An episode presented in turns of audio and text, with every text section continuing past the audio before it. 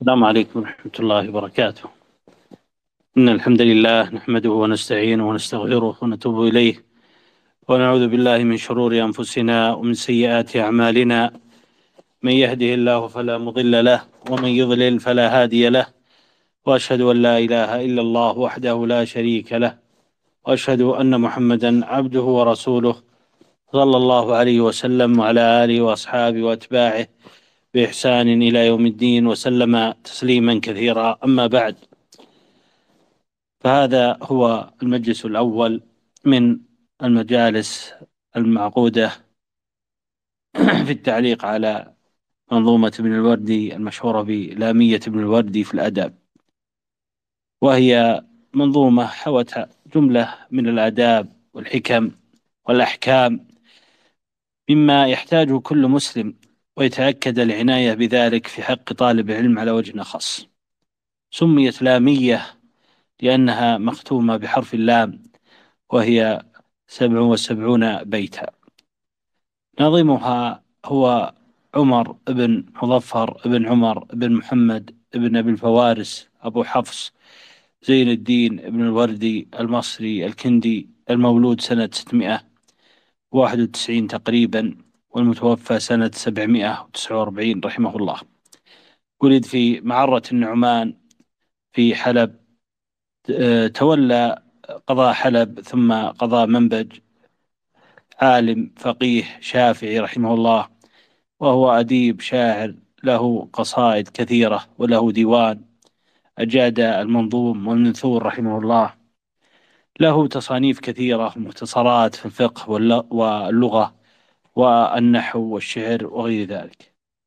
وهو تلميذ آه، العالم النحرير شيخ الإسلام ابن تيمية رحمه الله تعالى وممن تخرج على يده. هذه المنظومة الجليلة القدر النافعة في معناها ومبناء العظيمة أيضا في مبناها هي نصح منه رحمه الله. لكل من آه، بلغته هذه الأبيات. قدم فيها النصيحة وهذا هو ديدن العلماء النصح لكل مسلم. وجعل هذا النصح مطرزا بأحسن الألفاظ وأجمل العبارات وجعله سهلا في دخوله للقلوب فتنقاد الناس لهذا النصح وتحبه. لأنه أتي بطريق الحكمة وكان يقصد به إصلاح المنصوح وبيان الحق له. وهذا هو سبيل أهل الإيمان. كما قال الله جل وعلا قل هذه سبيلي أدعو إلى الله على بصيرة أنا ومن اتبعني. ويقول الله جل وعلا ولو أنهم فعلوا ما يوعظون به لكان خيرا لهم وأشد تثبيتا. فالناصح يبذل نصحه على بصيرة والمنصوح يأخذ ما وعظ به وما نصح وما دل عليه من الخير فيكون ذلك خيرا له. ورد في الحديث في الصحيحين أن رسول الله صلى الله عليه وسلم قال كما في حديث أبي رقية الدين النصيحة ثلاثة قلنا لمن يا رسول الله؟ قال لله ولكتابه ولرسوله ولأئمة المسلمين وعامتهم. المؤلف رحمه الله تعالى بدأ منظومته بقوله اعتزل ذكر الأغاني والغزل وقل الفصل وجانب من هزل ودع الذكر لأيام الصبا فلأيام الصبا نجم أفل. إن أهن عيشة قضيتها ذهبت لذاتها والإثم حل واترك الغادة لا تحفل بها تمس في عز رفيع وتجل. هذه الأبيات العظيمة جليلة القدر والمعنى بدأ بها رحمه الله منظومته. قوله رحمه الله اعتزل ذكر الأغاني الأغاني معروفة وفي بعض النسخ الغواني. وقال بعض أهل العلم أن المراد بالأغاني هنا هن الغواني لأنهن استغنين عن بجمالهن عن الحلية. ولهذا قرن بعد ذكره للغواني أو بلفظ الأغاني ذكر الغزل. و وهذا أراد به التنبيه على أول ما ينبغي للمسلم من الرجال أن يتنبه له مما هو مزلة القدم وهو الفتنة بالنساء. فإن الفتنة بالنساء من أعظم الفتن ولهذا يقول رسول الله صلى الله عليه وسلم ما تركت بعدي فتنة أضر على الرجال من النساء. وروى مسلم في صحيح من حديث أبي سعيد رضي الله عنه أن النبي صلى الله عليه وسلم قال اتقوا الدنيا واتقوا النساء فإن أول فتنة بني إسرائيل كانت في النساء. فبدأ رحمه الله بفتنة عظيمة حذر منها وهي فتنة النساء.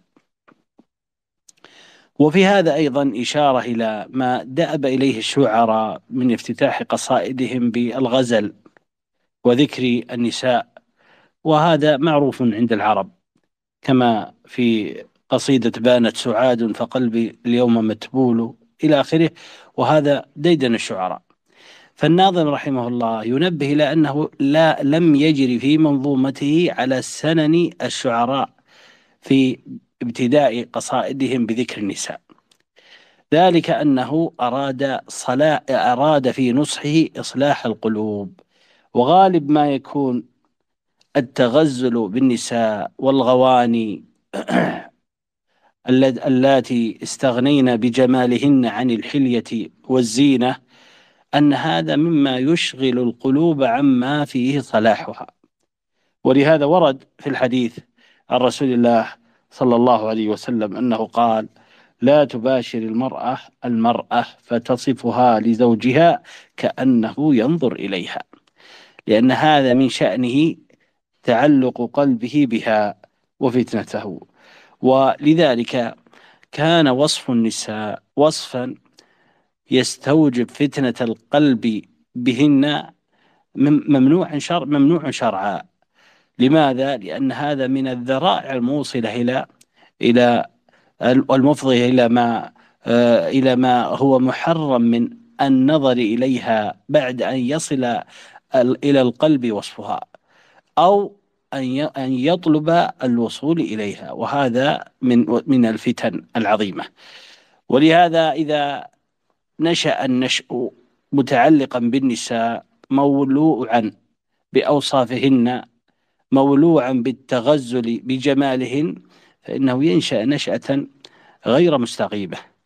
وإذا نشأ على عفة وعلى غض بصر وعلى انصراف قلبه عن الميل لمفاتن النساء فإنه يشتغل قلبه إذا وهداه الله وفق لولي مصلح بما يحفظ دينه ويحفظ أخلاقه. وهذا معلوم آه، مدرك بالواقع. معلوم مدرك بالواقع. وهنا يتبين آه، سبب بدء الناظم رحمه الله بالنصح باعتزال آه، باعتزال الغانيات باعتزال الغانيات. وقوله رحمه الله اعتزل هذه سنة سنة نبوية أن المسلم يعتزل الفتن ويتجنب آه، سبيلها ويسد الطرق والذرائع الموصلة إليها. كما كما قال الله جل وعلا قل للمؤمنين يغضوا من أبصارهم ويحفظوا فروجهم. هذا أمر باعتزال سبب سبب الفاحشة وهو إطلاق البصر. وكذلك سائر الفتن آه التي قد تحرف المسلم عن دينه وعن عقيدته وعن أخلاقه فإن الواجب على المسلم أن يسد الذرائع الموصلة إليها. ولهذا يقول رسول الله صلى الله عليه وسلم دع ما يريبك إلى ما لا يريبك. ويقول صلى الله عليه وسلم الحلال بين والحرام بين وبينهما أمور مشتبهات. فمن اتقى الشبهات استبرأ لدينه وعرضه ومن وقع في الشبهات وقع في الحرام. وقوله الغزل هو أراد بذلك التغزل يعني ذكر النساء ذكر الرجال للنساء. أو ذكر النساء للرجال بما يفضي إلى إلى تشوف القلب لهن أو تشوف قلوب النساء إلى إلى الرجال. كل هذا الواجب على من أراد صلاح قلبه أن يجاهد نفسه على على على أن لا تتشوف إلى أوصاف النساء وإلى جمال النساء وإلى آه وإلى الاشتغال بذلك لما يفضي آه أمر صاحبه إلى الانصراف عن صلاح قلبه بخلوته بربه وتلذذه بتلاوة كلامه واستشعاره معيته في صلاته واستشعار عبوديته لربه عند ركوعه وسجوده. السبب هو اشتغال القلب بذلك. نسأل الله العافية. وهذا فيه أيضا فائدة أن المسلم يجاهد نفس قلبه على ألا يشتغل بما يكون مفضيا إلى انصراف قلبه عن غاية أعظم الغايات وهي اشتغاله بالله. وإن كان وإن كان المشتغل به أمرا آه، من الأمور المباحة فإن ما كان يفضي إلى إلى انشغال القلب بما سوى الله فإنه مذموم. نسأل الله العافية آه، والسلامة.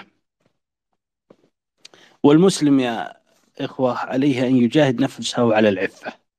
يجاهد نفسه على العفة خاصة في هذا الزمان الذي سهل فيه آه، سهل فيه انتهاك ما حرم الله جل وعلا من النظر إلى النساء أو أو سهولة الوصول إليهن ولو بالكلام. فيجاهد الإنسان نفسه بالعفة لأن العفة هي سبيل المؤمنين والنقص فيها أو هدرها هي منهاج أهل الفسق. نسأل الله العافية والسلامة. وقل أن يتساهل رجل في عفته فيسلم له دينه. ولذلك يقول يقول آه، يقول الله جل وعلا وليستعفف الذين لا يجدون نكاحا حتى يغنيهم الله من فضله. وفي الحديث وهو في الصحيحين يقول رسول الله صلى الله عليه وسلم ومن يستعفف يعفه الله ومن يستغني يغنيه الله ومن يتصبر يصبره الله وما أعطي أحد عطاء خيرا وأوسع له من الصبر. ويقول رسول الله صلى الله عليه وسلم يا معشر الشباب من استطاع منكم الباءة فليتزوج فإنه أغض للبصر وأحصن للفرج. ومن لم يستطع فعليه بالصوم فإنه له وجاء. ويقول رسول الله صلى الله عليه وسلم العبادة في الهرج كهجرة إلي. فدلت هذه النصوص على على طلب العفة والسلامة من الفتنة في كل حال في كل في كل حال. وسماع الغزل خاصة ما كان ما كان فيه تشبيب ووصف للنساء آه، وصف بما بما يفضي إلى تعلق القلب بها من من له محل الذم في الشرع لما في ذلك من عظيم الفتنة. وقد قيل أن الأذن تعشق قبل البصر أحيانا فكم يعشق الرجل بمجرد السماع.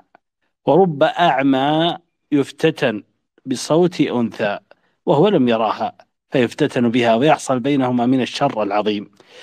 ولهذا آه، ولهذا نهى الله جل وعلا النساء عن الخضوع بالقول كما قال الله جل وعلا في كتابه الكريم فلا تخضعن بالقول فيطمع الذي في قلبه مرض وقلن قولا معروفا فالمرأة إذا خضعت بقولها ولفظها فإنها قد يتعلق القلب بها ويفتتن وإن لم يراها. كذلك إذا إذا سمع وصفها وسمع التغزل بها فقد يتعلق القلب آه، بها وإن لم يرها. مما يكون بذلك فساد دينه. وفي هذا يقول بعضهم ولقد سمعنا بأوصاف لكم عظمت فسرنا ما سمعناه وأحيانا. من قبل رؤيتكم نلنا محبتكم والأذن قد تعشق قبل العين أحيانا. وقوله رحمه الله في الشطر الثاني من هذه من هذه من هذا البيت قال وقول الفصل وجانب من هزل قال اعتزل ذكر الأغاني والغزل أو اعتزل ذكر الغواني والغزل وقل الفصل وجانب من هزل. الفصل يعني في القول.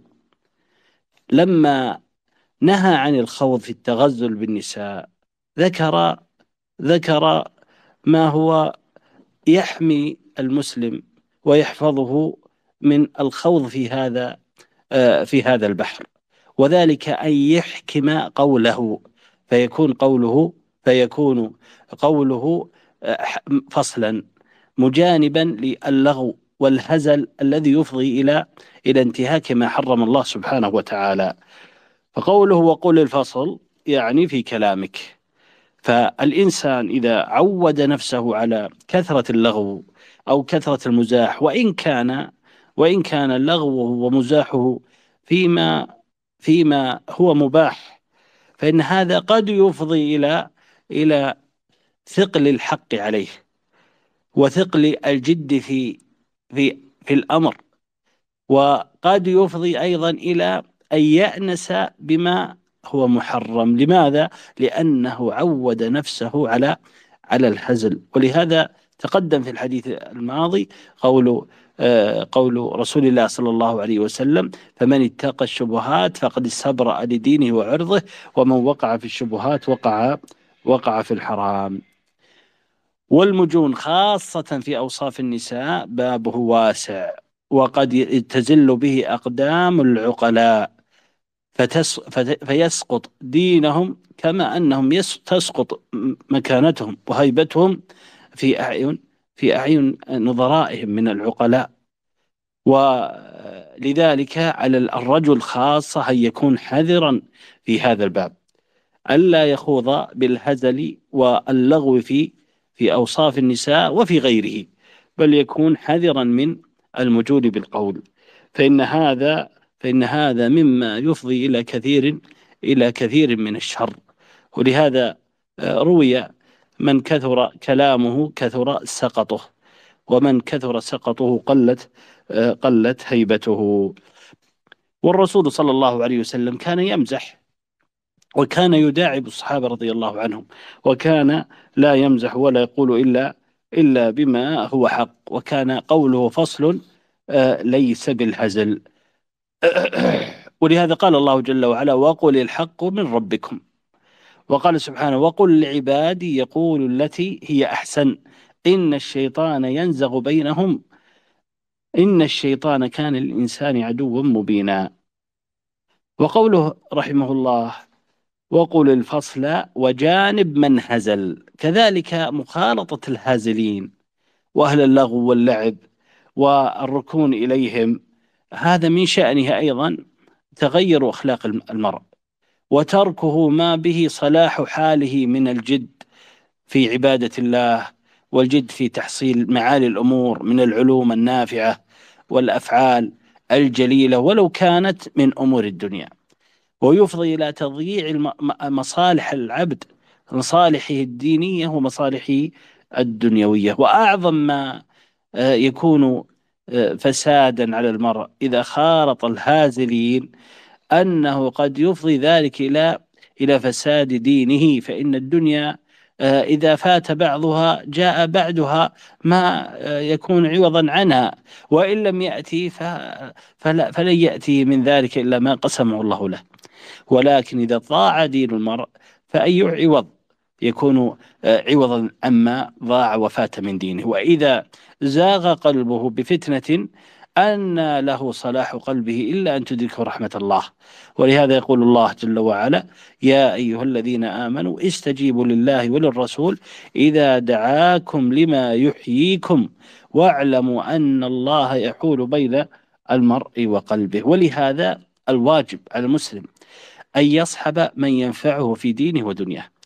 ولا يعني ذلك أنه يجانب المزح أو أنه لا يصحب من يمزح. لا المقصود في ذلك أن يجانب هؤلاء الذين كانت أوقاتهم مليئة بالهزل والمزح, والمزح وتضييع الأوقات بما لا فائدة فيه ولا منفعة لا في دينهم ولا في دنياهم. فإن هذا هو الخسارة وهو الهلاك.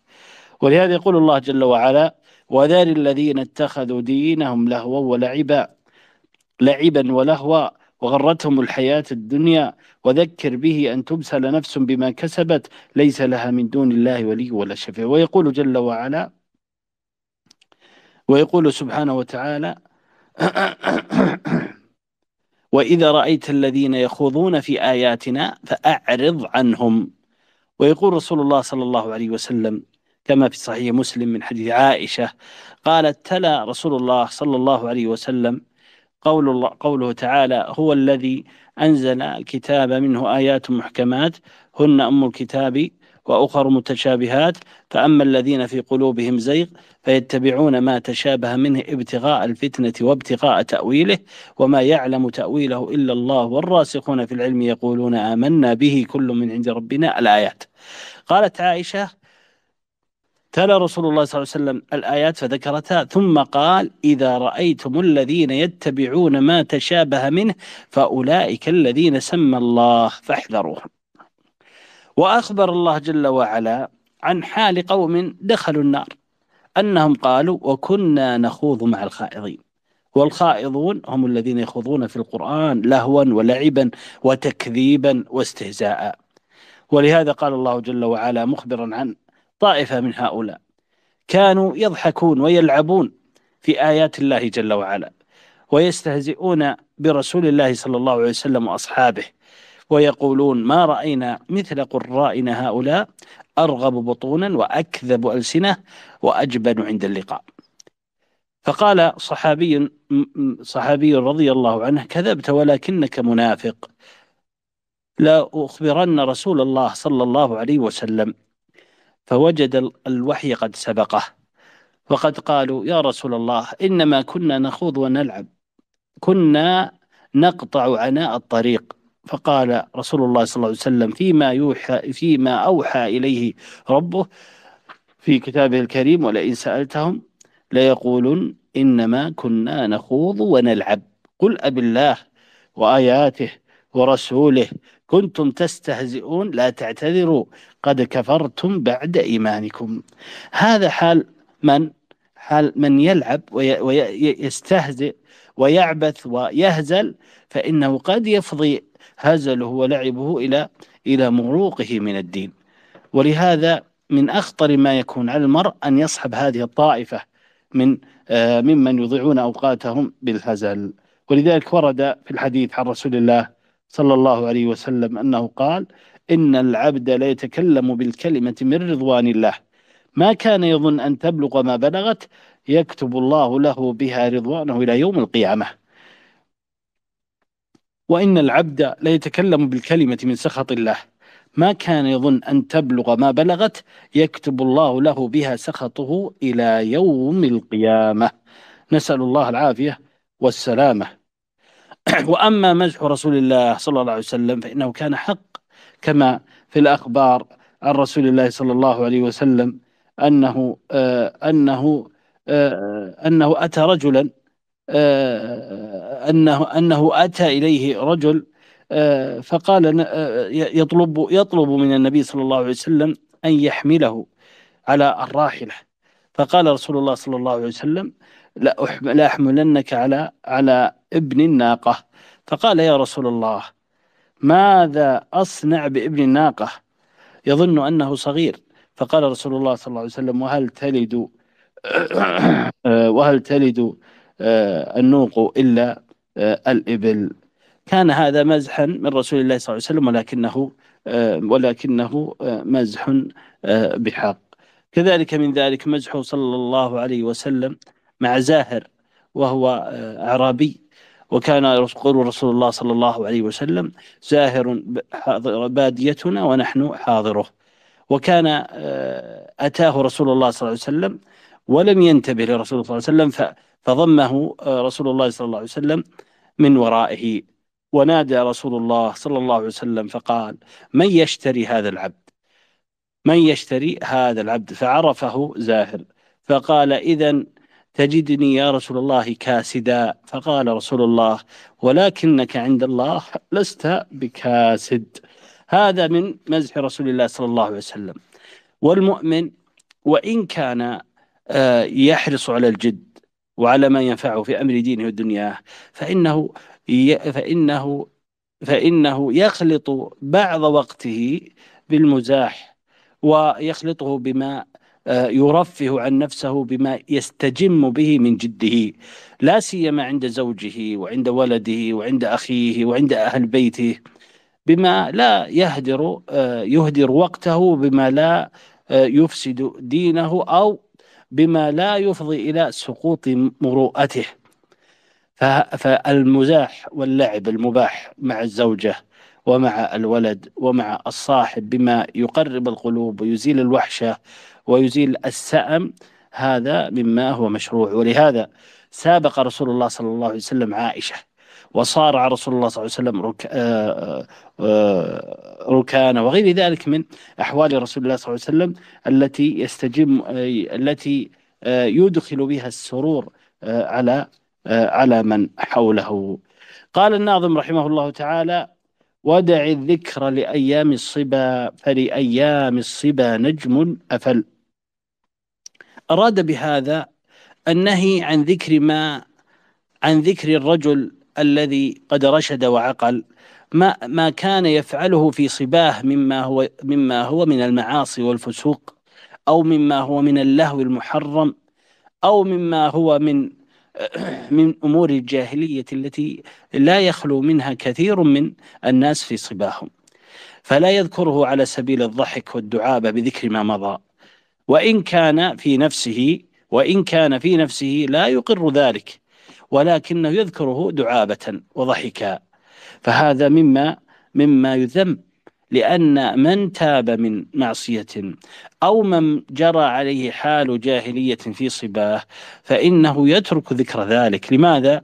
لأن, لأن الله أنعم عليه بالرشد وأنعم عليه بالهداية. ولهذا يقول رسول الله صلى الله عليه وسلم ثلاث من كن فيه وجد بهن حلاوة الإيمان أن يكون الله ورسوله أحب إليه مما سواهما. وأن يحب المرء كما لا يحبه إلا لله. وأن يكره أن يعود في الكفر بعد إذا أنقذه الله منه كما يكره أن يقذف في النار. فكما أنه يكره أن يعود في الكفر فإنه كذلك يكره ذكر حاله في صباه مما هو من الكفر أو مما هو من الفسوق والمعاصي. يكره ذكر ذلك لعظيم إقباله على ربه. ولهذا آه، ولهذا آه، يقول وأيضا أيضا في ذلك آه، ذكر ذلك على سبيل اللهو واللعب. فيه أيضا ذكر ما ستر مما لا يعلمه إلا الله أو مما آه، لا يعلمه كثير من من آه، معاصريه. فهذا فيه فضيحة آه، للمكلف أن يذكر ما وقع فيه في جاهليته أو في صباه فيقال هذا من كشف ستر الله عز وجل عليك.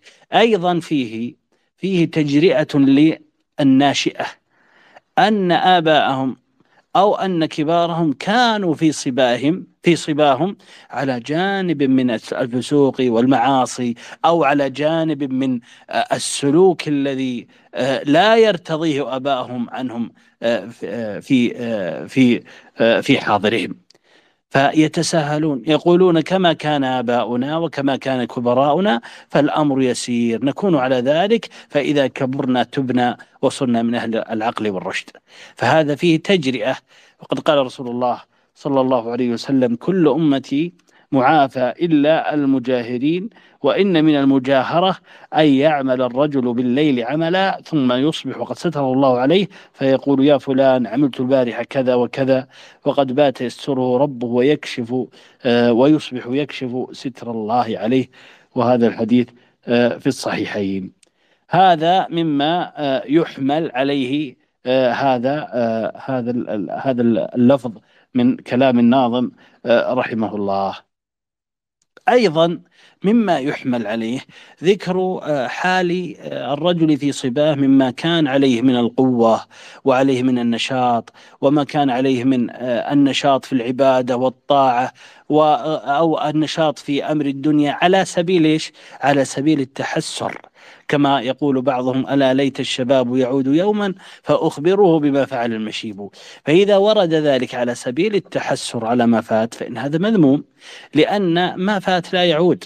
وعلى المرء أن يجاهد نفسه على اغتنام عمره في لحظته فيما فيما يصلح شأنه بينه وبين ربه. وأما ما فات من الصبا ومن القوة ومن النشاط فإنه لا يذكر تحسرا لأن التحسر لا يصلح الحاضر وإنما الذي يصلح الحاضر هو النظر بعين البصيرة وبعين آه وبعين آه وبعين المحاسبة للنفس بما يصلحها ثم الإقبال على الله عز آه عز وجل آه بما آه بما يرضيه سبحانه وتعالى. قال رحمه الله تعالى ودع الذكر لأيام الصبا فلأيام الصبا نجم أفل إن أهن عيشة قضيتها ذهبت لذاتها والإثم حل. أيها المخاطب أيها المذنب أيها الرجل يا من آه، عصيت الله جل وعلا في سابق عهدك. تأمل ما جرى من معصية الله عز وجل وما كان من لذة في تلك المعصية. سواء كان حالك في حاضرك قد أبدلك الله إياه بتوبة وإقبال عليه أو كنت لازلت على ما أنت عليه من معصية الله عز وجل. أي ثمرة جنيتها من معصية الله سبحانه وتعالى. انظر لتلك الأكلة التي أكلتها مما هي من سحت من ربا أو من كهانة أو من آه، سرقة أو من غلول. أي لذة تجدها وقد قد فنيت أكلتها ومضت. أي لذة تجدها في حاضرك. انظر لتلك المعصية التي ارتكبتها من من زنا أو نسأل الله العافية والسلامة من من عدوان من ظلم من بغي من آه، أخذ آه، حق غيرك من اقتطاع ماله أو أرضه بغير حق. آه، انظر تلك المعصية التي عصيت ربك بها.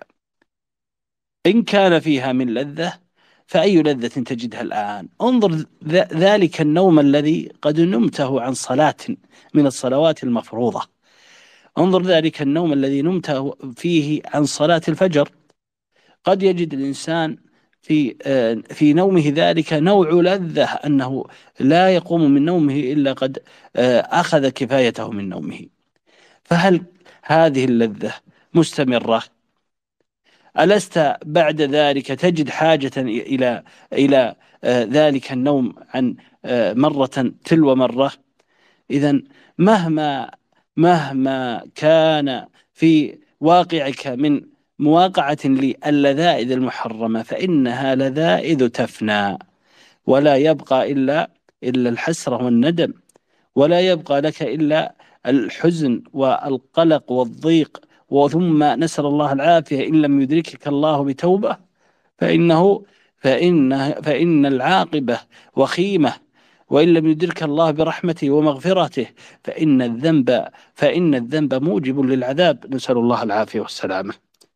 فالواجب على المسلم أن يستبصر بهذه الحال ولا يغتر بقوته كما لا يغتر بشبابه كما لا يغتر بلذائذ ما يواقعه ويقترفه من المعاصي. وينظر حال أولئك الذين اقترفوا ما اقترفوا من الذنوب ثم غير الله أحوالهم من صحة إلى مرض ومن غناء إلى فقر ومن آه، شبع إلى جوع ومن أمن إلى خوف ومن حياة إلى موت قال الله جل وعلا كم تركوا من جنات وعيون وزروع ومقام كريم ونعمة كانوا فيها فاكهين كذلك وأورثناها قوما آخرين فما بكت عليهم السماء فما بكت عليهم السماء والأرض وما كانوا منظرين. ويقول الله جل وعلا وضرب الله مثلا قرية كانت آمنة مطمئنة يأتيها رزقها رغدا من كل مكان فكفرت بأنعم الله فأذاقها الله لباس الجوع والخوف بما كانوا يصنعون. ويقول الله جل وعلا إن قارون كان من قوم موسى فبغى عليهم وآتيناه من الكنوز ما إن مفاتحه لتنوء بالعصبة أولي القوة ما إن مفاتحه ما إن مفاتحه لتنوء بالعصبة آه، أولي القوة. إذ قال له قومه لا تفرح إن الله لا يحب الفرحين. وابتغ فيما آتاك الله الدار الآخرة ولا تنس نصيبك من الدنيا وأحسن كما أحسن الله إليك. ولا تبغي الفساد في الأرض إن الله لا يحب المفسدين. قال إنما أوتيته على علم عندي الآيات إلى أن قال الله جل وعلا فخسفنا به وبداره الأرض فما كان له من فئة ينصرونه من دون الله وما كان وما كان من المنتصرين وأصبح الذين تمنوا مكانه بالأمس يقولون ويكأن الله يبسط الرزق لمن يشاء من عباده ويقدر. لولا أمن الله علينا لخسف بنا وكأنه لا يفلح الكافرون. تلك الدار الآخرة نجعلها للذين لا يريدون علوا في الأرض ولا فسادا والعاقبة للمتقين. ويقول الله جل وعلا ولا تمدن عينيك إلى ما متعنا به أزواجا منهم زهرة الحياة الدنيا لنفتنهم فيه. فلا تغتر بما يمكن الله عز وجل به أهل المعصية. كما لا تغتر أنك عاص لله ولا تزداد إلا قوة ولا تزداد إلا سلطانا ولا تزداد إلا جاها ولا تزداد في قلوب عامة الناس إلا تمكنا ومحبة وتقربا. فهذا كله من المحنة العظيمة والفتنة الكبيرة التي يمتحنك الله عز وجل بها. فإن لم تستدرك وإن لم تراجع نفسك وإن لم تحاسب نفسك محاسبة شديدة كدت آه، أن تهلك نسأل الله العافية والسلامة. قال رحمه الله تعالى إن أهنى عيشة قضيتها ذهبت لذاتها والإثم حل واترك الغادة لا تحفل بها تمس في عز رفيع وتجل. هذا البيت العظيم من كلامه ومن نظمه رحمه الله من أعظم ما ينبغي للرجل العاقل الرشيد أن ينتبه له. وهذا محمول قوله رحمه الله واترك الغادة أي المرأة الجميلة. هذا محمول على على وجهين. الوجه الأول أنك تجتنب تلك النساء الزانيات أو الداعيات إلى الزنا اللاتي يجرئن الرجال عليهن. فيحصل بذلك فتنة الفتنة فتحصل بذلك الفتنة بهن. فتتقي الله بذلك بنفسك. ولا تظن أن هذه هذه الفتاة الجميلة الغانية التي آه التي تغويك أن تقع في حبالها أو تقع في شباكها أنك إن اقتربت منها أنك تكون في عز. بل إنك تكون في ذل وحسرة وخوف في الدنيا من الفضيحة وفي الآخرة العذاب. ولهذا قال تمس في عز رفيع وتجل. كلما اجتنب الرجل النساء ممن ليس من محارمه وكلما اجتنب الرجل الخوض مع النساء في كلام لا حاجة له كلما كان ذلك عزا له لأنه يصون شرفه ويصون سمعته. وكم من رجل ذو مكانة وذو فضل وذو جاه وذو آه، نسأل الله العافية وذو علم وذو إيمان حصلت له من الفضائح ما لا ما لا نسأل الله العافية ما لا آه، ما لا مواجهة ومقابلة للناس آه، بعد ذلك له من سبيل فهو آه، فهو افتضح وسقط من عين الناس بسبب ماذا؟ بسبب زلة قدم مع تلك آه، تلك الغانية الداعية إلى الفجور نسأل الله العافية. هذا هذا وجه من أوجه تحذيره آه، من الاغترار آه، بالنساء أن يغتر بهن بما يفضي إلى وقوعه فيما حرم الله عز وجل فيكون ذلك ذلا له وخوفا وقلقا من الفضيحة في الدنيا. وأعظم من ذلك الفضيحة في الآخرة. نسأل الله أن يسترنا بستره. ونسأل الله أن لا يفضحنا عند خلقه.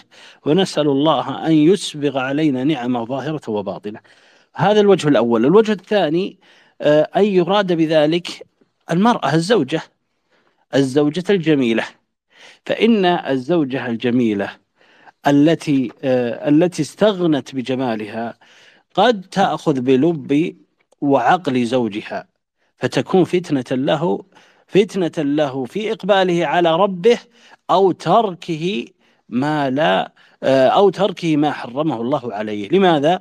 لأنه من شدة تعلقه بها لجمالها قد يصعب عليه إغضابها وقد يصعب عليه آه، وقد يصعب عليه فعل ما يكون سببا لهجرها إياه لماذا؟ لأنها جميلة استغنت بجمالها آه، عما يزينها وقد يحملها جمالها على أن ترى أنه الأحوج الأحوج منها آه، إليه. وأنه إن وأنها إن تركته فإنها فإنه آه، تتسارع إليها أعناق الرجال بخطبتها وطلبها ولهذا هو يشح بجمالها فيفتتن بها فيكون ذلك سببا لذله الذل الذي هو خلاف الطاعة. طاعة الله. وإنما العز بطاعة الله. وإنما العز أن يكون الرجل مؤثرا. طاعة الله وإن كان في ذلك إغضاب إغضاب زوجه وولده. ولهذا قال الله جل وعلا يا أيها الذين آمنوا لا تلهكم أموالكم ولا أولادكم عن ذكر الله. ومن يفعل ذلك فأولئك هم الخاسرون.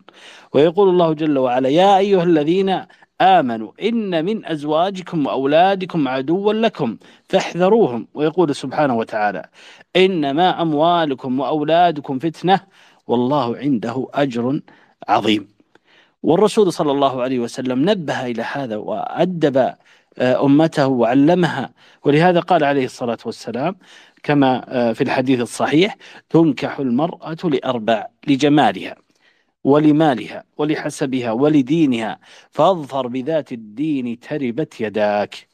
فمن لم يظفر بذات الدين فإنه قد خسر لأن الجمال والمال والحسب والنسب قد يفضي بالرجل إلى أن يترك شيئا من الحق لأنه اختار هذه الأشياء دون دين الله سبحانه وتعالى.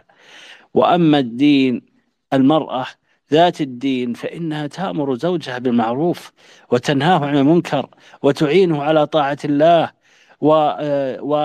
وتثبته على مرضاة الله. وفي هذا خبر كما في خبر عمران بن حطان أنه تزوج امرأة جميلة فافتتن بها فتنة عظيمة. افتتن فيها فتنة عظيمة. وكانت هذه المرأة على على مذهب الخوارج. فاعتنق مذهب الخوارج لعظيم فتنته لعظيم فتنته بهذه المرأة. وكان يهجو علي رضي الله عنه وأرضاه ويمتدح قاتله. كما قال يا ضربة من تقي ما أراد بها إلا ليبلغ من ذي العرش رضوانا إني لأذكره يوما فأحسبه أوقى البرية عند الله ميزانا وهذا كله بسبب ماذا؟ بسبب فتنته آه، بزوجته. آه، فاعتنق مذهبها لأن حبها قد خالط قلبه فآثر ما هي عليه على آه، على ما ما أراده الله جل جل وعلا. قال رحمه الله واترك الغادة لا تحفل بها.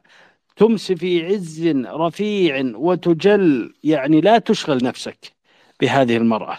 وإن أبقيتها في ذمتك فعلق قلبك في الله فارضها برضا الله وأسخطها وأسخطها إذا أسخطت الله فقدم رضا الله على رضاها فيسخرها الله سبحانه وتعالى لك. إذا كنت صادقا مع الله فإن صرفها الله عنك فإن صرفها الله عنك لأنها تؤثر ما يسخط الله سبحانه وتعالى فصبرت واحتسبت فإن الله عز وجل تعهد لمن ترك شيئا له أن الله سبحانه يعوضها خيرا منه كما في الحديث الصحيح عن رسول الله صلى الله عليه وسلم أنه قال ما ترك عبد شيئا لله إلا عوضه الله خيرا منه. وكما يقول الله جل وعلا هل جزاء الإحسان إلا الإحسان؟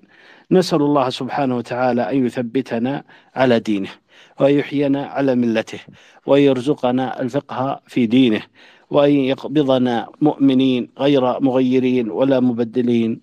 والله أعلم وصلى الله وسلم على نبينا محمد. ونكمل التعليق على آه، باقي أبيات هذه المنظومة إن شاء الله في الدرس القادم يوم الاثنين القادم إن شاء الله في ذات التوقيت. وفق الله الجميع والسلام عليكم ورحمة الله وبركاته.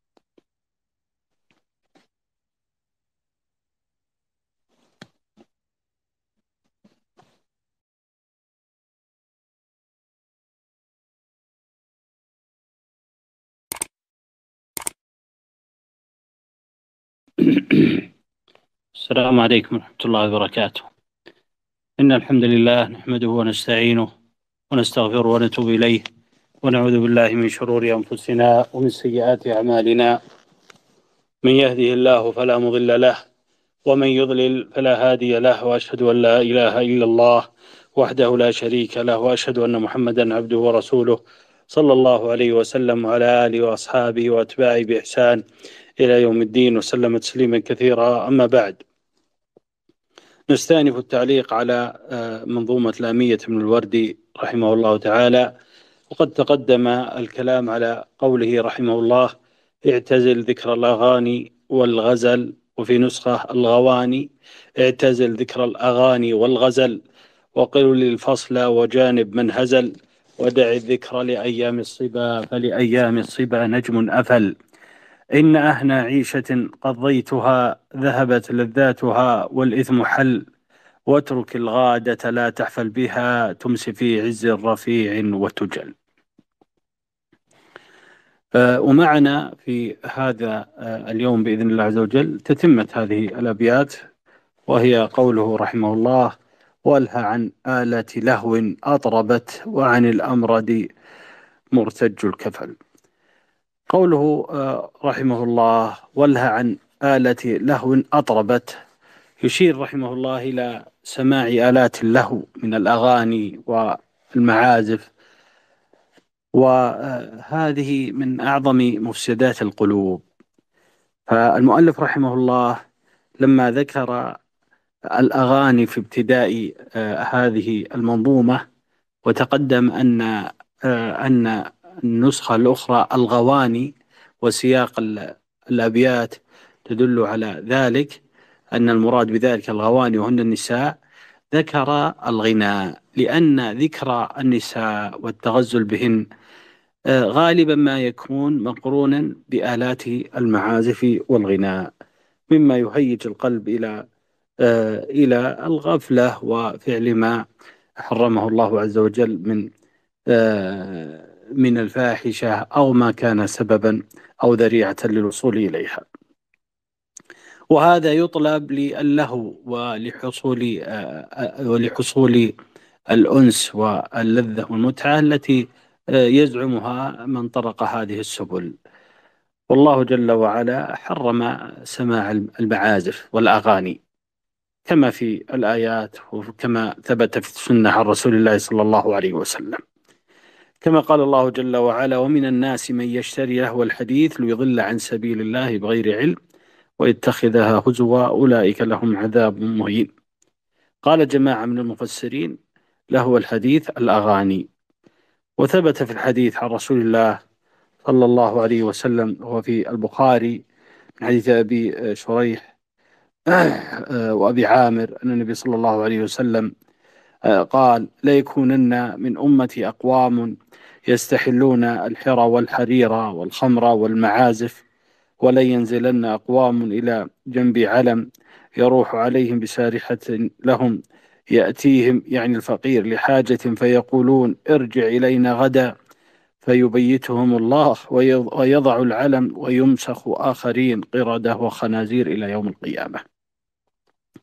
هذا الحديث دل على على آه، حرمة المعازف. لأن الله عز وجل قال لأن رسول الله صلى الله عليه وسلم قال يستحلون. والاستحلال هنا استحلال ما حرم الله سبحانه وتعالى. ولأنها قرنها بالحرى وهو الزنا. وقرنها بالحرير وهو محرم لبسه على الرجال. إلا فيما رخص فيه لحاجة أو ضرورة. فدل على وقرنها بالخمر ومعلوم من الدين بضرورة حرمتها. فدل على تحريم آلات له من المعازف والموسيقى وغير ذلك. وهذه المعازف وهذه الموسيقى والأغاني من أعظم ما يفسد القلوب ويفسد آه، الدين ويورث الغفلة. حتى قال جمع من العلماء الغنى بريد الزنا. الغنى بريد الزنا. وابن القيم رحمه الله تعالى ذكر في إغاثة اللهفان فصل وأطال الكلام فيه فيما يتعلق بالغناء وسماعه وذكر مفاسده وذكر الأدلة على تحريمه فينبغي لطالب العلم وكل مسلم خاصة في هذا الوقت أن يعتني بذلك ويرجع إلى كلامه رحمه الله. وألفت كتب في بيان تحريم آلات اللهو والطرب وذكر فيها جملة من من الأدلة التي تدل على تحريم المعازف والغناء وفي ذلك أيضا بحوث ألفت في الرد على من زعم أن أن ذلك مبني على أصله وهو الإباحة. وكمثل ابن حزم رحمه الله وغيره رد عليه في مواضعه ومظانه ما ليس هذا موضعه. قوله رحمه الله تعالى قوله رحمه الله تعالى ولها عن آلة لهو أطربت وعن الأمرد مرتج الكفل. هذا أيضا فيه ما هو قرين الاشتغال بالنساء وهو الاشتغال بالمردان. والأمرد الذي ما نبتت لحيته الشاب الناشئ أو أو أو, أو, أو الطفل الناشئ آه الذي لم تنبت لحيته لحيته آه أمرد وقوله مرتج الكفل أي أنه ممتلئ البدن ويرتج من بدنه. فإذا كان على هذا الوجه فإن النظر إليه بشهوة محرم عند العلماء. وذلك من أسباب الفتنة من أسباب الفتنة والوقوع فيما وقع فيه قوم لوط مما ذمهم الله عز وجل وبين وبين شناعة سبيلهم. كما قال الله جل وعلا تأتون الذكران من العالمين وتذرون ما خلق لكم ربكم من أزواجكم فهذا من وسائل من وسائل الفتنة والذي ينبغي على المسلم في كل حاله أن يتجنب مواضع الفتنة أن يتجنب مواضع الفتنة. وقوله رحمه الله وافتكر في منتهى حسن الذي أنت تهواه تجد أمرا جلل. أراد رحمه الله بهذا أن يذكر أن يذكر الرجل الصالح والعبد المؤمن. أي ويذكر كل مكلف الذي يرجو الله ويرجو ما عند الله من جنته ولكن تخطر في قلبه الخواطر التي قد تحمله إلى فعل ما حرم الله سبحانه وتعالى. أن يتفكر في عاقبة الصبر الحميدة إذا صبر على طاعة الله. وما أعده الله عز وجل من النعيم المقيم لأهل الإيمان بالجنة. فالعفة عن النساء والعفة عن الغلمان والعفة عن عن النظر إلى ما حرم الله سبحانه وتعالى جزاؤها عظيم. وأعظم ما يحمل على ذلك أن يتفكر المؤمن في حسن في حسن مآله إذا صبر وعف. ومن ذلك ما قال الله جل وعلا في كتابه إن للمتقين مفازا. حدائق وأعنابا وكواعب أترابا وكأسا دهاقا لا يسمعون فيها لغوا ولا كذابا جزاء من ربك عطاء حسابا. وقول الله جل وعلا مثل الجنة التي وعد المتقون. فيها أنهار من ماء غير آسن وأنهار من لبن لم يتغير طعمه وأنهار من خمر لذة للشاربين وأنهار من عسل مصفى ولهم فيها من كل الثمرات ومغفرة من ربهم. هذا جزاء من؟ جزاء من صبر جزاء من اتقى جزاء من عف عن ما حرم الله سبحانه وتعالى ونهى, ونهى النفس عن الهوى. وفي هذا يقول رسول الله صلى الله عليه وسلم كما في الحديث الذي رواه البخاري ومسلم من حديث أبي هريرة قال رسول الله صلى الله عليه وسلم فيما يرويه عن ربه أعددت لعبادي الصالحين ما لا عين رأت ولا أذن سمعت ولا خطر على قلب بشر. اقرأوا إن شئتم فلا تعلم نفس ما أخفي لهم من قرة أعين جزاء بما كانوا بما كانوا يعملون. هذا لمن اتقى الله سبحانه وتعالى. فتدبر يا عبد الله ما أعده الله لك إن إن صبرت على طاعة الله وعن معصية الله. وجاهدت نفسك على العفة عما حرم الله العفة عن الزنا العفة عن الفواحش العفة عن النظر إلى النساء العفة عن عن الميل إلى ما حرم الله سبحانه وتعالى. الجهاد في هذا من أعظم الجهاد أن تجاهد نفسك وأعظم ما يعينك على ذلك أن تتدبر الآيات والنصوص الواردة في كتاب الله وسنة رسوله فيما أعده الله عز وجل لمن عف واتقى لمن عف واتقى. وهذا من أعظم ما يتفكر به المؤمن. هكذا يشغل العبد وقته في في التفكر بما ينفعه. هذا وجه من أوجه معاني هذا البيت. قوله وافتكر في منتهى حسن الذي أنت تهواه تجد أمرا جلل. وله وجه آخر أن يقال أن الإنسان إذا هوى شيئا حسنا من إذا هوى شيئا حسنا إذا هوى شيئا حسنا من أمور الدنيا. فإنه يتفكر أن هذا الحسن وإن كان مباحا فإن أمره إلى زوال منقطاع فلا ينبغي أن يصرفه أن يصرفه عن عما خلق له من عبادة الله وطاعته والإقبال عليه والرضا بحكمه الشرعي والقدري هكذا ينبغي للمؤمن ألا يغتر ألا يغتر بالدنيا ولا يغتر بزخرفها ولا يغتر تغتر بإقبالها. كما قال الله جل وعلا يا قوم إنما هذه الحياة الدنيا متاع وإن الآخرة هي دار القرار. أيضا من أوجه مع التي تدل عليها يدل عليها آه هذا هذا البيت من قوله وافتكر في منتهى حسن الذي أنت تهواه تجد أمرا جلل. أنك تتفكر فيما تظنه حسنا. مما هويته من معصية الله من زنا أو أو نظر إلى ما حرم الله عز وجل. انظر انظر إلى عاقبته من الإثم وزوال النعم وحلول النقم وما ينتهي أمر اللذة التي حرمها الله عز وجل من الحسرة والضيق والضنك. كل هذا من تفكر به فيه بعقله عرف أن أن ما زينه الشيطان له بعقله أنه حسن فهو قبيح لأن لأن التحسين والتقبيح ليس مرده إلى العقل دون الشرع ودون النظر إلى الأصول الصحيحة في كتاب الله وسنة رسوله صلى الله عليه وسلم.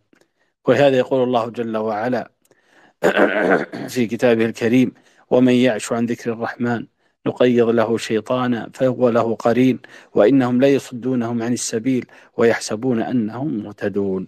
هذا كله بسبب تزيين الشيطان.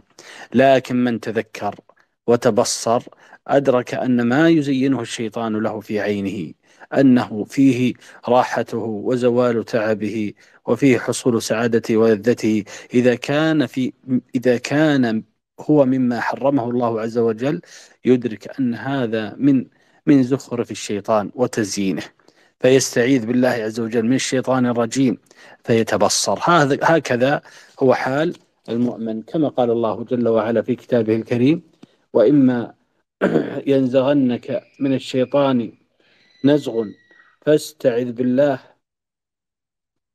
فاستعذ بالله إنه هو السميع العليم.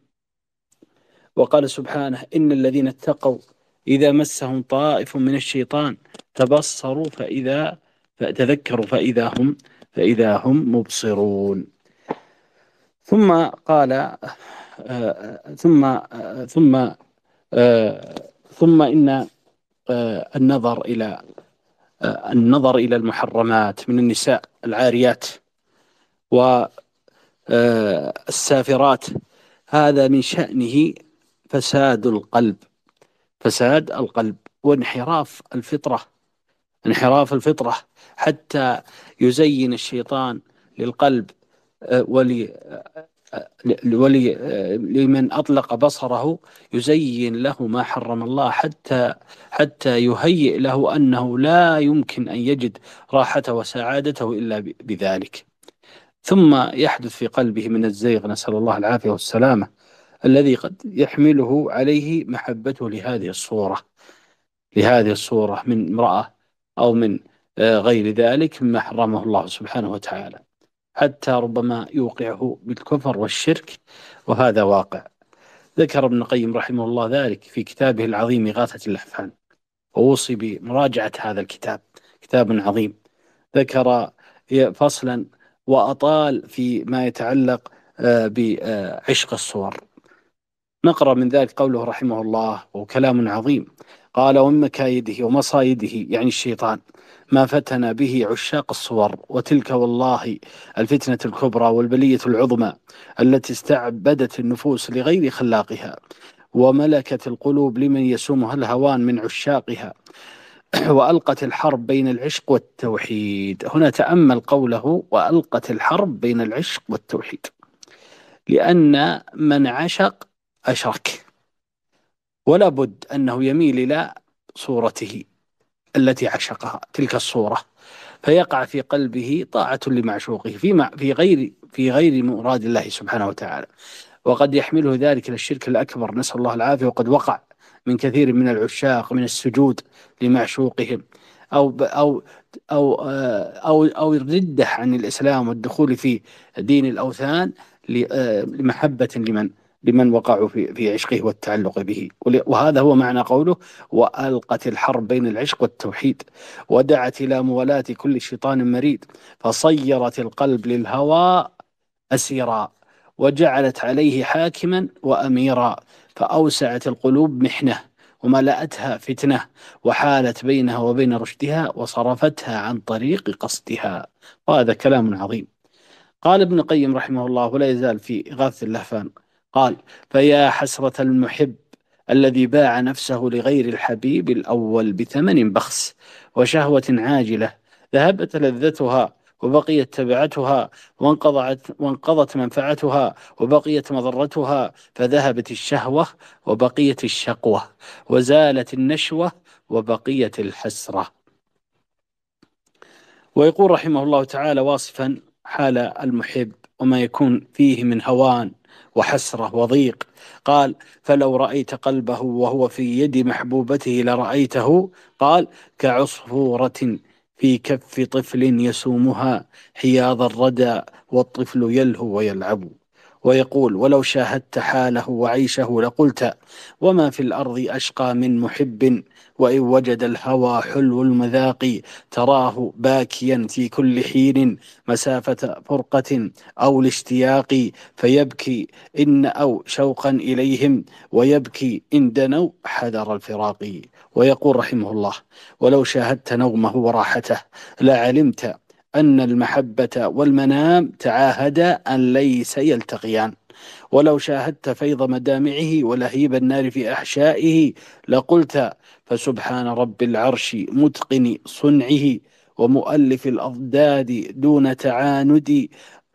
قطر تولد عن لهيب في الحشا ماء ونار في محل واحد. ويقول رحمه الله تعالى وأطلنا في النقل عنه لكن كلامه حري أن ينتبه له. قال رحمه الله فهل يليق بالعاقل أن يبيع هذا أن يبيع هذا الملك المطاع لمن يسومه أن يبيع هذا الملك المطاع لمن يسومه بسوء العذاب ويوقع بينه وبين وليه ومولاه الحق الذي لا غنى عنه ولا ولا بدر له منه. ويقول رحمه الله مبين أثر التعلق بالنساء. والتعلق بالصور وعشقها وأثره على التوحيد. قال وأصل الغي من الحب لغير الله فإنه يضعف الإخلاص ويقوي الشرك بقوته فأصحاب العشق الشيطاني لهم من تولي الشيطان والإشراك به بقدر ذلك لما فيهم من الإشراك بالله ولما فاتهم من الإخلاص له ففيهم نصيب من اتخاذ الأنداد ولهذا ترى كثيرا منهم عبدا لذلك المعشوق متيما فيه يصرخ في حضوره ومغيبه أنه عبده أنه عبده فهو أعظم ذكرا له من ربه وحبه في قلبه أعظم من حب الله فيه وكفى به شاهدا بذلك على نفسه بل الإنسان على نفسه بصيرة ولو ألقى معاذيره فلو خير بين رضا رضاه ورضا الله لاختار رضا معشوقه على رضا ربه. ويقول ابن القيم رحمه الله تعالى وبهذا آه، وبهذا نختم من النقل عنه. قال وعشقهم يجمع المحرمات الأربع من الفواحش الظاهرة والباطنة. والإثم والبغي بغير الحق والشرك بالله ما لم ينزل به سلطانا والقول على الله ما لا يعلمون. فإن هذا من لوازم الشرك فكل مشرك يقول على الله ما لا يعلم. فكثيرا ما يوجد في هذا العشق من الشرك الأكبر والأصغر ومن قتل النفوس تغايرا على المعشوق وأخذ أموال الناس بالباطل ليصرفها في رضا المعشوق ومن الفاحشة والكذب والظلم ما لا يخفى. ثم قال فصاحبه يعني العاشق. أحق بأن يشبه بعابد الوثن والعاكف على التماثيل فإن عكوف قلب العاشق على صورة محبوبه وتماثله يشبه عكوف عابد الصنم على صنمه. نعوذ بالله من الفتنة. تبين من هذا تبين من هذا خطر خطر النظر خطر النظر إطلاقه في غير ما أباحه الله سبحانه وتعالى وأن النظر إلى النساء والنظر إلى المردان والتعلق بالصور وعشق النساء من الرجال أو عشق الرجال من النساء هذا من سبيل سبيل من أضاع دينه وسبيل من أراد بقلبه الهلكة. نسأل الله العافية والسلامة. وهذا وهذا ظاهر معلوم ظاهر معلوم وهو مدرك بالواقع لمن عرف حال العاشقين وما يكون عليه أمرهم من الذلة والمهانة وما يكون عليه حالهم من القلق والخوف من غضب المعشوق وانصرافه عنه. ما يكون من أثر ذلك ذهاب دينهم وذهاب دنياهم. أما ذهاب دينهم فوقوعهم فيما حرم الله سبحانه وتعالى. وأما ذهاب دنياهم فهو ذهاب شرفهم وكرامتهم. وذهاب رجولة الرجل ومروءته وذهاب حشمة المرأة وسترها وكرامتها وعزتها وأيضا ذهاب الأموال. فكم من عاشق دفع الأموال الطائرة لمعشوقه طلبا لرضاه. وهذا من من من عقوبة الله عز وجل لمن لمن أحب في في في لمن أحب معصيته أو أحب في غيره. نسأل الله العافية والسلامة. قال رحمه الله تعالى واهجر الخمرة إن كنت فتى كيف يسعى في جنون من عقل. ذكر رحمه الله الخمر بعد أن حذر من آه الاشتغال بالنساء وحذر من آه ذكر أوصافهن على سبيل التعلق والفتنة بهن. وبعد أن ذكر حذر من الغناء والمعازف وآلات اللهو وقرن ذلك بالتحذير من الخمر لأن غالب من ولغ في هذه الأمور لا يخلو من من الخوض في هذه الفتنة العظيمة وهي شرب المسكرات. أو أنه أو أن الشيطان أو أن الشيطان يأخذ يأخذه رويدا رويدا حتى يصور له أن تمام سعادته وعنفوان لذته بما تقدم لا يكون إلا بخمرة لا يكون إلا بخمرة. فكما لا يكون لذته إلا بغانية ومغنية فكذلك تمامها بخمرة. ولهذا أعقب تحذيره من الافتتان بالغواني والافتتان بالآلات الطرب والموسيقى تحذيره من الخمرة. وهذه نصيحة ثمينة من من الناظم رحمه الله. فإن الخمر أم الخبائث كما قال الله جل وعلا يا أيها الذين آمنوا إنما الخمر والميسر والأنصاب والأزلام رجس من عمل الشيطان فاجتنبوه لعلكم تفلحون لعلكم تفلحون. فمن أسباب الفلاح اجتناب الخمر لأنها رجس. قد ثبت عن رسول الله صلى الله عليه وسلم أنه قال لا يزني الزاني حين يزني وهو مؤمن. ولا يسرق حين يسرق وهو مؤمن ولا يشرب الخمر حين يشربها وهو مؤمن. فهذا فيه تحذير من شرب الخمر وأنها وأنها تنفي الإيمان وأنها تنفي الإيمان. ولذلك ورد في الحديث عن رسول الله صلى الله عليه وسلم فيما رواه الترمذي من حديث أنس أن رسول الله صلى الله عليه وسلم لعن في الخمر في الخمر عشرة عاصرها. ومعتصرها وشاربها وحاملها والمحمولة والمحمولة إليه وساقيها وبايعها وآكل ثمنها والمشتري لها والمشترات له. وهذا الحديث رواه الترمذي بإسناد آه، بإسناد بإسناد حسن. والخمر كل ما أسكر كل ما أسكر فهو خمر سواء كان من عصير العنب أو غيره. فكل ما أسكر فهو خمر. كما ثبت في الحديث عن رسول الله صلى الله عليه وسلم في صحيح مسلم أنه قال كل مسكر خمر وكل مسكر حرام ومن شرب الخمر في الدنيا فمات وهو يدمنها لم يتب منها لم يشربها في الآخرة وفي لفظ حرمها في الآخرة فلم يسقها وأجمع العلماء على حرمة الخمر على أنها حرام هذا بإجماع العلماء وهو من المعلوم من الدين بالضرورة كما تقدم في الآية. ولذلك ولذلك وعظ وعظ الناظم من قرأ منظومته ببيان أثر الخمرة وهو أنها تذهب العقل. ولهذا قال واهجر الخمر إن كنت فتى كيف يسعى في جنون من من عقل؟ فهذا فيه بيان آفات الخمر وهي ذهاب العقل. وحفظ العقل من الضروريات الخمس في دين الإسلام. فالله عز وجل ميز الإنسان بعقله فكيف وقد ميزك الله بالعقل تذهبه بشرب الخمر؟ فهذا لا يفعله إلا من إلا من كان شقيا إلا من كان شقيا. ولهذا ولهذا ورد عن عن العرب جملة من الأبيات تبين آه، كيف أثر هذه هذه الخمرة على العقل. كما قال أحدهم اسقني حتى تراني حتى تراني حسنا عندي القبيح. اسقني حتى تراني حسنا عندي القبيح. ويقول الآخر اسقني صرفا اسقني صرفا حميا تترك الشيخ صبيا وتريه الغي رشدا وتريه الرشد غيا. ويقول المتنبي رأيت المدامة غلابة تهيج للمرء أشواقه تسيء من المرء تأديبه ولكن تحسن أخلاقه. وأنفس وأنفس ما للفتى لبه وذو اللب يكره إنفاقه.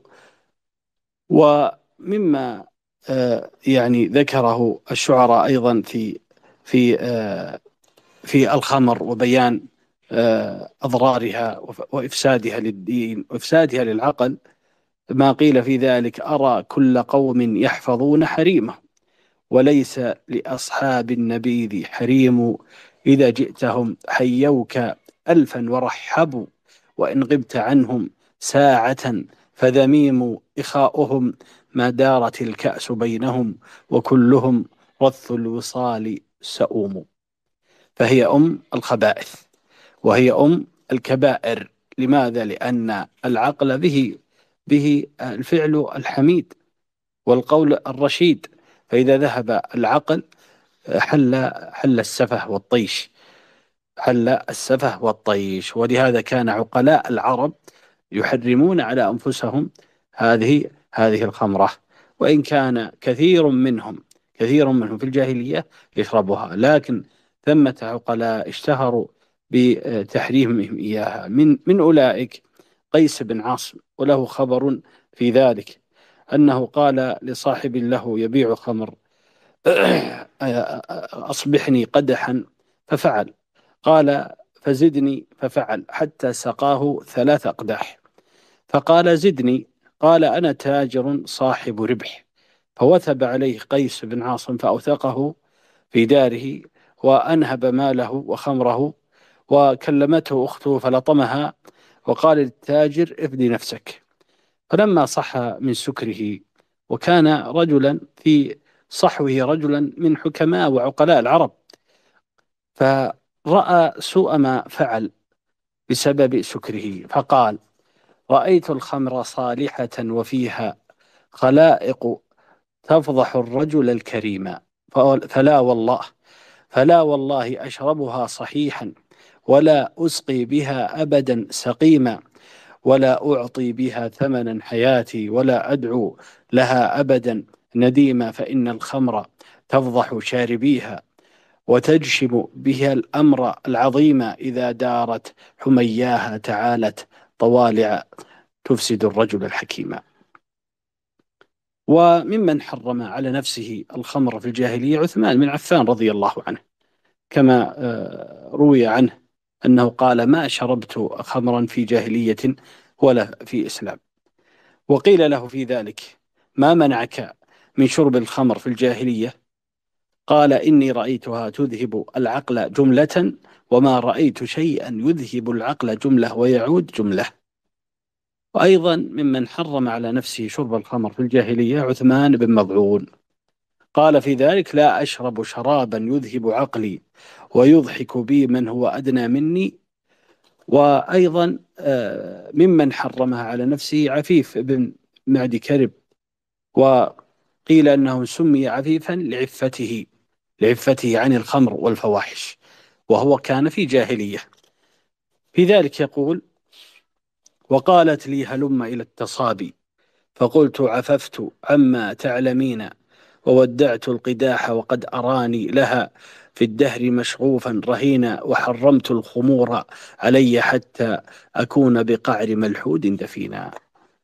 هؤلاء من أهل الجاهلية من أهل الجاهلية. في جاهليتهم حرموا على أنفسهم الخمر. لما رأوها لما رأوا فيها من فساد العقل ولما رأوا فيها أن يكون حال الرجل العاقل الذي هو من كرام العرب أن يكون حاله حال رذيلة حال مهينة بسبب زوال عقله. في هذا يقول حسان بن ثابت رضي الله عنه ولولا ثلاث هن في الخمر لم يكن لها ثمن من شارب حين يشرب لها نزف مثل الجنون ومصرع ومصرع دني وأن العقل ينأى ينأى ويعزه ثم الناظم بعد ذلك قال رحمه الله في أبيات عظيمة جليلة حقى لكل مسلم أن يتدبرها وينظر في معانيها. قال رحمه الله واتق الله فتقوى الله ما جاورت قلب امرئ إلا وصل واتق الله فتقوى الله ما جاورت قلب امرئ إلا وصل. ليس من يقطع طرقا بطل ليس من يقطع طرقا بطلا إنما من يتق الله البطل. هذان البيتان بيتان عظيمان فيهما وصية بالتقوى. وهذه أعظم وصية لأن التقوى هي رأس الفلاح وهي رأس الخير وهي وصية الله للأولين والآخرين. وكل فعل حميد فأصله التقوى وكل فعل رذيل فأصله وقاعدته ترك التقوى. ولهذا يقول الله جل وعلا ولقد وصينا الذين أوتوا الكتاب من قبلكم وإياكم أن اتقوا الله وأوصى الله وأوصى آه، الله جل وعلا عباده بذلك في آيات كثيرة في كتابه الكريم. أوصى جميع الأنبياء بذلك. كما قال الله جل وعلا يا أيها النبي اتق الله ولا تطع الكافرين الآيات وقال سبحانه يا أيها الذين آمنوا اتقوا الله وقولوا قولا سديدا يصلح لكم أعمالكم ويغفر لكم ذنوبكم ومن يطع الله ورسوله قد فاز فوزا عظيما. والتقوى أن تجعل بينك وبين الله وقاية بفعل ما أمر الله واجتناب ما نهى الله. والتقوى هي هي طاعة الله على بصيرة. وترك ما حرم الله على بصيرة. هي العمل بالتنزيل والخوف من الجليل والاستعداد ليوم الرحيل. أن تعمل بطاعة الله على نور من الله ترجو ثواب الله. وأن تجتنب ما حرم الله على نور من الله تخشى تخشى عقاب الله. قال واتق الله فتقوى الله. ما جاورت قلب امرئ إلا وصل. يصل إلى الغاية التي خلقها الله عز وجل إليها وهي العبودية. فيفرق بتقوى الله عز وجل بين الحق والباطل. فيعرف سبيل أهل الهداية فيتبعه. لماذا؟ لأنه اتقى الله. ويعرف سبيل أهل الغواية والضلالة. لماذا؟ لأنه اتقى الله فيهتدي. ولهذا قال الله جل وعلا ألف لام ميم. ذلك الكتاب لا ريب فيه هدى للمتقين. فلا يستقر الإيمان في قلبه ولا يكون القرآن شفاء لروح وذهابا لنزغات الشيطان التي يقدحها في قلبه وساوسه إلا بالتقوى. ومن أعرض عن التقوى لم يستقر الإيمان في قلبه ولم يستصلح جوارحه ولم يصلح لسانه. ولهذا يقول الله جل وعلا يا أيها الذين آمنوا إن تتقوا الله يجعل لكم فرقانا ويكفر عنكم سيئاتكم ويغفر لكم والله ذو الفضل العظيم. فمن فمن جاورت التقوى قلبه وصل إلى نور إلى النور وإلى البصيرة. كما قال جل وعلا يا أيها الذين آمنوا اتقوا الله وآمنوا برسوله يؤتكم كفلين من رحمته ويجعل لكم نورا تمشون به ويغفر لكم. ومن جاورت التقوى قلبه فاز وأفلح.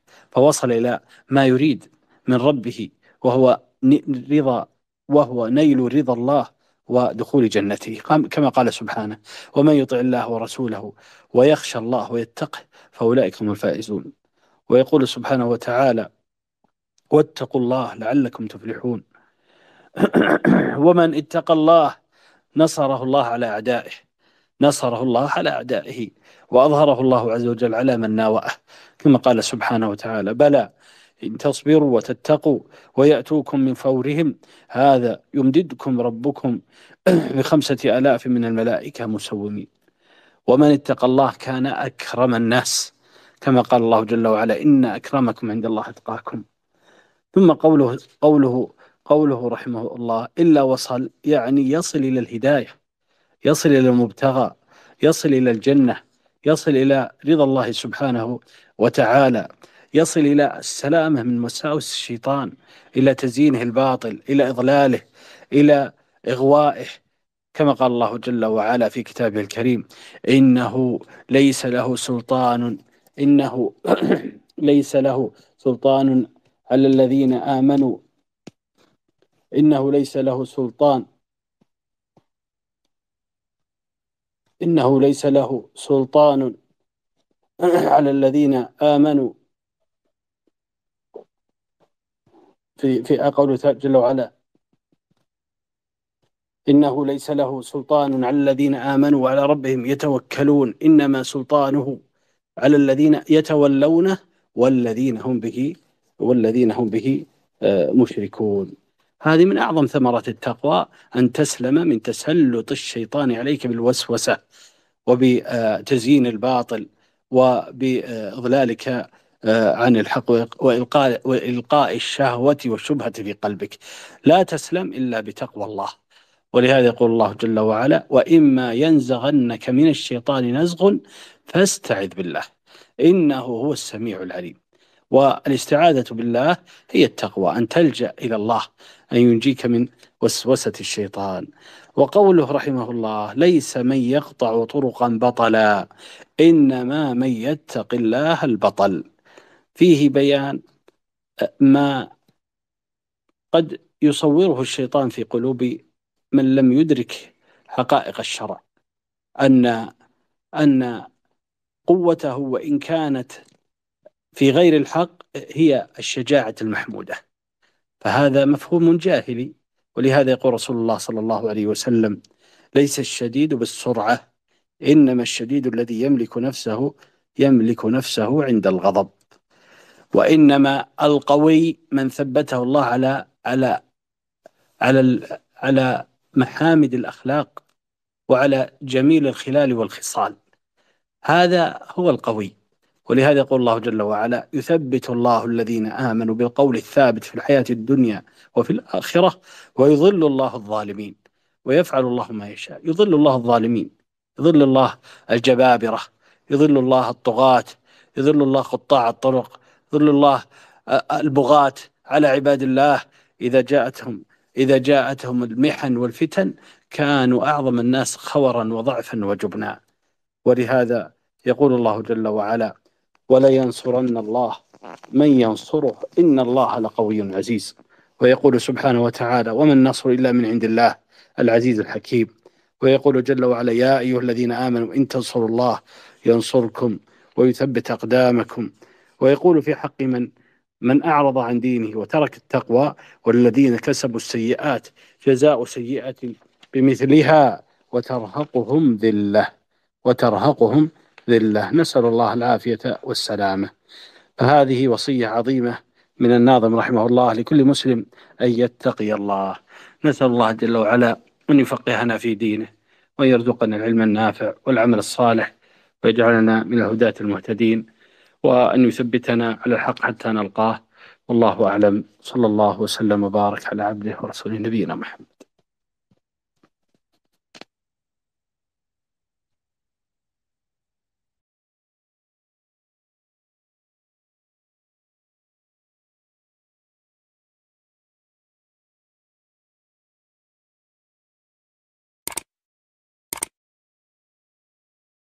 الحمد لله رب العالمين وصلى الله وسلم وبارك على عبده ورسوله نبينا محمد وعلى آله وأصحابه وأتباعه بإحسان إلى يوم الدين وسلم تسليما كثيرا. أما بعد أسأل الله جل وعلا أن يكون هذا اللقاء خالصا لوجه الكريم وأن ينفعنا بما نقول وبما نسمع.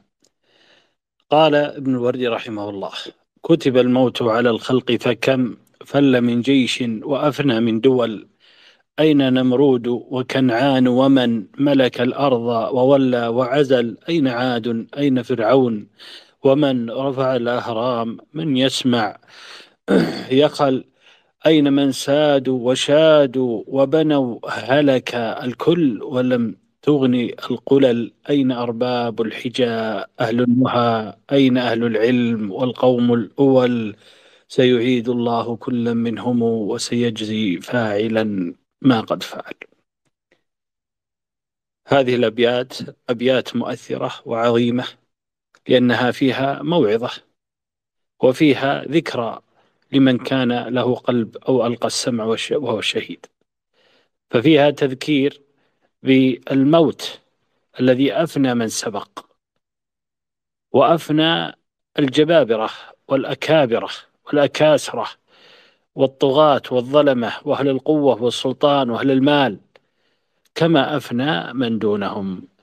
فالله جل وعلا هو القاهر فوق عباده وهو على وهو الولي الحميد وهو على كل شيء قدير وهو المحيط بعباده وهو الذي لا يعجزه عظيم ولا آه، ولا يعجزه شيء آه، سبحانه وتعالى.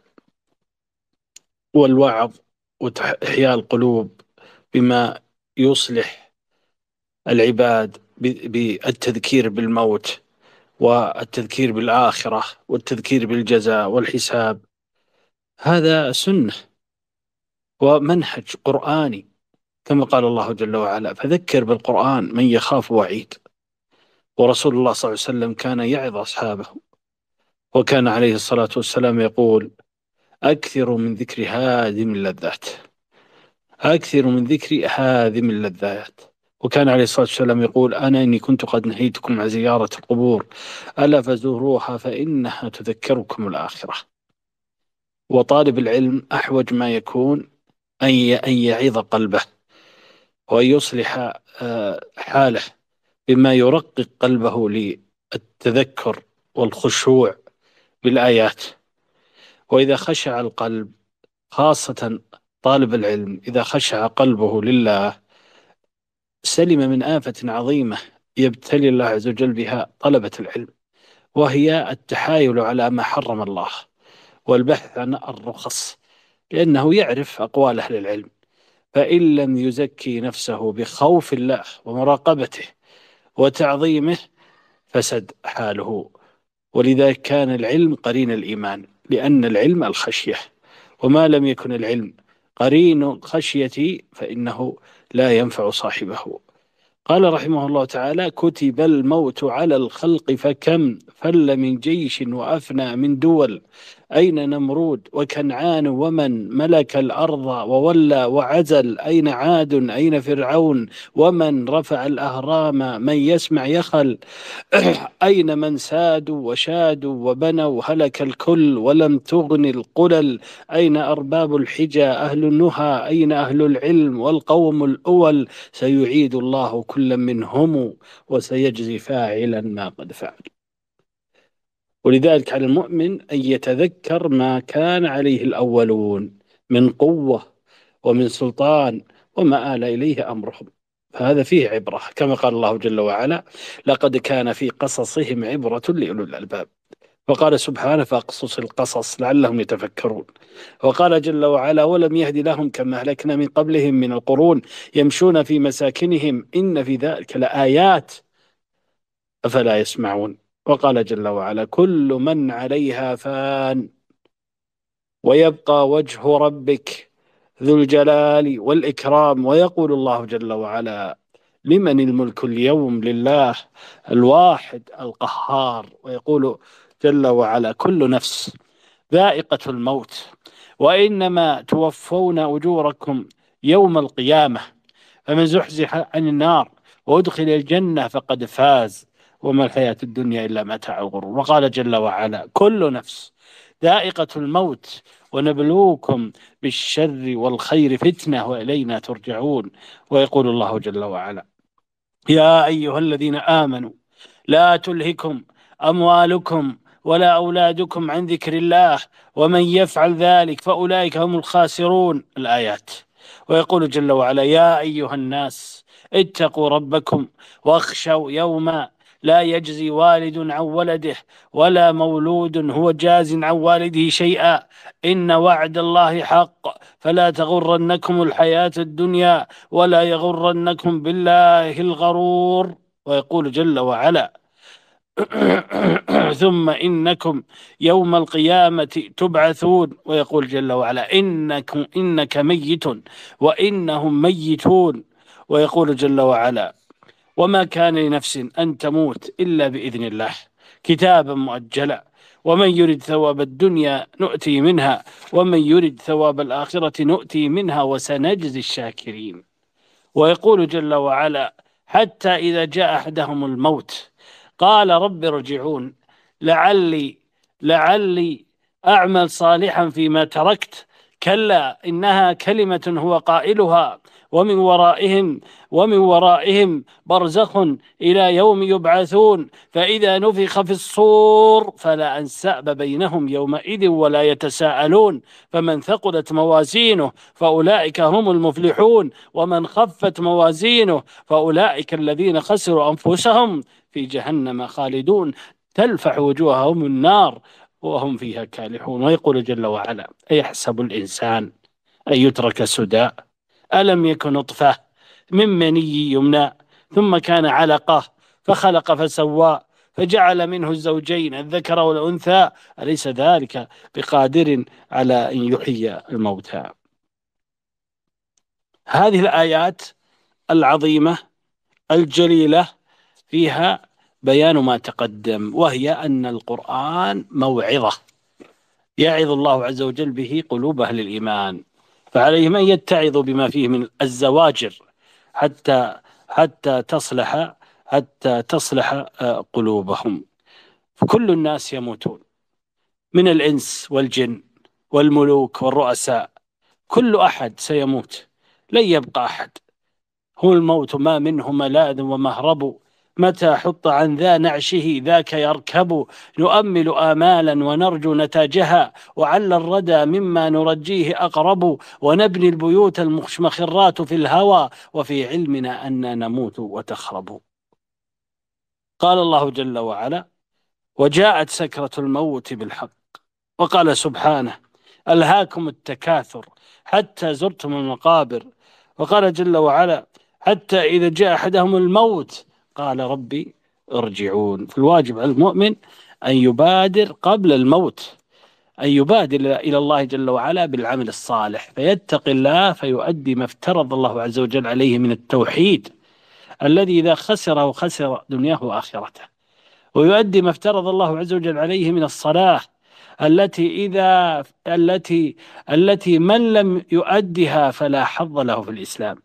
ويؤدي ما افترض الله عز وجل عليه من الصوم والزكاة والحج ويؤدي ما أوجب الله عز وجل عليه من الإيمان بالله وملائكته وكتبه ورسله والقدر بخير وشره واليوم الآخر.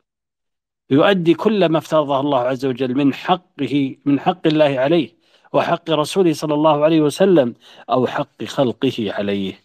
قال رحمه الله أين نمرود وكنعان؟ ومن ملك الأرض وولى وعزل؟ نمرود. ذكر ابن كثير رحمه الله في البداية والنهاية آه، أن نمرود هو الذي حاج إبراهيم. كما قال الله جل وعلا ألم تر إلى الذي حاج إبراهيم في ربه؟ أن أتاه الله الملك. إذ قال إبراهيم ربي الذي يحيي ويميت. قال أنا أحيي وأميت. قال إبراهيم فإن الله يأتي بالشمس من المشرق فأتي بها من المغرب فبهت الذي كفر والله لا يهدي قوم الظالمين. فنمرود هذا كان داعية آه، آه، كان داعية إلى الكفر يدعو إلى عبادة نفسه ويدعي الربوبية. وهو آه، وهو بنص القرآن من الظلمة الكفرة. ولهذا قال فبهت الذي كفر والله لا يهدي القوم الظالمين. فأين نمرود؟ أين هو هذا نمرود الخسيس الذي قال مخبر الله عز وجل عن قوله أنا أحيي أميت أين هو؟ أين نمرود؟ أين نمرود؟ وكنعان ومن ملك الأرض وولى وعزل. أين هم؟ لمن الملك اليوم لله الواحد القهار. ولذلك على العبد أن لا يهاب في الله أحدا. اعلم أن كل ملك فهو مملوك وكل غني فهو فقير. وكل العباد أمرهم بيد الله سبحانه وتعالى. فاتق الله عز وجل في دينك وفي عقيدتك وفي علمك وعملك واعبد الله الحي الذي لا يموت. وأما العباد فإنهم, فإنهم تحت حكم الله القدري وهم تحت سلطان الله عز وجل فيما يفعلون وما يتركون. أين هؤلاء؟ أين هم؟ تحت أطباق الثرى وهكذا نحن اليوم فوق الأرض وغدا سنكون تحت الأرض. قل متاع الدنيا قليل والآخرة خير لمن اتقى ولا تظلمون فتيلا. اعلموا أنما الحياة الدنيا متاع. اعلموا أنما الحياة الدنيا لعب وله وزينة.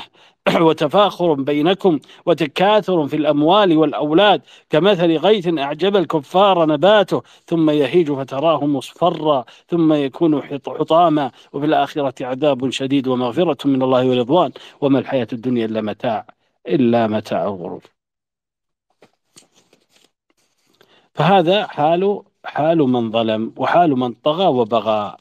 بادوا فكأنهم لم يكونوا كأن لم يغنوا كأن لم يغنوا فيها. قال الله جل وعلا قال الله جل وعلا مبينا حال الأمم التي طغت وبغت وأنه لم يبقي ولم يبقي منهم أحد.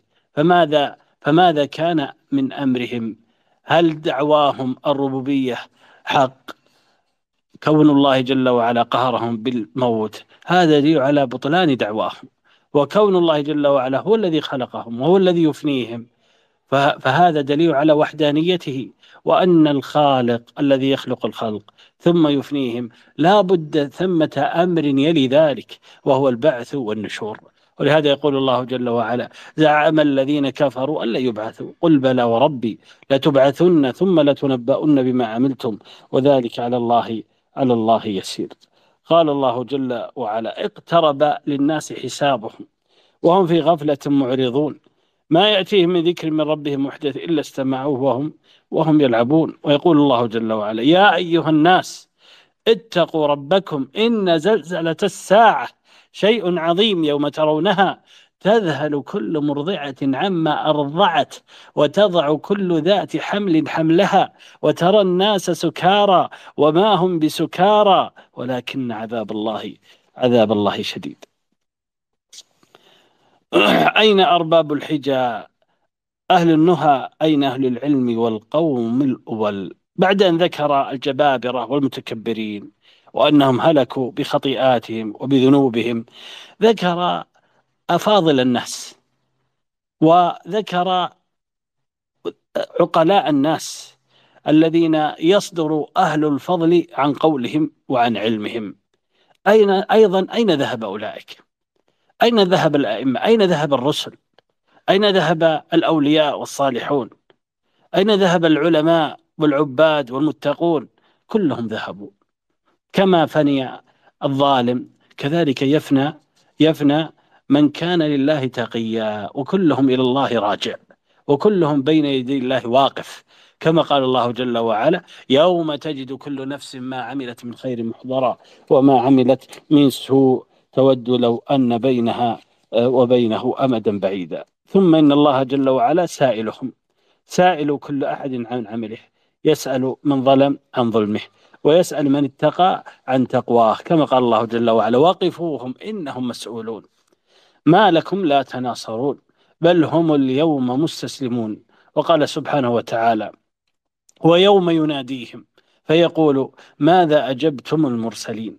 ويقول سبحانه وتعالى ليسأل الصادقين عن صدقهم. قال رحمه الله أين عاد؟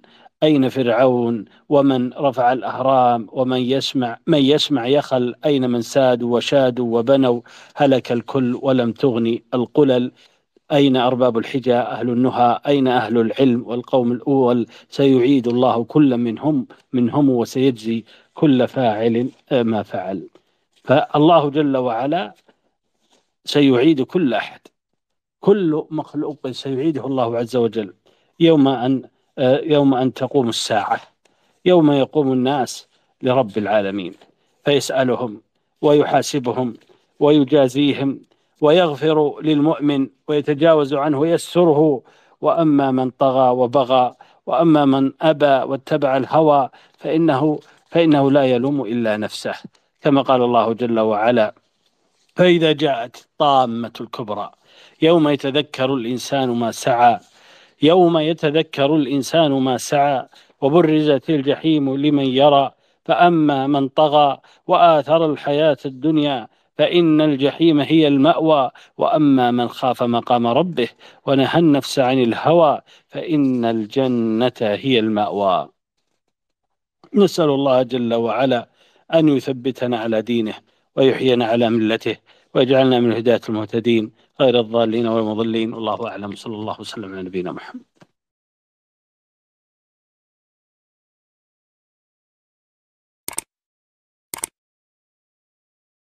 السلام عليكم ورحمة الله وبركاته. الحمد لله رب العالمين وصلى الله وسلم وبارك على عبده ورسوله نبينا محمد وعلى آله وأصحابه وأتباعه بإحسان إلى يوم الدين وسلم تسليما كثيرا. أما بعد قال الناظم رحمه الله تعالى أي بني اسمع وصايا جمعت حكما خصت بها خير الملل. اطلب العلم ولا تكسل فما أبعد الخير عن أهل الكسل واحتفل للفقه في الدين ولا تشغل عنه بمال وخول واحتفل للدين واحتفل للفقه في الدين ولا تشغل عنه بماء بمال وخول واهجر النوم وحصله. فمن يعرف المطلوب يحقر ما بذل لا تقل قد ذهبت أربابه. كل من سار على الدين على الدرب وصل. هذه الأبيات العظيمة فيها الحث على طلب العلم وشحذ الهمم في المسابقة في تحصيل العلوم النافعة من الكتاب والسنة وما يقوم اللسان وما يقوم البنان وما يصلح الجوارح والأركان. ذلك أن العلم هو الذي يرفع صاحبه إذا كان نافعا. قوله رحمه الله تعالى اي بني اسمع وصايا جمعت حكما خصت بها خير الملل. قوله أي بني هذا من الأسلوب النبوي الذي آه، كان رسول الله صلى الله عليه وسلم يستخدمه في وصاياه. قد بوب آه، البخاري آه، في بوب النووي رحمه الله تعالى على صحيح مسلم. على صحيح مسلم باب قول الرجل يا بني. ذكر حديث النبي صلى الله عليه وسلم أنه قال لأنس يا بني وقال المغيرة أي بني. فهذا من الأسلوب النبوي وفيه أيضا آه، تلطف وفيه آه، أيضا آه، ترفق بالمخاطب. اسمع وصايا جمعت حكما خصت بها خير الملل.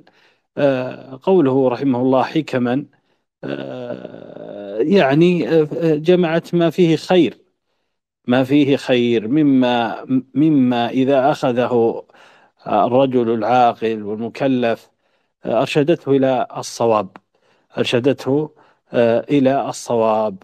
فقوله حكما يعني نصائح وتوجيهات ومواعظ. آه، قوله خصت بها خير الملل. آه، أراد بقوله خير الملل أمة محمد صلى الله عليه وسلم فهي خير الملل. كما قال الله جل وعلا كنتم خير أمة أخرجت للناس تأمرون بالمعروف وتنهون عن المنكر. كما قال سبحانه وتعالى وكذلك جعلناكم أمة وسطا. وكما قال آه، رسول الله صلى الله عليه وسلم فيما رواه البخاري من حديث أبي هريرة نحن الآخرون السابقون يوم القيامة. أمة محمد صلى الله عليه وسلم هي خير آه، هي خير الملل. ومما يدل على ذلك ما آه، رواه أحمد في مسنده آه، أن رسول الله صلى الله عليه وسلم قال أنتم توفون سبعين أمة أنتم خيرها وأكرمها على الله تبارك تبارك وتعالى. ذلك أن الله جل وعلا كمل الدين وأتمه وجعل دين محمد صلى الله عليه وسلم ناسخا لما قبله من الأديان. فكانت أمته خير الأمم وكان آه، نبي هذه الأمة وهو محمد صلى الله عليه وسلم آه، أكرم الأنبياء عند الله سبحانه وتعالى. قوله رحمه الله اطلب العلم ولا تكسل فما أبعد الخير عن أهل الكسل. هذه نصيحة عظيمة. ينبغي لكل مسلم أن ينتبه لها خاصة الناشئة الناشئة ولا يستغني عنها الكبار وإن كانوا آه، قد بلغوا من السن مبلغا كبيرا. فإن الرجل ما دامت روحه آه، في جسده فإنه لا يزال يتعلم ولو بلغ من العلم علما كثيرا. وإذا كسل عن العلم أو ظن أنه قد استغنى وبلغ مبلغا آه، يغنيه عن زيادة العلم فقد جهل. فهذه نصيحة عظيمة. فيها تحذير لطالب العلم وللمسلم عموما من الكسل لأن الكسل من أسوأ ما يكون إبعادا للإنسان عن الخير. ولهذا يقول رسول الله صلى الله عليه وسلم كما في الحديث الصحيح يعقد الشيطان على قافية أحدكم إذا هو نام ثلاث عقد يضرب مكان كل عقدة. عليك ليل طويل فارقد فإن استيقظ فذكر الله انحلت عقدة فإن توضأ انحلت عقدة فإن صلى انحلت عقدة فأصبح نشيطا طيب النفس وإلا أصبح خبيث النفس كسلان. ولذلك الرسول صلى الله عليه وسلم كان يستعيذ من الكسل كما في الحديث الذي رواه مسلم. آه، أن رسول الله صلى الله عليه وسلم كان يقول اللهم إني أعوذ بك من العجز والكسل والجبن والبخل والهرم وعذاب القبر. الحديث. والكسل ليس صفة المؤمن وإنما المؤمن مبادر نشيط لما يرضي الله سبحانه وتعالى. كما قال الله جل وعلا وسابقوا إلى مغفرة من ربكم وإن مغفرة من ربكم وجنة. وكما قال سبحانه وتعالى وعجلت إليك ربي لترضى و آه، آه، وقال سبحانه وتعالى والسابقون السابقون فهم لما سبقوا في الخيرات في الدنيا كانوا أسبق إلى عظيم النعيم في الآخرة. وقال سبحانه وتعالى وفي ذلك فليتنافس المتنافسون. وغير ذلك من الآيات. وأما الكسل فإنه صفة المنافقين. كما قال سبحانه إن المنافقين يخادعون الله وهو خادعهم وإذا قاموا إلى الصلاة قاموا كسالى يراؤون الناس ولا يذكرون الله إلا إلا قليلا. والمؤمن وطالب العلم على وجه أخص صاحب السنة صاحب التوحيد الذي يرجو ما عند الله يستعيذ بالله من الكسل لأن الكسل يقعده عن معالي الأمور يقعده عن الفضائل يقعده عن الإيمان بالله يقعده عن آه، المبادرة إلى إصلاح نفسه في أمر دينه وأمر دنياه. ولهذا يقول رسول الله صلى الله عليه وسلم كما في الحديث آه، الصحيح. المؤمن القوي خير وأحب إلى الله من المؤمن الضعيف وفي كل خير. احرص على ما ينفعك واستعن بالله ولا تعجز فإن أصابك شيء فلا تقل لو فعلت كذا وكذا. ولكن قل قدر الله وما شاء فعل و آه، آه، لذلك يعني من من انتبه لهذه المسألة العظيمة. وهي أثر الكسل خاصة على طالب العلم فإنه فإنه يفر منه أشد من فراره من الأسد. لأن الكسل هو عدو طالب العلم هو عدو المؤمن الذي آه، يرجو ما عند الله سبحانه وتعالى. ولا تجد الكسلان إلا بعيدا عن عن معالي الأمور بعيدا عن شريف آه، الخلال والخصال بعيدا عن ما يجمله عند العقلاء والفضلاء كما أنه بعيد عما يجمله إذا لقي الله سبحانه وتعالى. نسأل الله العافية والسلامة. وهذا يقول الناظم اطلب العلم اطلب يقول اطلب اطلب, أطلب ولا اطلب العلم ولا تضجر من مطلب أو اطلب اطلب اطلب العلم ولا تضجر من مطلب.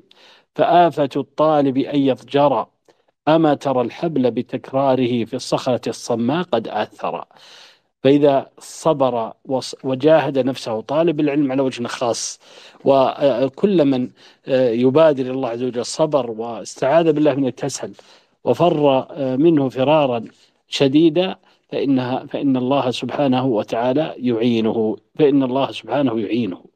وطالب العلم على وجه أخص عليه أن يجاهد نفسه من الكسل لأن العمر قصير والوقت والوقت سريع سريع المرور. والعوارض كثيرة والقواطع عظيمة. فإذا ركن إلى الكسل والدعة وركن إلى آه، الترفيه وركن إلى اللعب آه، وترك يعني اغتنام وقته والمبادرة إلى الجد في تحصيل ما يزداد به علما وتقوى وما يكون سلاحا له عند الفتن والشبهات آه، يسلم بذلك به دينه. ويعصم به آه، نفسه من أن يزيغ عن الحق ويحتار به إنه مع كسله آه، ينصرف عن هذه الجادة العظيمة التي التي يختار الله عز وجل يختار الله عز وجل إليها من اصطفاهم.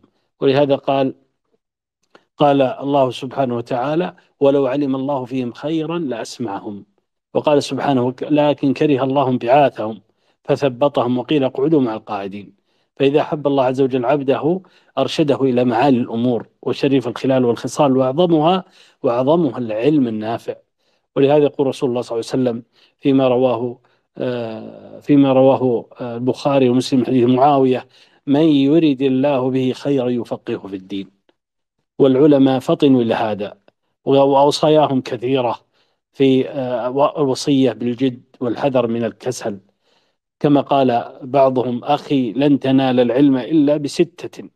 سأنبيك عن تفصيلها ببيان. ذكاء وحرص واجتهاد وبلغة وصحبة أستاذ وطول زمان.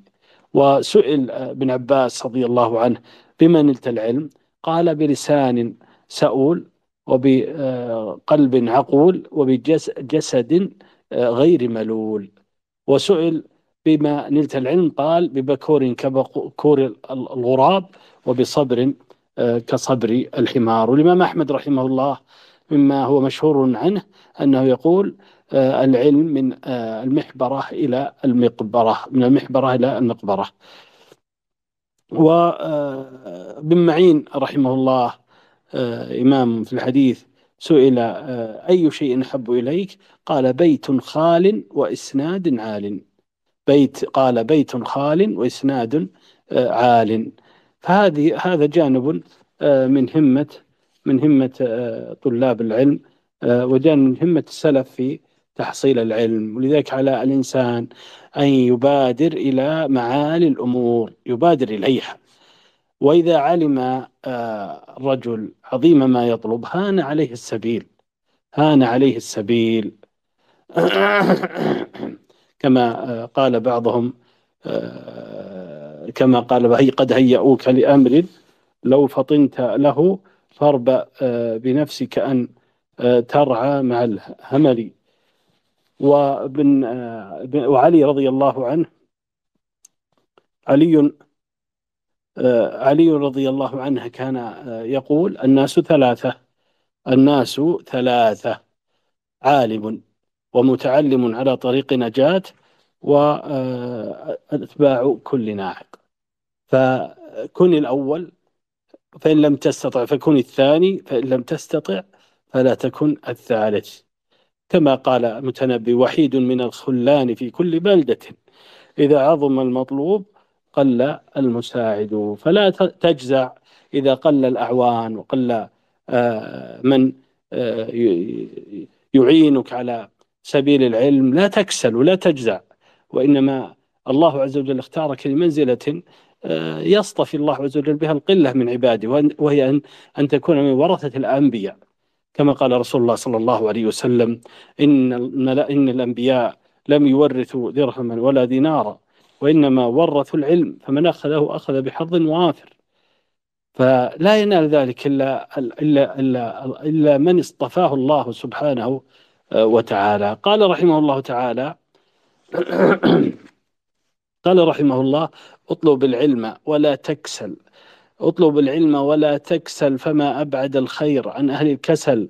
واحتفل للفقه في الدين ولا تشتغل عنه بمال وخول. هذه وصية آه، كما آه، أوصى في البيت السابق بالجد وعدم الكسل آه، أوصى بالحذر أن أن يكون أن يكون طالب العلم منصرفا إلى ما يصرفه عن التفقه في الدين من الأموال وما يصرفه من متاع الدنيا. ولو كان أحب الناس إليه وأقرب الناس إليه. فيحتفل بالعلم يعني يكون شديد الفرح به والاغتباط به وشديد الاشتغال بالتفقه في الدين. فإن من لم يعطي العلم كله لم يعطه بعضه لم يعطه بعضه وإنما يبادر إليه قدر ما يكون في وقته وفي حتى في آه، في لهوه فإنه لا يكون لهوا وإن كان مباحا يصرفه عن غايته آه، العظمى وسبيله الذي آه، سبيله الذي سار عليه وهو تحصيل العلم ومعرفة الله عز وجل ومعرفة رسوله صلى الله عليه وسلم. والدين قوله احتفل للفقه في الدين والفقه هو الفهم وهو شامل لكل أوامر الله سبحانه وتعالى في العلم والعمل في في أصول الدين المحكمات والمسلمات وفي المسائل التي آه، هي من مسائل آه، الاجتهاد عند أهل العلم. فكل ذلك فقه. من عرف الحلال والحرام وعرف أمر الله وعرف ما يجب عليه من توحيد الله وما يجب عليه من مما افترضه الله عز وجل عليه من الفرائض وعرف ما ينبغي عليه من الفضائل والآداب وما يجب عليه يكون عليه من السلوك الحسن الذي آه، أدب الله عز وجل به عباده المؤمنين. فهذا هو الفقه في الدين. والفقه في الدين أن تعرف ما يجب عليك فتمتثله. وأن تعرف ما يحرم عليك فتنتهي عنه. هذا هو الفقيه. الفقيه هو الذي يعرف ما يعنيه فيعمل به. ويعرف ما لا يعنيه فلا يشتغل به يتركه. ولا يكون آه، يشتغل بما لا يعنيه فيقطعه ذلك عما يجب عليه. وهذا معنى قول الرسول صلى الله عليه وسلم من يرد الله به خيرا يفقهه في الدين فيعرف التوحيد. فإذا عرف التوحيد فهو فقيه. ثم يعرف الصلاة والصوم والزكاة والحج وأنها فرض عليه فهذا أيضا فقه فقه عظيم. يجب على كل مسلم أن يتفقه في هذا ويعرف ما يجب عليه من الإيمان بالله وملائكته وكتبه ورسله واليوم الآخر وقدر خيره وشره. فإذا عرف ذلك فهذا فقه عظيم. ثم يعرف الأحكام كيف يصلي كيف يصوم كيف يزكي كيف يحج يعرف كيف يعامل كيف يعامل ولي أمره. يعرف كيف يعامل العلماء يعرف كيف يعامل جاره كيف يعامل شريكه كيف يعامل زوجه يعرف كيف يشتري كيف يبيع. ماذا أمر الله عز وجل في ذلك؟ وماذا نهى عنه؟ يعرف هذا. هذا هو الفقه الفقه في الدين فهو شامل للعقيدة وهو شامل أيضا للأحكام. قال رحمه الله تعالى واحتفل للفقه في الدين ولا تشتغل عنه بمال وخول واهجر النوم وحصله فمن يعرف المطلوب يحقر ما بذل فمن يعرف المطلوب يحقر ما بذل هذا أيضا بذات المعنى الذي آه الذي ذكره رحمه الله بأن على طالب العلم أن آه أن يكون آه مغتنما لوقته مغتنما لوقته. آه، حتى ينال العلم وإلا إذا كان طالب علم ويضيع وقته بالقيل والقال ويضيع وقت ويضيع وقته باللعب ويضيع وقته باللهو ويكون في سائر وقته كغيره ممن منهم ممن هم من عامة الناس فأي علم يطلب وأي غاية يريد وأي علم سيحصل لن يحصل على على شيء وإنما من عرف قيمة ما يطلب بذل له نفيس وقته وبذل له رأس ماله حتى ينال منه حظا يكون به له به الخير والسعادة في الدنيا والآخرة. وطالب العلم أولى ما يعنيه قول الرسول صلى الله عليه وسلم اغتنم خمسا قبل خمس اغتنم خمسا قبل خمس. شبابك قبل هرمك وصحتك قبل مرضك وغناك قبل فقرك وحياتك قبل موتك وحياتك قبل موتك. فمن عرف هذا واغتنم وقته و وهجر شهوته المباحة في سبيل تحصيل العلم أدرك خيرا كثيرا. وفي هذا وفي هذا يقول يقول بعضهم سهري لتنقيح العلوم. ألذ لي من وصل غانية وطول عناقي وتمايلي طربا لحل عويصة أشهى وأغلى من مدامة ساقي وصرير أقلامي وصرير أقلامي على أوراقها أحلى من الدوكاء والعشاق. أبيت سهران الدجى وتبيته نوما وتبغى بعد ذاك لحاقي. ثم قال رحمه الله لا تقل قد ذهبت أربابه. لا تقل قد ذهبت أربابه. كل من سار على الدرب وصل. هذه فيها تسلية لطالب العلم حينما يظن أن الناس ليسوا بحاجة لعلمه أو أن أن الوقت قد فات وأنه ليس من أرباب العلم وأنه ليس أهلا لحمله. فهو يقول لا تقل ذهبت أربابه. وأيضا فيه تعزية أنك لا تقل ذهب العلماء ولا يوجد من أخذ عنها العلم. من طلب العلم وكان صادقا وجد ما وجد السبيل إليه ووجد من يأخذ منها العلم. فإنه لا يزال الناس فيهم من يعلم العلم ويبين شريعة الله عز وجل ما يكون حجة على العباد في كل في كل بلد إلا ما شاء الله سبحانه وتعالى. فهذا فيه تسلية وفيه تعزية وفيه شحذ للهمة وفيه تحذير من هبوط الهمة أن أن يترك طالب العلم سبيل سبيله في طلب العلم ويظن أنه أنه ليس من أهله أو أن يستطيل الطريق. فيقول طلبت العلم وتعلمت ودرست وما حصلت شيئا. فيقال اصبر وجاهد نفسك واسعى على أن أن اسعى أن تتجاوز تلك العوائق التي تكون حائلا بينك وبين تحصيل العلم ولكن لا تنقطع عنه ولا تجزع ولا تستطيل الطريق فإن كل من سار كل من سار على على الدرب على الدرب وصل.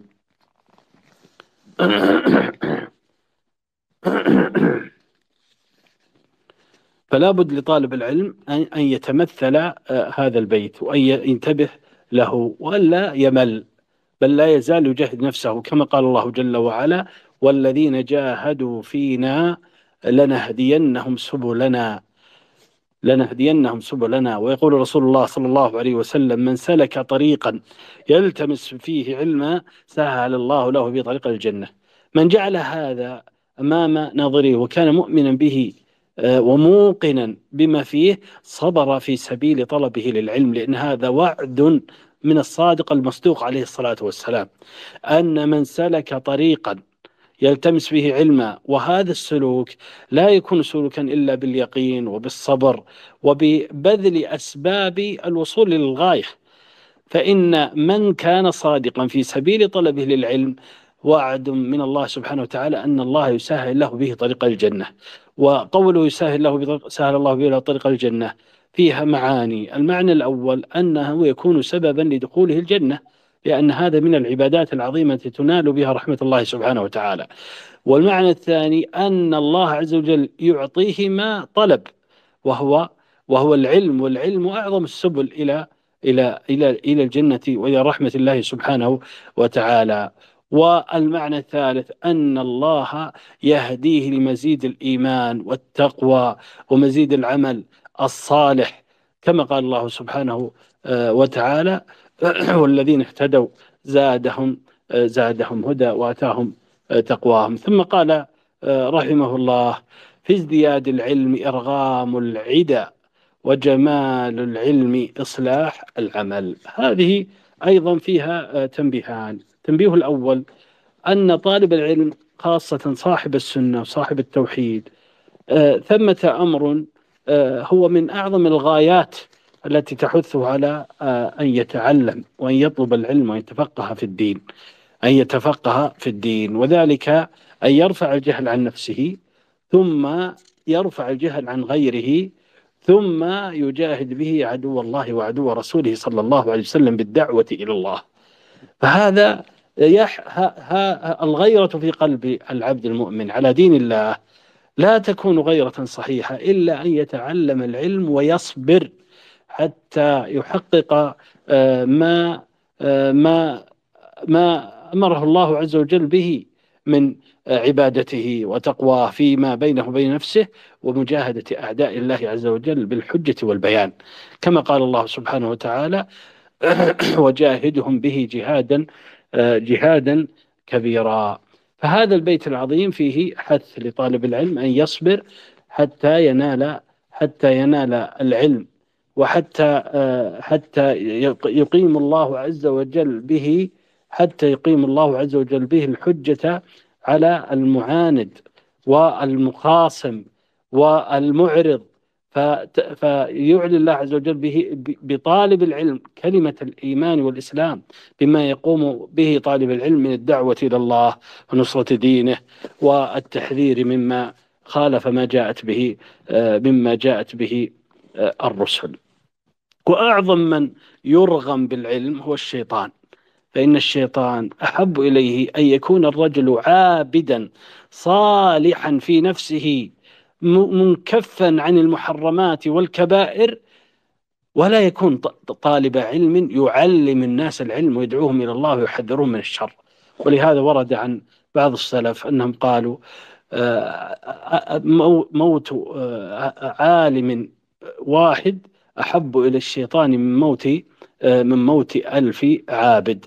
ذلك أن العالم المعلم الآمر بالمعروف الناهي عن المنكر آه، يهدم الله عز وجل به بنيان بنيان آه، الشر والفساد ويقيم الله عز وجل به آه، راية الحق ويقيم الله عز وجل وينصر الله عز وجل به أهل الإيمان وأهل التقوى. وتنخنس به وبما يقيمه من الحق في علم في علمه وعمله ودعوته تنخنس به أباليس أباليس الشرور والفتن. نسأل الله العافية والسلامة. ثم قال وجمال العلم إصلاح العمل. وهذه أيضا غاية العلم أنك حينما تتعلم العلم إنما تتعلمه لتعمل به لا أن تتزيى به وأنت لست من أهله. وإنما أهل العلم هم أهل العمل. كما قال الله سبحانه وتعالى إنما يخشى الله من عباده العلماء إنما يخشى الله من عباده العلماء. فالناس ثلاثة عالم عامل بعلمه. فهذا فهؤلاء هم أهل الخشية. ورجل ورجل على خلو من العلم خلو من العلم ويتعبد لله عز وجل. ويظهر من الخشوع والقرب منه بغير علم فهذا أقرب إلى الضلال. وأحرى بزيغ نسأل الله العافية لجهله. وعالم لا يخشى الله سبحانه وتعالى. فهذا فاسق. ولهذا ورد عن بعض السلف أنهم قالوا اتقوا فتنة العالم اتقوا فتنة العابد الجاهل اتقوا فتنة العابد الجاهل والعالم الفاسق فإنهما فتنة لكل مفتون. وإنما العالم هو من اتقى الله كما قال الله جل وعلا عمن هو قانت آناء الليل ساجدا وقائما يحذر الآخرة ويرجو رحمة ربه. قل هل يستوي الذين يعلمون والذين لا يعلمون؟ إنما يتذكر أولو الألباب. من هم الذين يعلمون؟ هم الذين علموا فاتقوا الله. فكانوا من أهل خشيته. وفي هذا يقول الله سبحانه وتعالى يرفع الله الذين آمنوا منكم والذين أوتوا العلم درجات. فالعلم لا يكون علما نافعا إلا أن يكون معه إيمان ولا إيمان بغير علم. فلا بد في الإيمان من علم أن يكون إيمانا صحيحا كما أرسل الله عز وجل به رسوله صلى الله عليه وسلم. وكذلك لا علم بلا إيمان لا علم بلا إيمان. ولذلك علمنا الله سبحانه وتعالى في سورة الفاتحة أن ندعوه وأن نقول اهدنا الصراط المستقيم صراط الذين أنعمت عليهم غير المغضوب عليهم ولا الضالين. فالمنعم عليهم هم الذين خالفوا طريق المغضوب عليهم وطريق الضالين. وأما المغضوب عليهم فهم فهم من علموا الحق وتركوه كاليهود ومن كان على سبيلهم. وأما الضالون فهم الذين عبدوا الله على على جهل كالنصارى ومن تشبه بهم. وأما المنعم عليهم فمن هم؟ هم الذين فعل علموا الحق فعملوا به كما قال سبحانه وتعالى ومن يطع الله والرسول فأولئك مع الذين أنعم الله عليهم من النبيين والصديقين والشهداء والصالحين وحسن أولئك رفيقا ثم قال بعدها ومن يطع الله والرسول فأولئك مع الذين أنعم الله عليهم من النبيين والصديقين والشهداء والصالحين وحسن أولئك آه، رفيقا. فهؤلاء هم المنعم هم المنعم عليهم. ويقول آه، الله جل وعلا في كتابه الكريم أتأمرون الناس بالبر وتنسون أنفسكم؟ ويقول سبحانه وتعالى يا أيها الذين آمنوا لم تقولون ما لا تفعلون؟ كبر مقتا عند الله أن تقولوا ما لا تفعلون. فكبر مقتا يعني ذما وسوءا في الحال أن تكون عالم ولكن لا تعمل بعلمك. نسأل الله العافية والسلامة. وقد قيل لا تنهى عن خلق وتأتي مثله عار عليك إذا إذا فعلت عظيمه. ومما ورد في ذلك ما رواه البخاري ومسلم من حديث أسامة. رضي الله عنه أن رسول الله صلى الله عليه وسلم قال يؤتى بالرجل يوم القيامة فيلقى في النار فتندلق أقتاب بطنه فيدور بها كما يدور الحمار في الرحى فيجتمع إليه الناس فيجتمع إليه أهل النار فيقولون يا فلان ما لك؟ ألم تكن تأمرنا بالمعروف وتنهانا عن المنكر؟ قال بلى كنت آمر بالمعروف ولا آتيه وأنهى عن المنكر وآتيه. والله سبحانه وتعالى في كتابه الكريم حذر من هذه الحال وبين أنها حال بئيسة. نسأل الله العافية والسلامة. وهي حال وهي حال آه، من ظل من آه، من أهل الكتاب. نسأل الله السلامة من ذلك. وإنما لا تكون آه، وإنما لا يكون العلم نافعا إلا بأمرين بقول سديد وعمل صالح. فهذه هي التقوى. وإذ قال الله سبحانه وتعالى يا أيها الذين آمنوا اتقوا الله وقولوا قولا سديدا. يصلح لكم أعمالكم ويغفر لكم ذنوبكم. ومن يطع الله ورسوله فقد فاز فوزا عظيما.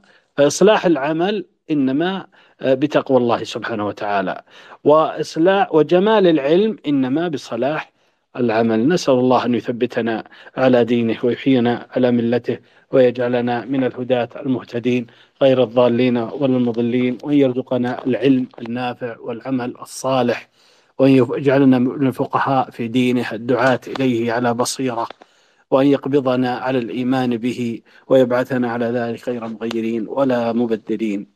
وصلى الله وسلم على نبينا محمد.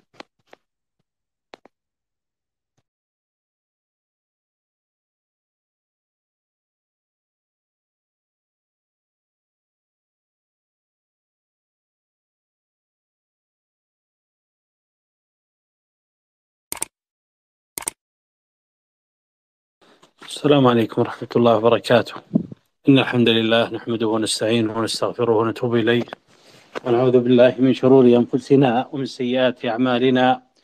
من يهده الله فلا مضل له ومن يضلل فلا هادي له وأشهد أن لا إله إلا الله وحده لا شريك له وأشهد أن محمدا عبده ورسوله صلى الله عليه وسلم وعلى آله وأصحابه وأتباعه بإحسان إلى يوم الدين وسلم تسليما كثيرا. أما بعد نسأل الله جل وعلا أن يجعل هذا اللقاء خالصا لوجه الكريم وأن ينفعنا بما نقول وبما نسمع. ونسأله جل وعلا أن يحيينا على الإسلام ويميتنا على الإسلام ويجعلنا من الهداة المهتدين. إنه جواد كريم. قال الناظم رحمه الله تعالى جمل المنطق بالنحو فمن؟ جمل المنطق بالنحو فمن يحرم الإعراب بالنطق اختبل. انظم الشعر ولازم مذهبي في اطراح الرفد لا تبغي النخل. في اطراح الرفد لا تبغي النحل. فهو عنوان على الفضل وما أحسن الشعر إذا لم يبتذل. ما تهل الفضل لم يبق سوى. مقرف أو من على الأصل اتكل. أنا لا أختار تقبيل يد قطعها أجمل من تلك القبل. إن جزتني عن مديحي صرت في رقها أولى فيكفيني الخجل. أعذب الألفاظ قولي لك خذ وأمر اللفظ نطقي بلعل. ليس ما يحوي الفتى من عزمه لا ولا ما فات يوما بالكسل اطرح الدنيا فمن عاداتها تخفض العالي وتعلي من سفل. إلى آخره. الناظم رحمه الله تعالى وغفر له ذكر في هذه الأبيات آه، مسألة عظيمة بعد أن ذكر آه، العلم والازدياد منه. آه، خص النحو ومعرفة الإعراب بمزيد الوصية لأن طالب العلم على وجه أخص وكل معتن بالعلوم الشرعية واللغوية وكل عربي على وجه أيضا أخص وكل مسلم على العموم ينبغي يعتني بالعربية لأن لغة العرب نزل بها القرآن وبها يتكلم الرسول صلى الله عليه وسلم الذي الذي أوتي جوامع الكلم. فمعرفة اللسان العربي من أهم ما يكون لفهم القرآن والسنة. من أهم ما يكون. فقوله رحمه الله جمل المنطق بالنحو فمن يحرم الإعراب بالنطق اختبل. يعني يصير مترددا في الكلام. لا يدري هل الصواب قام محمد أو قام محمدا أو قام محمد لا يدري يرفع تارة ويخفض تارة و آه، وينصب تارة. هذا نقص خاصة في طالب العلم وخاصة في من في من يتحدث في مجامع الناس مثل الخطباء والدعاة. ولا يخلو أحد في زماننا هذا الذي ابتعد الناس فيه عن اللسان العربي من لحن أو من نقص في آه، ضبط كلامه فقل أن يسلم من ذلك أحد. لكن شيء يعلم أن أن أن صاحبه غفل عنه أو أنه جرى على لسانه بغير ما ينتبه بغير ما ينتبه له. وشيء منه يدل على على إهمال وعلى عدم عناية باللسان العربي وهذا وهذا نقص نقص مخل خاصة في طالب العلم والداعي إلى الله جل وعلا والمتحدث في مجامع الناس. فينبغي العناية بالنحو والإعراب حتى يعرف يعرف اللسان حتى يعرف اللسان العربي وحتى يفهم القرآن. فمن لم يعرف مواضع الإعراب قد تلتبس عليه بعض الجمل وتلتبس عليه بعض المعاني ولذلك كان أول أمر الابتداع من العجمة. كما قال بعض السلف إنما أوتيتم من العجمة. لما فتحت البلاد آه، للمسلمين ودخل العجم فيها وأبناء سبايا الأمم دخل آه، في تفسير معاني القرآن من لا يحسن العربية فأحدث فأحدث فيه ما ليس منه. فهذا يدل على على أهمية معرفة آه، علم علم علم الإعراب. قال رحمه الله انظم الشعر ولازم مذهبي في اطراح الرفد لا تبغي النحل. هذا هذا نصح من الناظم رحمه الله في العناية بالشعر في العناية بالشعر. في نظمه وأيضا في حفظه.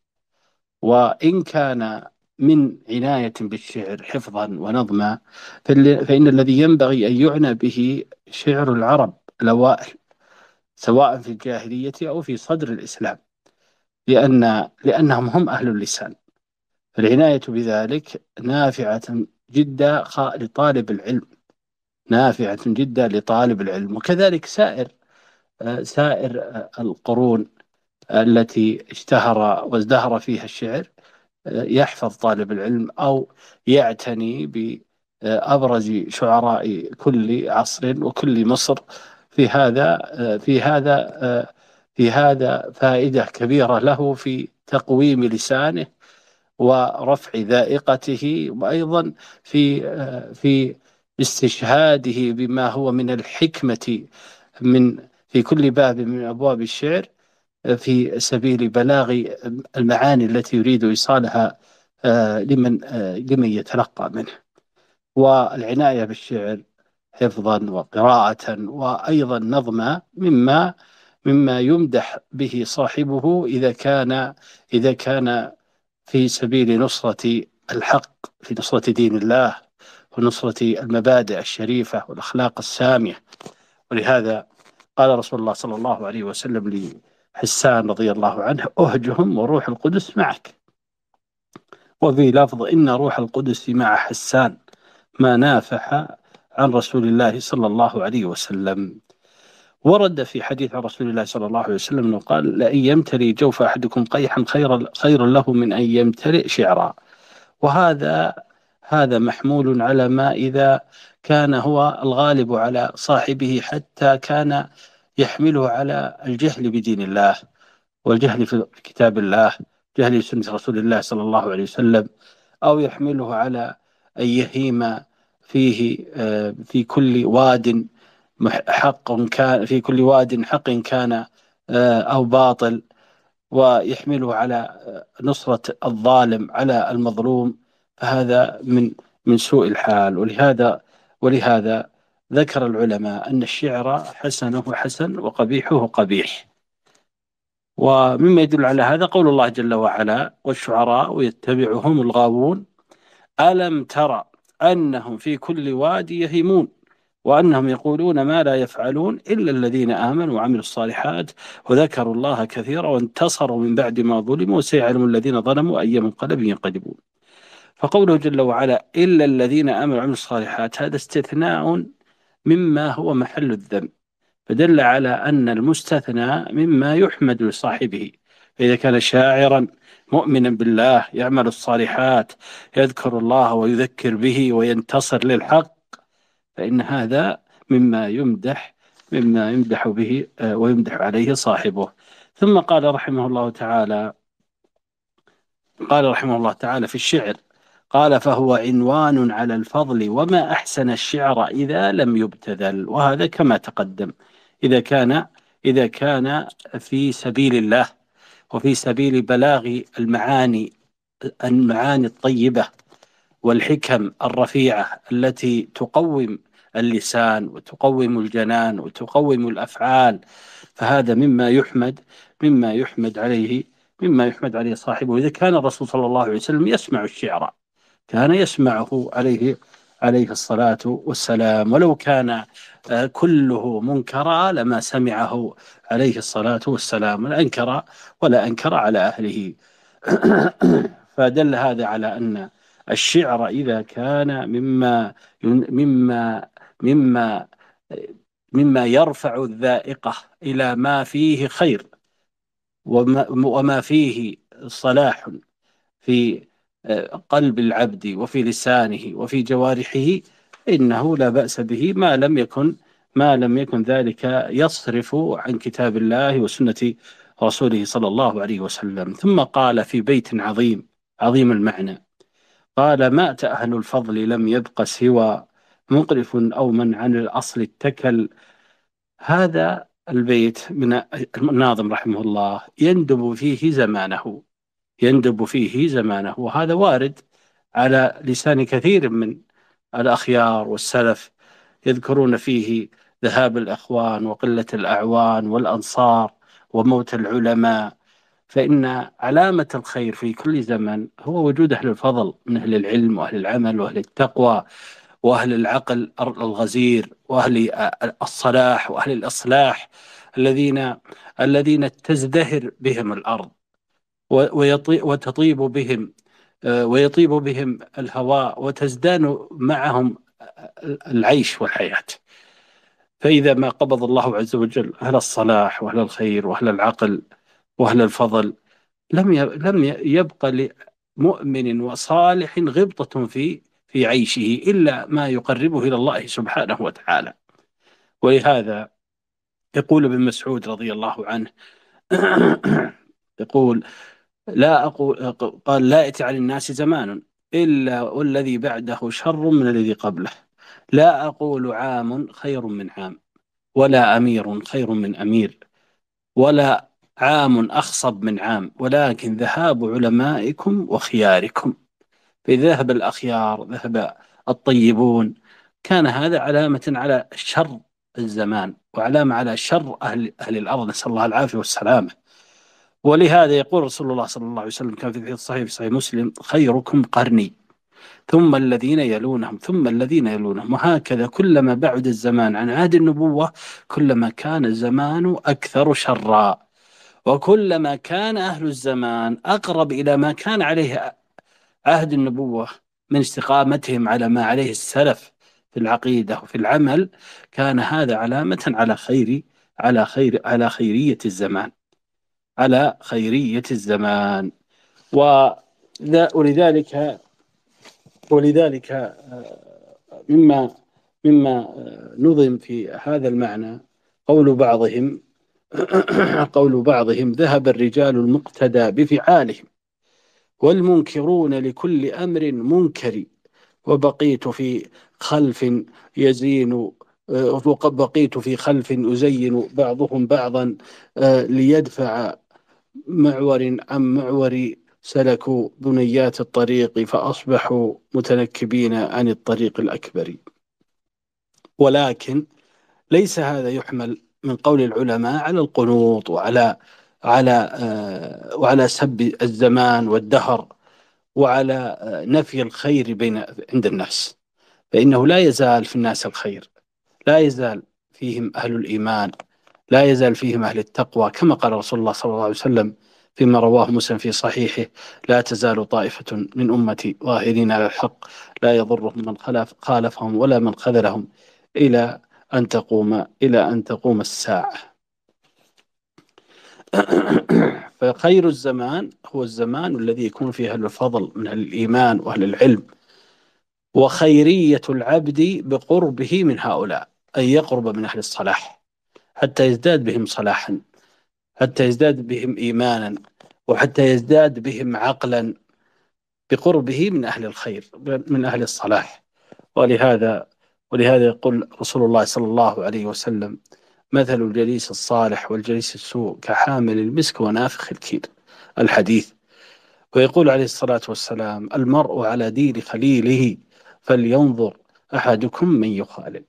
فإذا كثرت الشرور في الناس وتغيرت أحوالهم فليلزم الرجل ما بينه وبين ربه في عبادته لله وتقواه لله سبحانه وتعالى وإصلاح شأنه وصلة من يجب عليه صلته من رحم وقريب وينشر الخير ويدعو إلى الله ما استطاع إلى ذلك سبيلا ويتجنب ما استطاع إلى ذلك سبيلا كل ما يكون سببا لنقص دينه أو لنقص أو لما يكون سببا في القدح في خلقه أو تأثره بأخلاق أخلاق أهل الزمان التي خالفوا فيها ما عليه ما عليه أهل الفضل والعقل.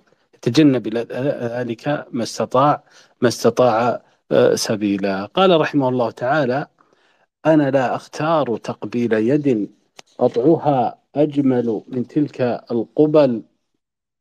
أنا لا أختار تقبيل يد قطعها أجمل من تلك القبل. إن جزتني عن مديحي صرت في رقها أو لا فيكفيني الخجل.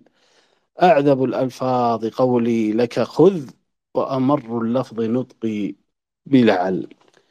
ذكر رحمه الله تعالى هذه الأبيات بعد ذكره لمسألة الشعر لأن لأن كثيرا من الشعراء يحمله شعره إلى إلى ابتذال نفسه وذلتها والمؤمن عزيز عند الله جل وعلا كريم عليه.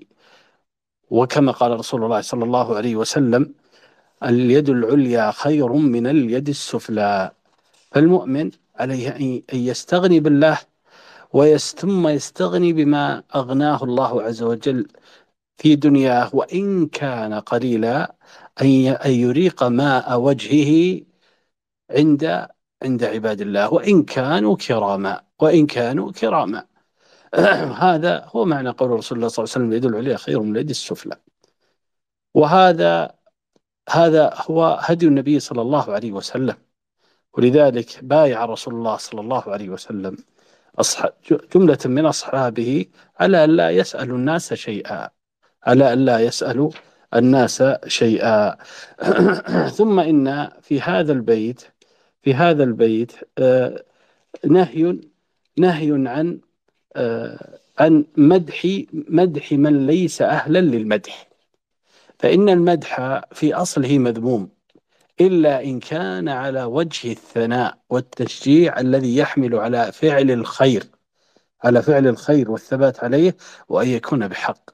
وألا يحمل على وألا يحمل على أن يغتر الذي أثني عليه أو مدح أن يغتر بنفسه فيحلك.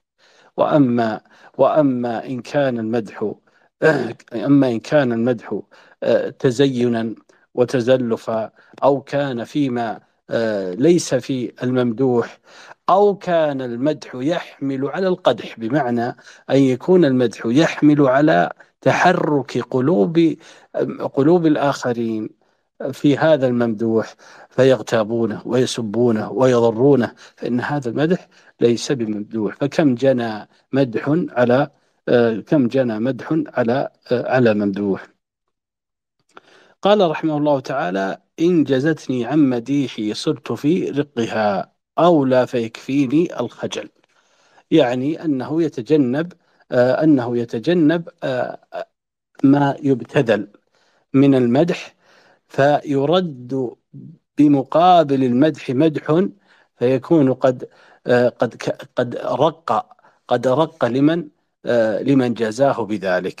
فهو يجتنب ما يكون سببا لذلته ومهانته. فهذا فيه تربية. على على العزة وتربية على العفة. حتى يسلم المسلم آه، يسلم المسلم من آه، رذالة نفسه أو مهانتها لأن الله عز وجل أكرمه وأعزه. قال رحمه الله تعالى أعذب الألفاظ قولي لك خذ. وأمر اللفظ نطقي بلعل. فهذا البيت يشمل ما تقدم من المعنى وهو أن اليد العليا هي هي الخير.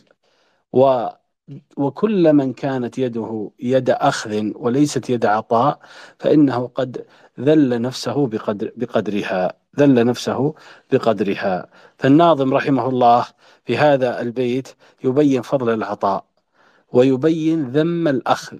ذم الأخذ وأعظم ما ينهى عنه خاصة طالب العلم أن يكون قد ذل في أمر دنياه لمن يذله في أمر دينه. فهذا من أعظم ما يفسد العلم ومن أعظم ما يفسد آه، يفسد الدعوة ومن أعظم ما يورث الريب والشك في دين آه، في دين المرء وخلقه. فيتجنب طالب العلم خاصة وكل مسلم ما كان آه، ما كان سبيل سبيلا لذلة نفسه أو لإحداث الريبة في أمانته والشك في عدالته ونزاهته. ثم قال رحمه الله تعالى ملك كسرى ملك كسرى عنه تغني كسرة وعن البحر اجتزاء بالوشل. هذا البيت عجيب هذا البيت عجيب ومن تأمله أدرك حقيقة الدنيا. قال ملك كسرى تغني عنه كسرة وعن البحر اجتزاء بالوجل يعني هذا الذي ملكه الأكاسرة والأقاصرة. وإن كان عندهم قناطير الذهب والفضة فرجل في خيمته أو في رأس جبل أو في قعر واد يأكل كسر خبزة يسد بها جوعه أو يشرب قليلا من الماء يسد بها عطشه. هو مثل ذلك الرجل قد الذي قد جلس على أريكته وبين يديه أصناف الأطعمة والأشربة ويدور حوله الخدم والحاشية. كلهم سواء. لماذا؟ لأن الذي يغني عن الجوع هو اليسير من الطعام. لكن العبد لا لا لا لا يرده عن عن جمع الدنيا إلا أن يقتنع بهذه الحقيقة أن يقتنع بهذه الحقيقة. وليس النهي هنا نهيا عن عن الغنى وهو الاستغناء عن الفقر وإنما النهي نهي عن الجشع والطمع الذي يحمل على أخذ الدنيا بحل بحلها بحلها أو بحرمتها. فهذا الذي ينبغي لطالب العلم خاصة وللمسلم عامة أن ينزه نفسه عنه. أما إذا أخذها ولم يبالي أخذها من حلال أو من حرام فأنى له أن يشبع فهو كمن كمن يشرب من ماء البحر لا يروى أبدا. ولهذا يقول رسول الله صلى الله عليه وسلم يقول عليه الصلاة والسلام لو أن لابن آدم واديا من ذهب واديا من ذهب لابتغى واديا آخر. في هذا وفي هذا يقول آه، رسول الله صلى الله عليه وسلم يقول عليه الصلاة والسلام ليس الغنى عن كثرة العرض وإنما الغنى غنى النفس. فمن تبصر وتفكر بهذه الحقيقة لم يحمله ما يراه من كثرة أموال أهل المال والتجارة إلى أن يحزن ويجزع ويكفر بما أنعم الله عز وجل عليه من النعم العظيمة التي أغناه الله عز وجل بها من ابتذال ماء وجهه و ومهانة نفسه فيكون فيكون سائلا للناس فيحمد الله على هذه النعم حتى حتى لا يكون كافرا لأنعم الله التي أنعم الله عز وجل عليه بها. وأيضا مهما أعطاه الله عز وجل من الخير ومن المال ومن الدنيا فإن ما يورثه ما تورثه القناعة في قلبه من اليقين أن ما أعطاه الله عز وجل هو بقدر الله. وما منعه الله عز وجل عنه هو بقدر الله وبحكمته وب وبحسن تدبيره سبحانه وتعالى يحمله هذا على أن يكف نفسه على أن يطلب ما لا حل له به ما لا حل له به مما مما حرمه الله عز وجل عليه. ثم أيضا مما يحمل على على استشعار هذه الحقيقة العظيمة وهي عدم الاغترار بالدنيا أن تعرف حقيقة هذه الدنيا. وما يؤول أمر أهلها إلى الفناء.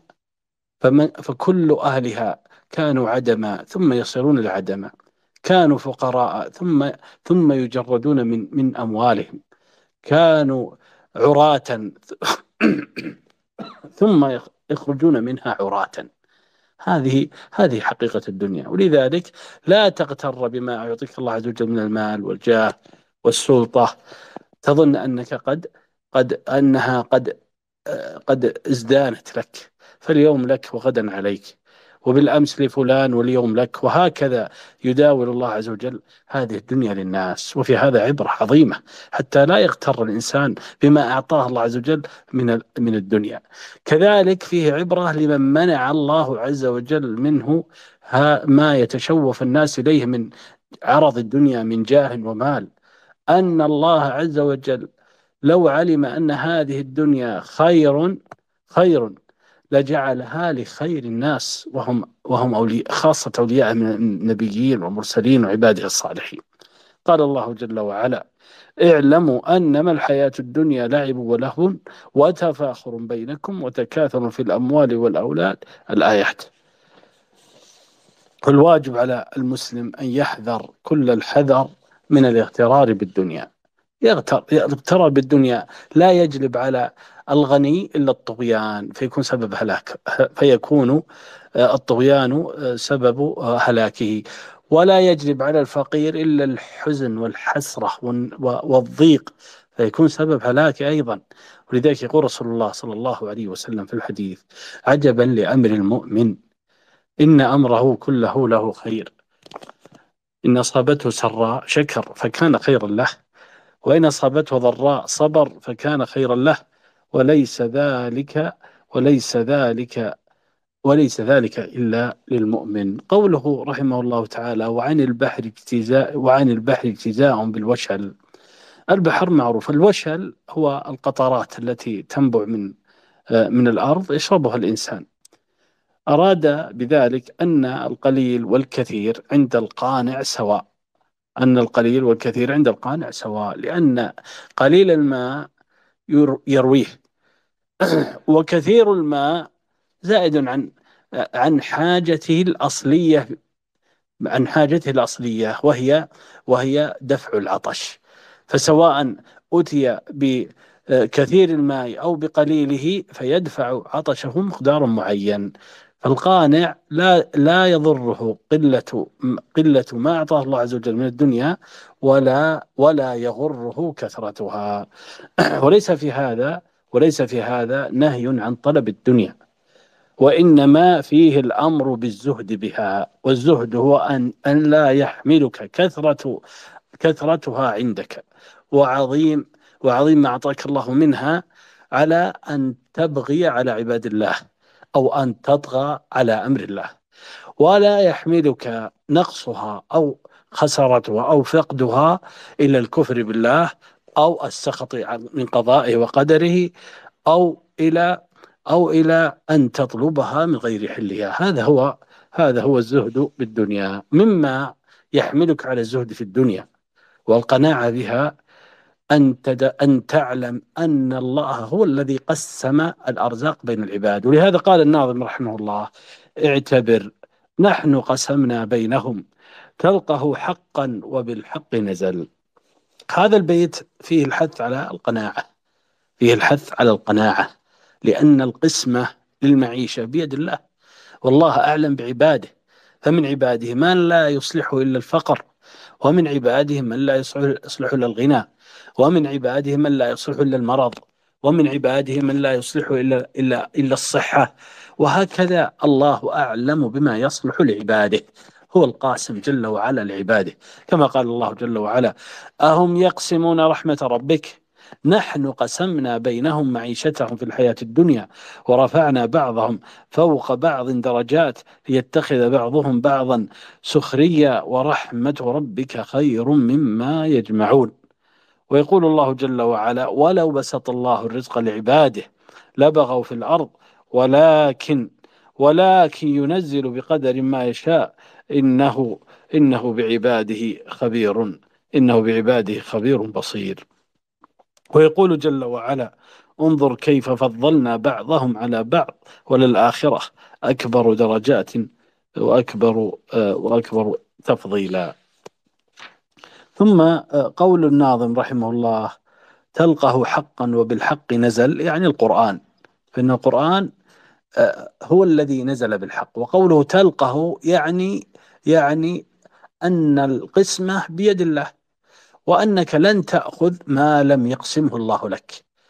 ولن, ولن يمنعك أحد ما قسمه الله لك.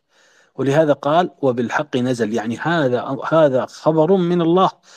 وهذا أمر الله جل وعلا ولا معقب لحكمه. ولذلك الواجب على المؤمن أن يستسلم لقضاء الله وقدره في غناه وفي فقره ويصبر يصبر. إذا أعطي إذا منع صبر وإذا أعطي شكر لأن الله هو هو القاسم هو القاسم لعباده سبحانه وتعالى الحكيم الحكيم في أمره. وفي قضائه وقدره سبحانه وتقدس. قال رحمه الله ليس ما يحوي الفتى من عزمه لا ولا ما فات يوما بالكسل. يعني يعني أن ما جمعته أن ما جمعته من الأموال ليس هذا لكدك وكسبك وعزمك. ولا ما فات عليك من أمر الدنيا ليس هو بسبب محض الكسل. وإن كان الله عز وجل أمر ببذل الأسباب أمر ببذل سبب الغنى ونهى وأمر ببذل السبب الذي الذي يرتفع فيه الفقر عن الإنسان. ورسول الله صلى الله عليه وسلم تعوذ من الكسل. و, و وقال عليه الصلاة والسلام المؤمن القوي خير من وأحب إلى الله من المؤمن الضعيف. ولكن مهما اجتهدت وبذلت وسعيت في طلب الرزق والغنى فإنك لن تأخذ إلا ما قسمه الله لك. ومهما ومهما وقع الإنسان في شيء من التقصير في سبب في سبب الغنى فإن ما قدره الله عز وجل له سيأتيه. ولهذا لا تحسد يا من قلت ذات يدك. من أعطاه الله من الغنى فتقول كيف يكون غنيا وأنا أبذل أكثر مما يبذل. ولا ولا ولا تجزع من قضاء الله وقدره. إذا اجتهدت وبذلت وسعيت ثم لم يكتب الله عز وجل يكتب الله عز وجل لك لك الثراء والغنى. فإن هذا بقضاء الله وقدره. ولكن عليك طرق الأبواب وبذل الأسباب. ولهذا ولهذا يقول الناظم إذا لم يكن من الله عون للفتى فأول ما يقضي عليه اجتهاده. قال الله جل وعلا وكأي من دابة لا تحمل رزقها الله يرزقها. وكأي من دابة من مما يدب على الأرض أو يطير في السماء. أو يطير في السماء. أو مما هو في جوف الأرض مما نراه مما لا نراه كل ذلك كل ذلك كل ذلك بقدر الله وبقضائه بقدر بقدر الله وبقضائه رزقه. لا يفوت رزق لا يفوت رزق قدره الله عز وجل على عبد. لا لا يفوت رزق قدره الله عز وجل على العبد لا يفوت أبدا لا يفوت ذلك لأن الله عز وجل قد تكفل قد تكفل بأرزاق بأرزاق العباد وما على العباد إلا التسليم. وأعظم أسباب الرزق تقوى الله. أعظم أسباب الرزق تقوى الله. قال الله جل وعلا ومن يتق الله يجعل له مخرجا ويرزقه من حيث لا يحتسب ومن يتوكل على الله ومن يتوكل على الله فهو حسبه.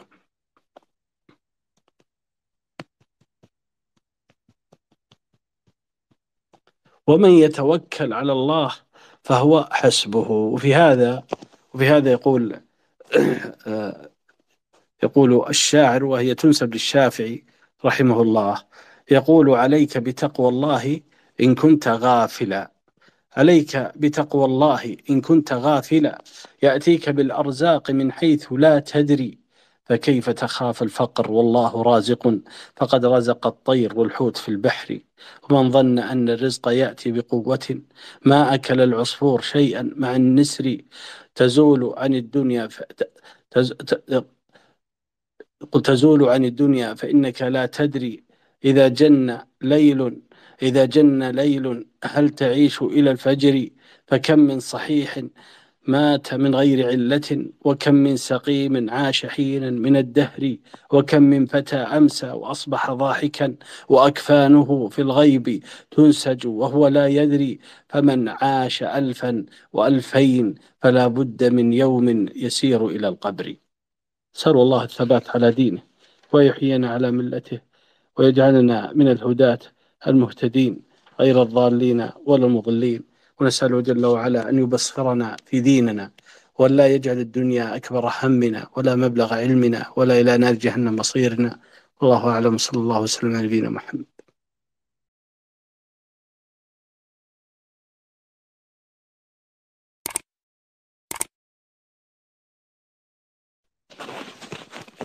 السلام عليكم ورحمة الله وبركاته. الحمد لله رب العالمين وصلى الله وسلم وبارك على عبده ورسول نبينا محمد وعلى آله وأصحابه وأتباعه بإحسان إلى يوم الدين وسلم تسليما كثيرا. أما بعد فأسأل الله جل وعلا أن يثبتنا على دينه ويرزقنا العلم النافع والعمل الصالح. قال رحمه الله تعالى فاترك الحيلة فيها واتكل إنما الحيلة في ترك الحيل. أي كف لم تنل منها المنى فرماها الله منه بالشلل لا تقل أصلي وفصلي أبدا إنما أصل الفتى ما قد حصل. هذه الأبيات التي ذكرها رحمه الله تعالى في سياق ذكره للدنيا وتزهيده فيها وبيانه لحقيقتها وأن الواجب على المسلم أن لا يجعل الدنيا أهمه فيوالي ويعادي عليها فيرفع لأجلها ويخفض لأجلها. وإنما الواجب أن يضع الدنيا بميزانها الذي الذي وضعها الله جل وعلا به. فإن الله جل وعلا يعطي الدنيا من يحب ومن يبغض ولا يعطي الهدى والتقى والصلاح والإيمان إلا خاص إلا أولياءه المؤمنين. ولذلك قال الله جل وعلا إنما آه، قال سبحانه وتعالى في كتابه الكريم إن أكرمكم عند الله أتقاكم. فجعل ميزان الكرامة عند الله ليس كثرة العرض وليس وليس المال وليس الجاه وليس آه، وليس آه، السلطة وغير ذلك إنما هو تقوى الله جل وعلا. فإذا عرف المسلم حقيقتها مما تقدم بيانه في الدروس الماضية بذكر أدلة ذلك في الكتاب والسنة فإن الواجب على المسلم ألا يحتال للدنيا فيسلك سبيل ما حرم الله جل وعلا عليه في سبيل تحصيلها وإنما يتوكل على الله جل وعلا في نيل ما كتبه الله عز وجل له من هذا من رزقها فما يأتيه من رزق كثير فهو بقضاء الله وقدره. وما يكون عليه من آه، من قلة ذات اليد فهو أيضا بقضاء الله وقدره. فلا تنفع الحيلة في تحصيل ما لم يقضه الله عز وجل لعبده كما لا تنفع الحيلة للنجاة من الفقر. فالأمر لله وإنما على العبد أن يبذل سبيل الغنى فيها ويجمل في الطلب وألا يطلبها من غير حلها. كما ثبت في الأحاديث الصحيحة عن رسول الله صلى الله عليه وسلم وهذا هو معنى قوله فاترك الحيلة فيها واتكل إنما الحيلة في ترك الحيل ثم إن قوله رحمه الله أي كف لم تفد مما تفد فرماها الله منه بالشلل وفي بعض النسخ أي كف لم تنل منها المنى فرماها الله منها بالشلل هذا أراد به أن أي كف لم تعطي وتنفق وتنفع عباد الله مما أعطاه الله عز وجل منه سواء من المال أو من الجاه أو من أو من الولاية أو غير ذلك. لم يسخر ما أعطاه الله عز وجل مما أعطاه الله عز وجل من تمكنه في الدنيا. لم يسخره. لخدمة عباد الله إعانة المحتاج وقضاء دين المدين و والسعي في حاجات عباد الله. فهذا من أبخل الناس. ولهذا قال فرماه الله منه بالشلل وأصل ذلك وأصل ذلك ما ما ثبت عن رسول الله صلى الله عليه وسلم. أنه قال في وهو في صحيح مسلم. قال ما من يوم يصبح العباد فيه إلا ملكان ينزلان. فيقول أحدهما اللهم أعطي منفقا خلفا. ويقول الآخر اللهم أعطي ممسكا تلفا. هذا معنى قوله فرماه الله منه بالشلل. والواجب أن العبد كما يكرمه الله يكرم عباد الله. يكرمهم بجاهه يكرمهم بما أمكنه من ولايته.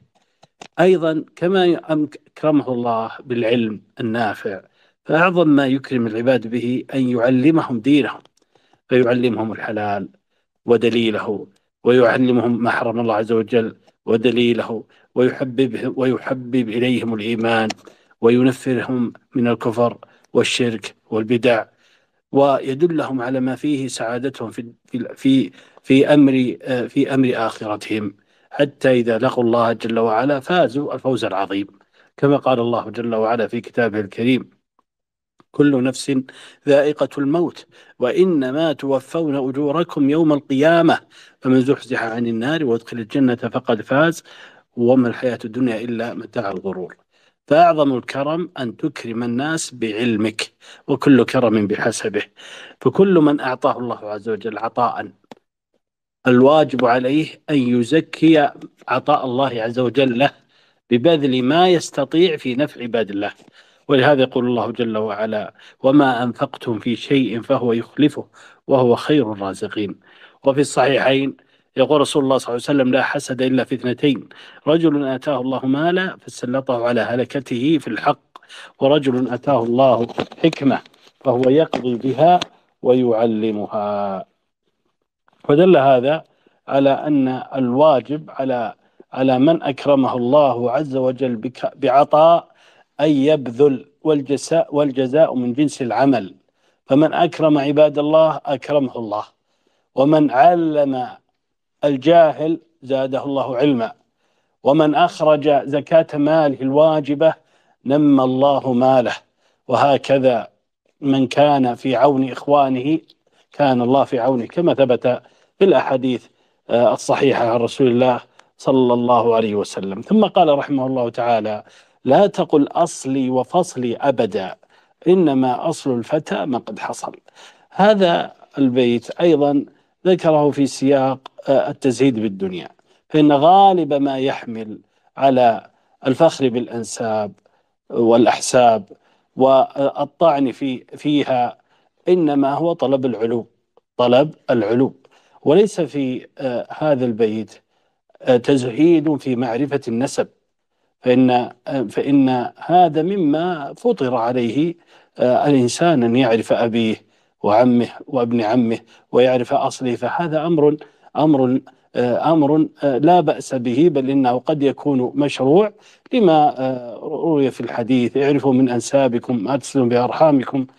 ولكن ولكن لا ينبغي أن يحمل ذلك على أن يفخر المرء على على غيره. في فيحمله فخره بنسبه على الطعن في نسب في نسب غيره.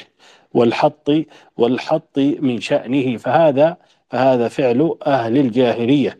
ولهذا ورد في الحديث عن رسول الله صلى الله عليه وسلم أنه قال لينتهين أقوام عن فخرهم بالآباء أو ليكونن عند الله كالجعلان التي تدفع النتن بأنفها. وورد عن رسول الله صلى الله عليه وسلم أنه قال أربع في أمتي من أمور الجاهلية لا يتركونهن. وذكر منها والفخر والفخر بالأحساب. فلا ينفع الرجل عند الله يوم القيامة نسبه وحسبه وإنما ينفعه تقواه. ولهذا يقول الله جل وعلا ويوم تقوم الساعة يومئذ يتفرقون.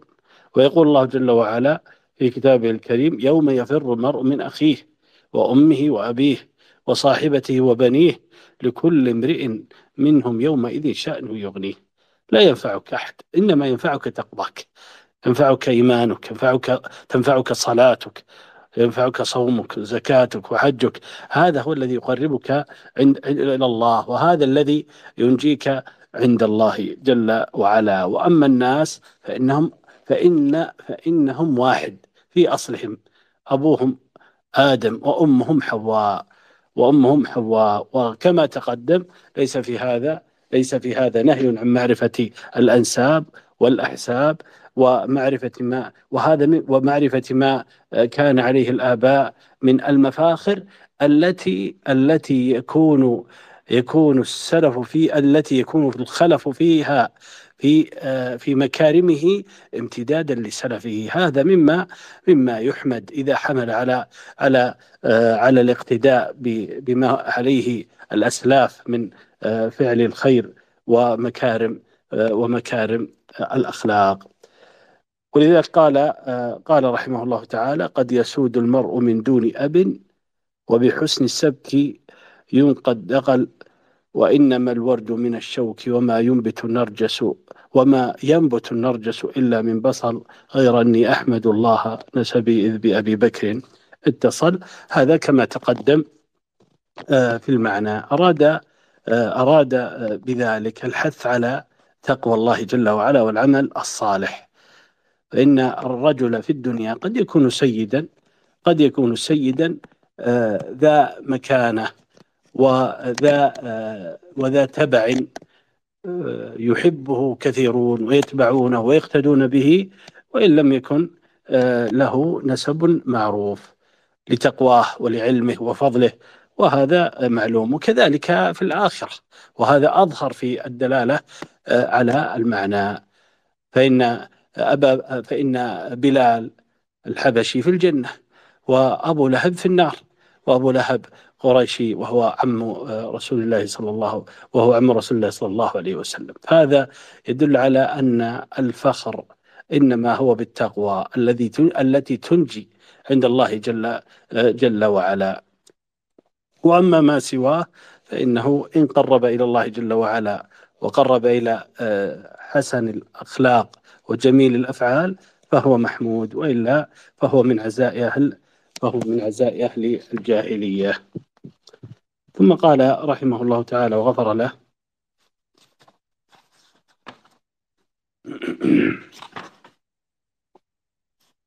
قيمة الإنسان ما يحسنه أكثر أكثر الإنسان منه أم أقل؟ قيمة الإنسان ما يحسنه أكثر الإنسان منه أم أقل؟ أراد رحمه الله تعالى أن يبين أن من أحسن صنعة من علم أو من عمل أو أو أو أو خلة أو صفة وغير ذلك أن أن يتشبث بها أن يتشبث بها حتى تكون هذه هذه الفعلة التي أحسنها مما يكون سببا لقربه من الله جل وعلا وأيضا وأيضا سلامته من من محل العيب والذم. وذلك أن يميل بفعله أو قوله إلى ما يعاب به. وأصل ذلك قول رسول الله صلى الله عليه وسلم لما سأله رجل فقال يا رسول الله إن شرائع الإسلام قد كثرت علي فدلني على عمل أتشبث به فقال لا يزال لسانك رطبا من ذكر الله. ثم قال بعد ذلك رحمه الله اكتم الأمرين فقرا وغنى واكسب الفلس واكسب الفلس وحاسب من بطل. وادرع جدا وكدا واجتنب صحبة الحمقى وأرباب الخلل بين تبذير وبخل رتبة وكلا هذين إن زاد قتل.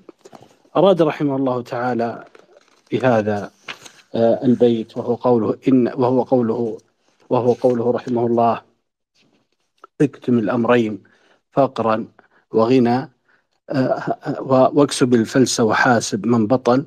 أراد رحمه الله أن المرء يحافظ على كرامة نفسه وعزتها ولا يجعل نفسه محل محل الذل للناس ومحل الشفقة والرحمة. أو أن يكون محل الطمع ممن إذا طمع به أفسد حاله. ولهذا يقول رسول الله صلى الله عليه وسلم اليد العليا خير من اليد السفلى. ويقول عليه الصلاة والسلام المؤمن القوي خير من المؤمن الضعيف. والاعتدال في هذا في هذا هو الواجب. الاعتدال هو الواجب. فلا آه، يكتم المرء آه، ما كان من حاله آه، فيكون أيضا محل الذنب ولا يكون مظهرا ما كان ينبغي له أن يخفيه فيكون أيضا محل الطمع أو محل الحسد فيصيبه بذلك فيصيبه بذلك ما ما يكرهه وإنما يعتدل في ذلك. وقد ورد في الحديث عن رسول الله صلى الله عليه وسلم أنه قال إن الله يحب أن يرى أثر نعمة عبده عليه. ولذلك الواجب الاعتدال في هذا دون آه، إفراط ودون تفريط. وقوله رحمه الله وحاسب من بطل. أراد بذلك آه، أن آه، أن أن أن أنه إذا كان لك حق على آه، على رجل ف فمطلك حقك. فكان مبطلا في في في ترك في ترك ما يجب عليه أداؤه. فإنك تحاسبه وتأخذ حقك.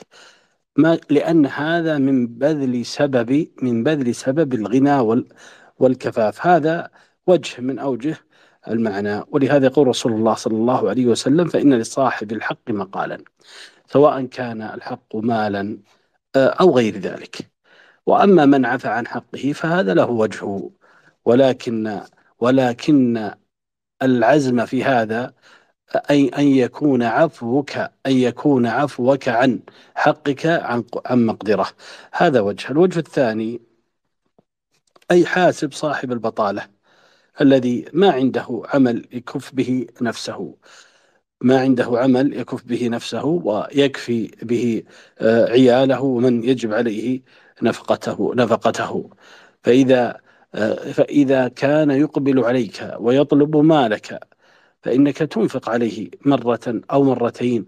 ولكن إن إن استغنى بعطائك عن العمل فالواجب زجره بما يحمله على فعل العزائم حتى يكفي نفسه وعياله.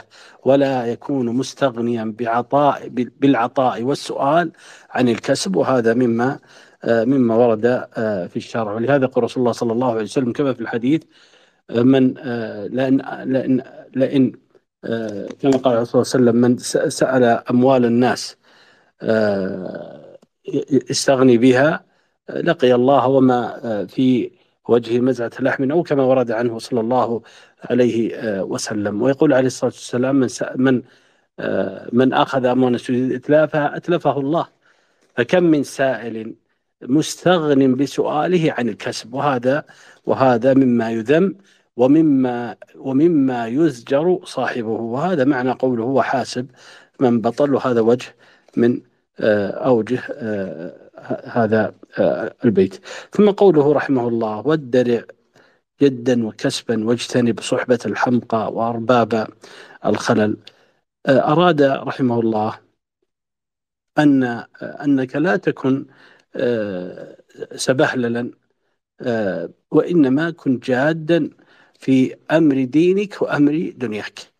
فأما في أمر دينك فجد في طلب الغنى فإن هذا من بذل الأسباب المشروعة. ولا يكن جدك في هذا يصرفك عن عبوديتك لله جل وعلا وأن تطلب الغنى من غير حله. وإنما أبذل ما كان ما كان يكفك ويكف من تعول عن الحاجة للناس. ودرع جدا وكدا. هذا في أمر الدين في أمر الدنيا. وأما في أمر الدين فإنه أيضا الواجب على المسلم أن يكون جادا في تقوى الله جل وعلا محاسبا نفسه على طاعة الله جل وعلا. ولا ولا يدع نفسه والكسل ولا يدع نفسه وما تشتهي من ترك من ترك عزائم الأمور مما يقرب إلى الله جل وعلا بل يجاهدها ويحاسبها حتى حتى تعتاد على معالي الأمور من عبادة الله وطاعته سبحانه وتعالى. كما قال الله جل وعلا والذين جاهدوا فينا لنهدينهم سبلنا فمن جاهد نفسه و و و وحملها على ما تكره وصبر على ذلك واستعان بالله سبحانه وتعالى على ذلك أعانه الله جل جل وعلا. لأن الله جل وعلا يقبل على من أقبل عليه كما في الحديث عن رسول الله صلى الله عليه وسلم من عادى لي وليا فقد آذنته بالحرب وما تقرب إلي عبدي بشيء أحب مما افترضته عليه ولا يزال عبدي يتقرب إلي بالنوافل حتى أحبه. فإذا أحببته كنت سمعه الذي يسمع به وبصره الذي يبصر به ويده التي يبطش بها ورجله التي يمشي عليها فلئن أتاني يمشي آه، أتيته هرولة. إن تقرب إلي عبدي باعا ذراعا تقربت له باع.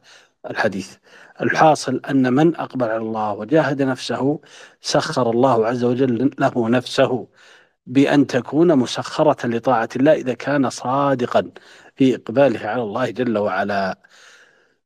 وهذا معنى قوله ودرع جدا وكد وكدا واجتنب صح ثم قال واجتنب صحبة الحمقى وارباب الخلل لأن الصاحب ساحب فالصاحب يحمل يحمل من صحبه على طبعه من معالي الأمور أو رديئها والواجب أن يجتنب الرجل العاقل الرجل الذي أكرمه الله عز وجل بالجد في أمر دينه وأيضا أمر دنياه أن يجتنب هؤلاء الحمقى وأرباب الخلل في أمر دينهم ودنياهم حتى حتى لا يكون مثلهم. وقد قال رسول الله صلى الله عليه وسلم المرء على دين خليله فلينظر أحدكم آه، من يخالل.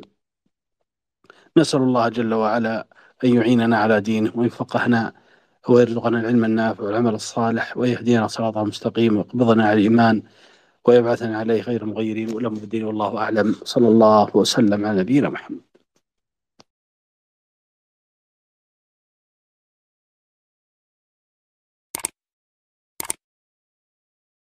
الحمد لله رب العالمين وصلى الله وسلم وبارك على عبده ورسوله نبينا محمد وعلى آله وأصحابه أجمعين. أما بعد نسأل الله جل وعلا أن يجعل هذا اللقاء خالصا لوجه الكريم وأن ينفعنا بما نقول وبما نسمع وأن يجعلنا من الهداة المهتدين.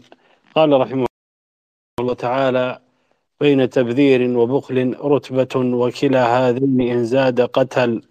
لا تخض في حق سادات مضوا إن إنهم ليسوا بأهل للزلل. وتغاضى عن أمور إنه لم يفز بالحمد إلا من غفل. هذه الأبيات فيها النصيحة. النصيحة الأولى نصح رحمه الله أن يكون الإنسان معتدلا في نفقته فلا يسرف ويبذر ولا يكون بخيلا ويقتر. وهذا هو الواجب أن يكون وسطا. كما قال الله جل وعلا ولا تجعل يدك مغلولة إلى عنقك ولا تبسطها كل البسط فتقعد ملوما محسورا. وإنما وإنما المحمود أن أن تنفق بما فيه إكرام لنفسك وإكرام لضيفك وإكرام لمن يجب عليك إكرامه من أهل بيتك من غير أن يكون في ما بذلته من مال زيادة عن الحاجة. فيلحق بذلك آه، حال التبذير فيكون ذلك مذموما. ولهذا يقول رسول الله صلى الله عليه وسلم من كان يؤمن بالله واليوم الآخر فليكرم ضيفه. وإكرام, وإكرام الضيف ليس فيه تبذير إلا إن كان ما ما بذل في إكرامه يفضي إلى إلى إتلاف المال على وجه آه، غير مشروع. ثم قال رحمه الله تعالى لا تخذ في حق سادات مضوا إنهم ليسوا بأهل للزلل. هذه النصيحة الثانية. فيها الثناء على الأنبياء والثناء على الصالحين. أن يحفظ حقهم.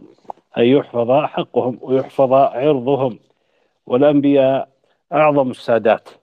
فلا يجوز التعرض لهم بقدح أو عيب أو سب. ومن فعل ذلك قد كفر الواجب حفظ الألسن عن الأنبياء. كما قال الله جل وعلا من كان عدوا لله وملائكته ومن من كان عدوا لله وملائكته ورسله وجبريل وميكال فإن الله عدو للكافرين فمن عادى رسولا فقد كفر. ويشمل ذلك ما أتباع الأنبياء من الصحابة رضي الله عنهم وكل متق لله جل وعلا. من عاداه لتقواه من عاداه لإيمانه من عاداه لإسلامه فقد أسرف وعرض نفسه للسخط والعقوبة. قد قال الله جل وعلا في كتابه الكريم والسابقون الأولون من المهاجرين والأنصار والذين اتبعوهم بإحسان رضي الله عنهم ورضوا عنه. الصحابة رضي الله عنهم هم سادة الأمة وهم خير القرون كما في الحديث الصحيح فيما رواه البخاري ومسلم حديث عمران قال رسول الله صلى الله عليه وسلم خير الناس قرني ثم الذين يلونهم. الصحابة الواجب حفظ الألسن عن عنهم في القدح بهم في دينهم أو القدح فيهم والتعرض لهم في أمر من أمور الدنيا. قوله رضي الله عنه ورحمه ليسوا بأهل للزلل. هذا فيه بيان أن ما كان عليه الصحابة من العلم والعمل مما هو منهج لهم وطريقة وهو طريقة لهم في فهم الدين فهو فهو فهو حق. ليس محلا للنظر وليس محلا للقبول والرد لأن اتباع الصحابة من من اتباع الكتاب والسنة. ولا يكون العمل بالكتاب والسنة صحيحا إلا بالعمل بما كان عليه الصحابة رضي الله عنهم. كما قال رسول الله صلى الله عليه وسلم لا تجتمع أمتي على ضلالة. وكما قال الله جل وعلا في كتابه الكريم ومن يشاقق الرسول من بعد ما تبين له الهدى ويتبع غير سبيل المؤمنين نوله ما تولى والمؤمنون هم الصحابة. كما قال تعالى فإن آمنوا بمثل ما آمنتم به فقد اهتدوا وإن تولوا فإنما هم في شقاق. والطحاوي رحمه الله تعالى له آه، تقرير نفيس في عقيدته الطحاوية قال رحمه الله في آه، ذكر الصحابة قال حبهم دين وإيمان وإحسان وبغضهم كفر ونفاق وطغيان. وعن آه، السلف رحمهم الله كذلك أنهم يجب حفظ حقهم ممن يكون بعد الصحابة ممن لزم ما عليه الصحابة رضي الله عنهم في العقيدة وفي العمل وفي آه، في كل حال من أحوالهم. كل من كان متبعا للصحابة سائرا على جادة السلف فالواجب حفظ حفظ الألسن آه، في الكلام به فيه بغير حق. ولهذا قال الطحاوي رحمه الله وعلماء السلف من السابقين ومن بعدهم من التابعين أهل الخير والأثر وأهل الفقه والنظر لا يذكرون إلا بالجميل ومن ذكرهم بسوء فهو على غير فهو على غير السبيل. ولذلك الواجب على المسلم أن يحفظ لسانه أن يقدح في الصحابة أو يقدح بالتابعين أو يقدح بمن تبعهم أو يقدح بالعلماء حملة الشريعة. إن القدح بهؤلاء قدح في الشريعة وهدم للدين. قال رحمه الله تعالى في آه، نصيحته الثالثة وتغاضى عن أمور إنه لم يفز بالحمد إلا من غفل. قول وتغاضى عن أمور بين رحمه الله سببا من أسباب راحة البال وطمأنينة القلب وهو التغافل. والتغافل هو العقل الذي تصلح به الحياة. وأما التدقيق في الصغيرة والكبيرة والطيبة والرديئة وما يفرح وما يغضب فإنه يتلف قلب الإنسان وعقله ويحزنه ذلك ولا يجد راحة في قلبه فيتغاضى عما ينبغي أن يتغاضى عنه ليشتري بذلك راحته وسعادته. لكن لا يتغاضى عن حق ولا يتغاضى عن أمر بمعروف أو نهي عن منكر على ما جاءت به على ما جاءت به الشريعة وإنما يتغاضى عما عما آه، عما يجهده النظر به.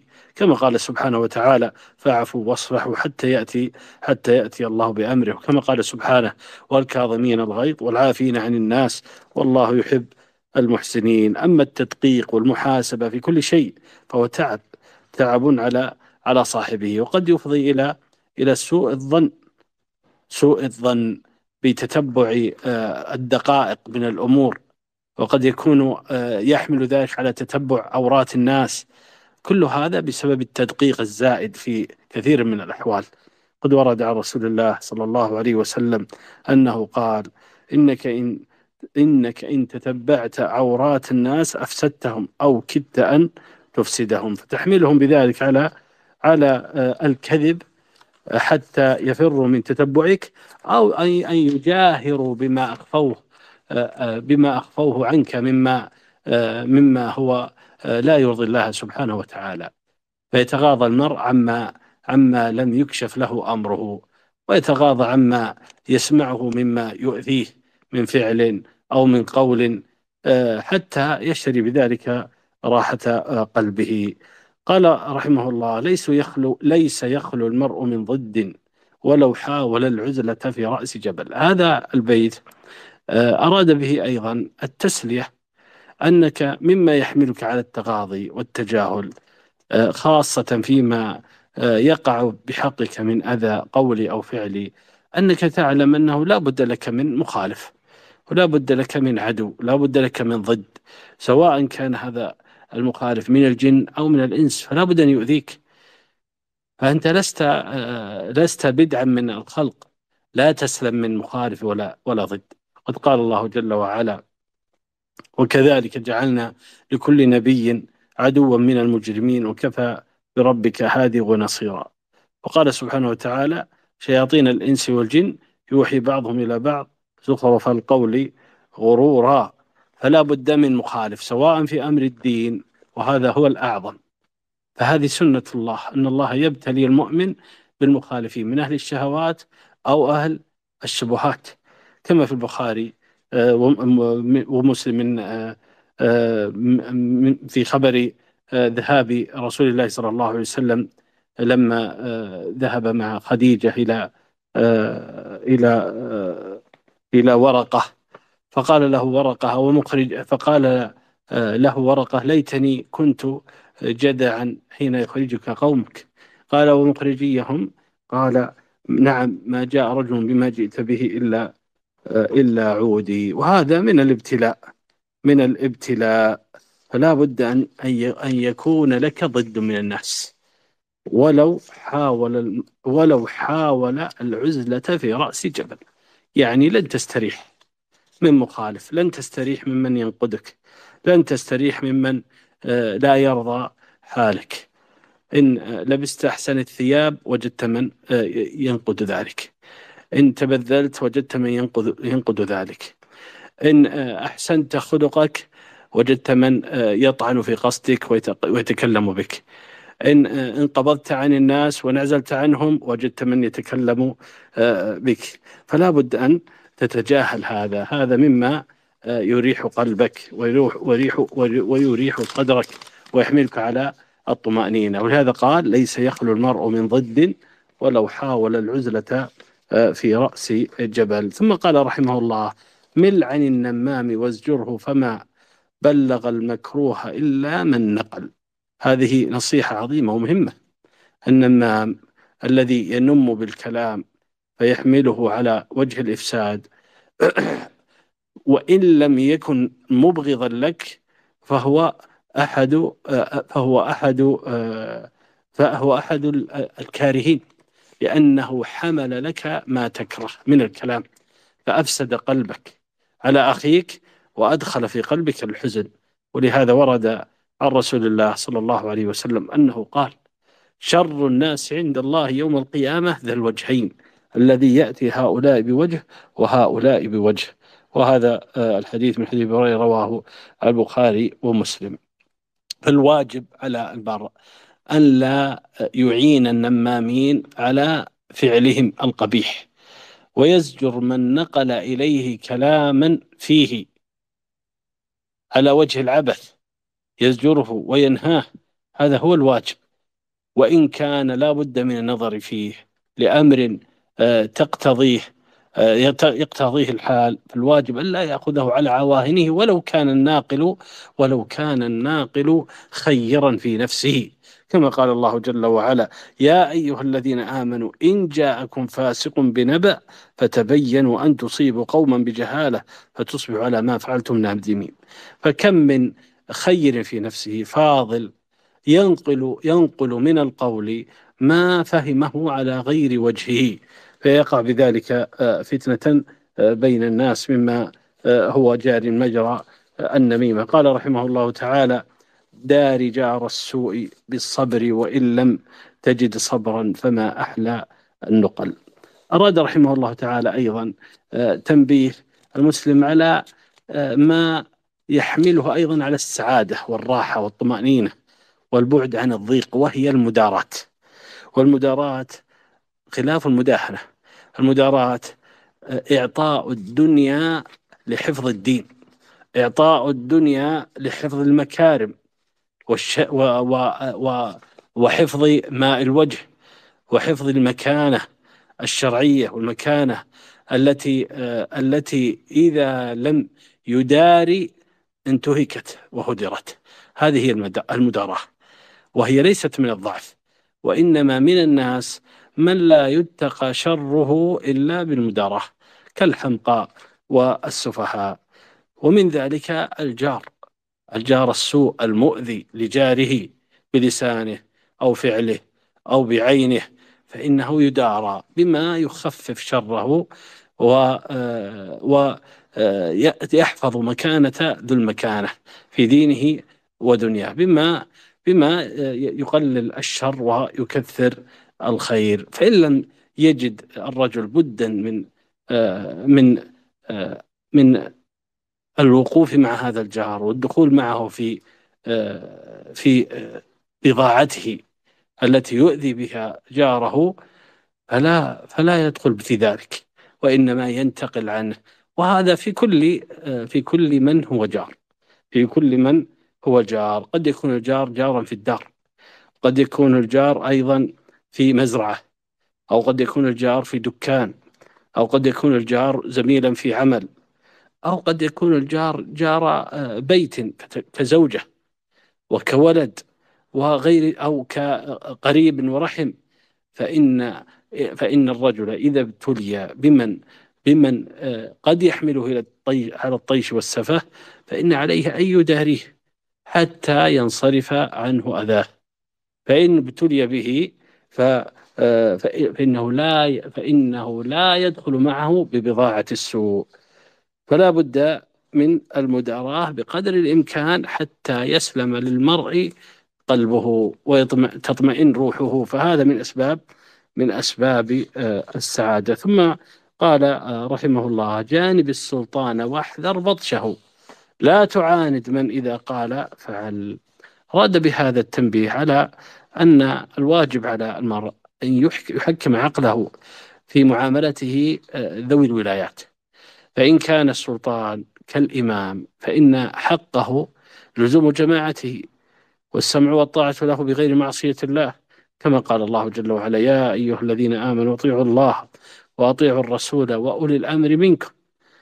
و آه، وكذلك ما رواه آه، البخاري ومسلم في صحيحيهما أن رسول الله صلى الله عليه وسلم قال من رأى من أميره شيئا فليكرهه فليصبر فإنه ليس أحد يفارق الجماعة شبرا فيموت إلا مات ميتة جاهلية. فهذا هذا هو الواجب لولاة الأمر على رعيتهم.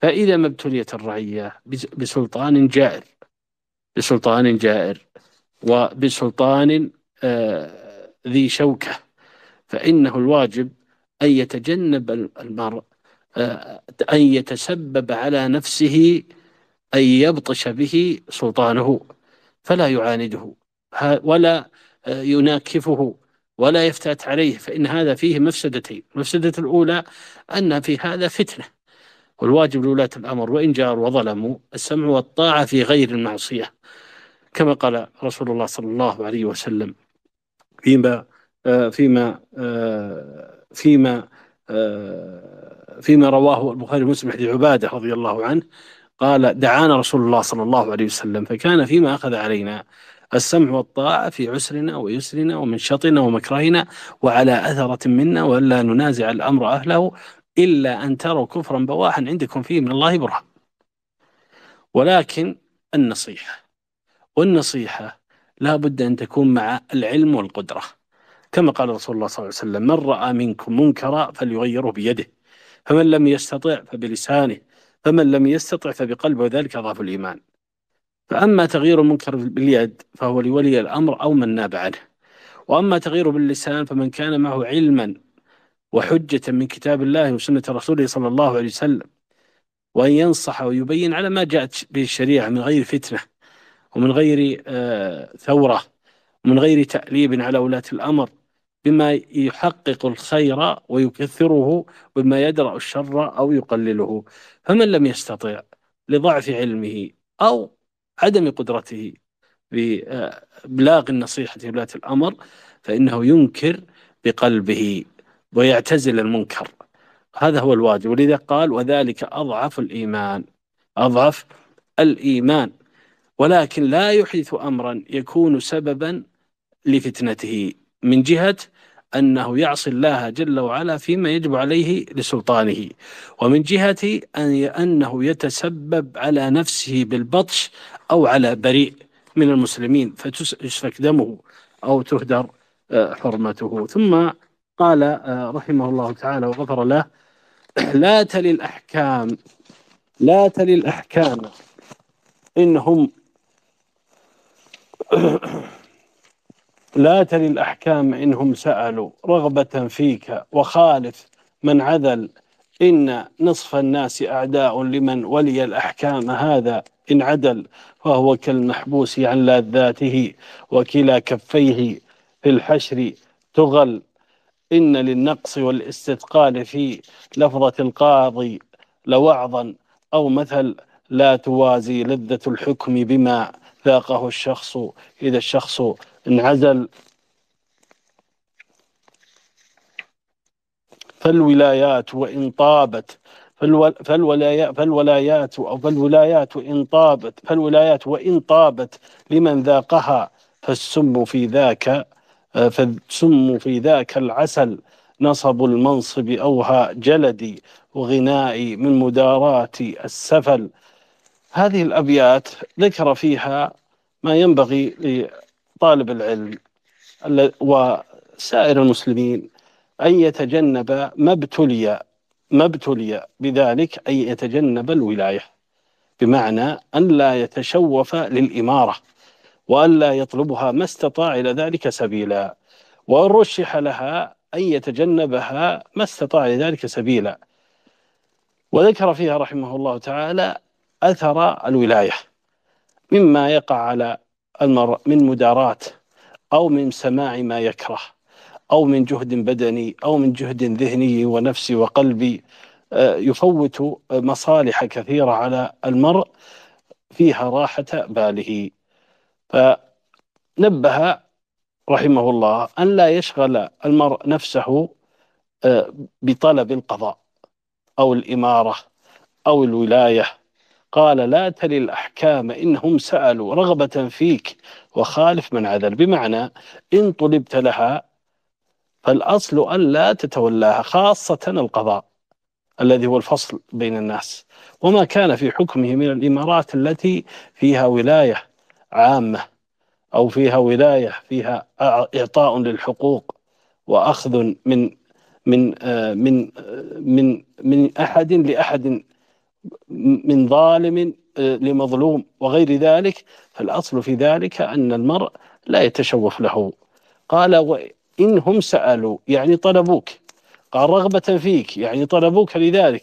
قال وخالف من عدل قال يعني لا تلتفت لمن يلومك آه، بفرارك من الولاية. وهذا هو الأصل هذا هو الأصل إلا آه، إلا إن كان في ذلك نفع غالب أنه متحقق. وشهد آه، لصاحبه بالكفاءة والولاية. وكانت وكان الناس بحاجة لذلك. هذا ينظر في موضعه. قال رحمه الله إن للنقص والاستثقال في لفظة القاضي لوعظا أو مثل هذا البيت فيه نصح فيه نصح وفيه تحذير. أن الولاية أن الولاية قال إن للنقص والاستقالة في لفظة القاضي لوعظا أو مثل قال لا توازي لذة الحكم بما ذاقه الشخص إذا الشخص انعزل. فيه نصح وتحذير في البعد عن الولايات. لأن من تولى الولاية فهو في قلق أنه يعزل من تلك الولاية. أنه قد يعزل من تلك الولاية. فيستثقل فيستثقل سماع لفظ العزل. يستثقل سماع لفظ العزل فيكون قلقا من زوال ولايته وإمارته لكن لكن العلم لا تعزل عنه. فإنك في علمك وطلبك للعلم وعبادتك ربك سواء كان بحضور الناس سواء أو في بوحدتك سواء كان آه، الناس جعلوك أميرا جعلوك آه، وجيها جعلوك مقدما عندهم أو لم يلتفتوا إليك فإنك فإن جنتك معك. أينما ذهبت فهي معك. أما تلك الولاية وتلك الإمارة التي أخذتها فأنت في قلق.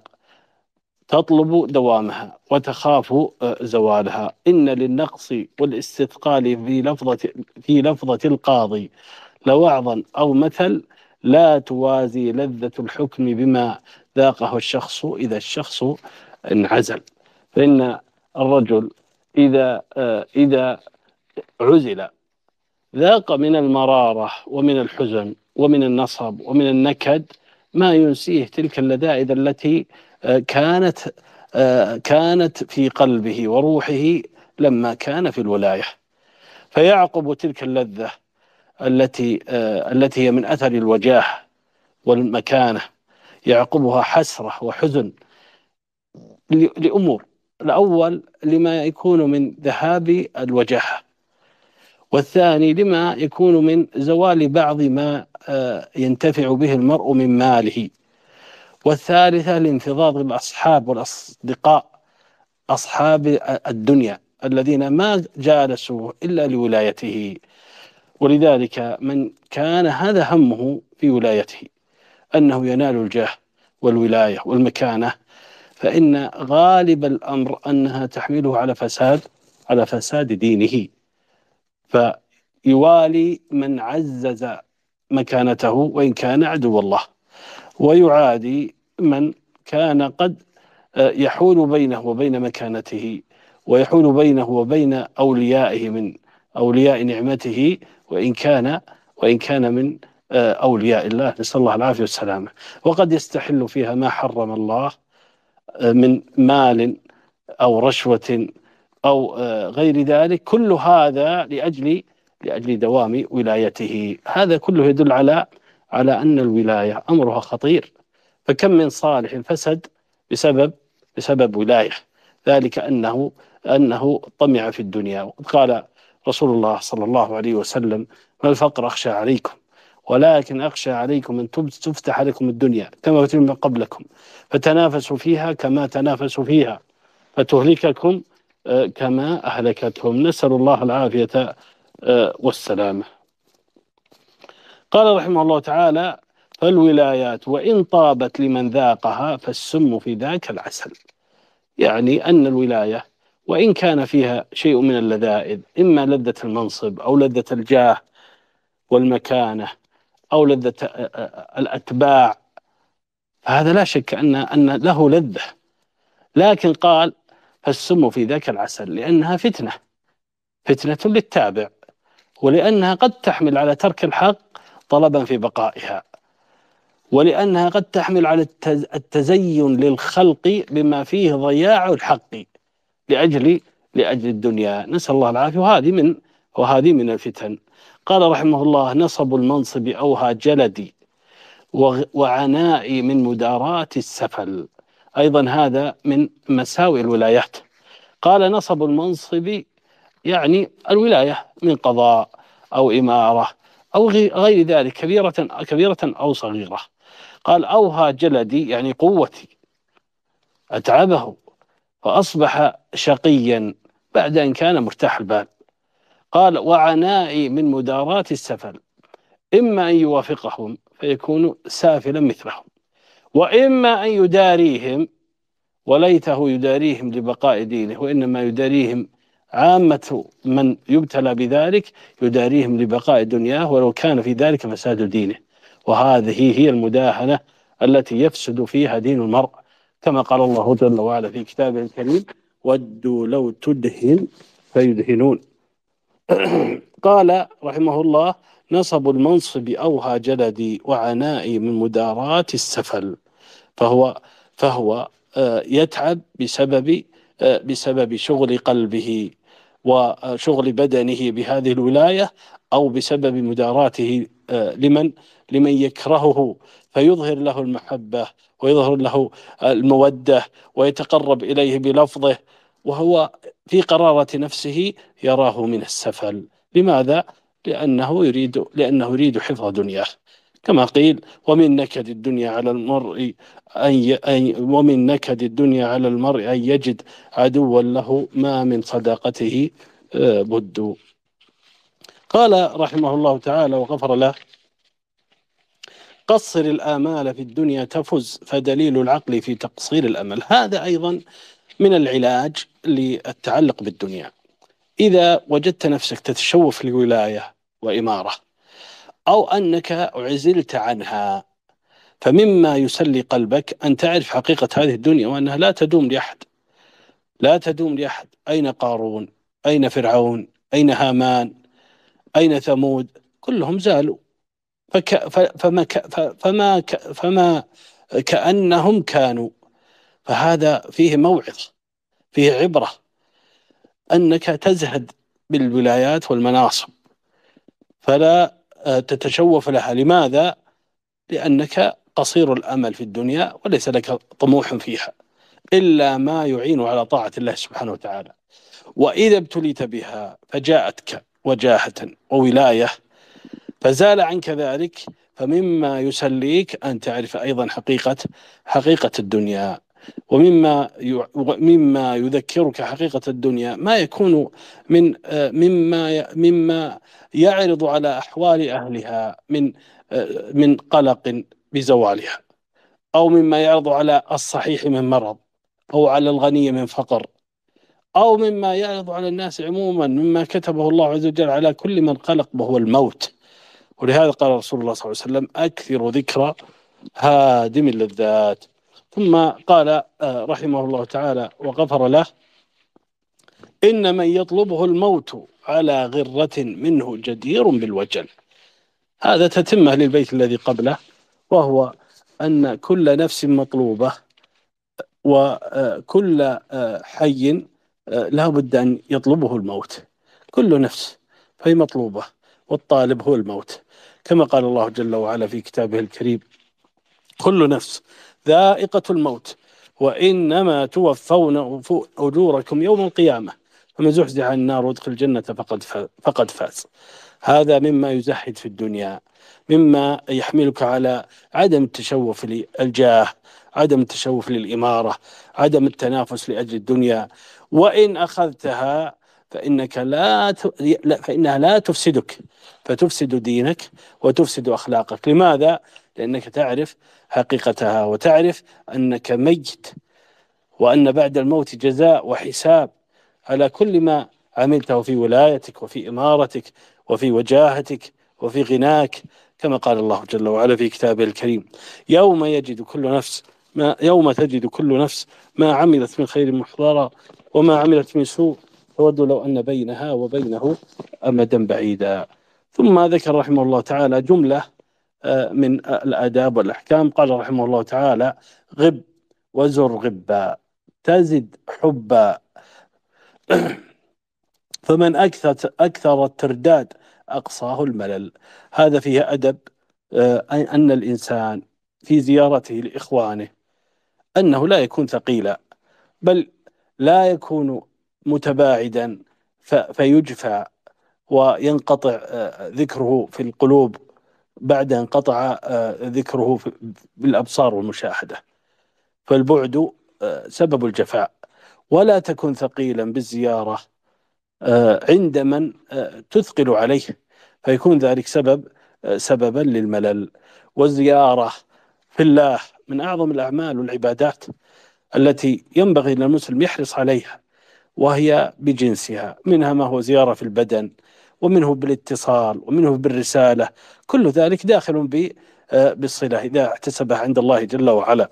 وقد ورد في الحديث أن رجلا زار أخا له في قرية أخرى فارصده الله على مدرجته أن جعل له ملكا. فلما أتى عليه عليه قال له الملك أين تريد؟ قال أريد أخا لي في هذه القرية. قال هل لك عليه من نعمة من نعمة؟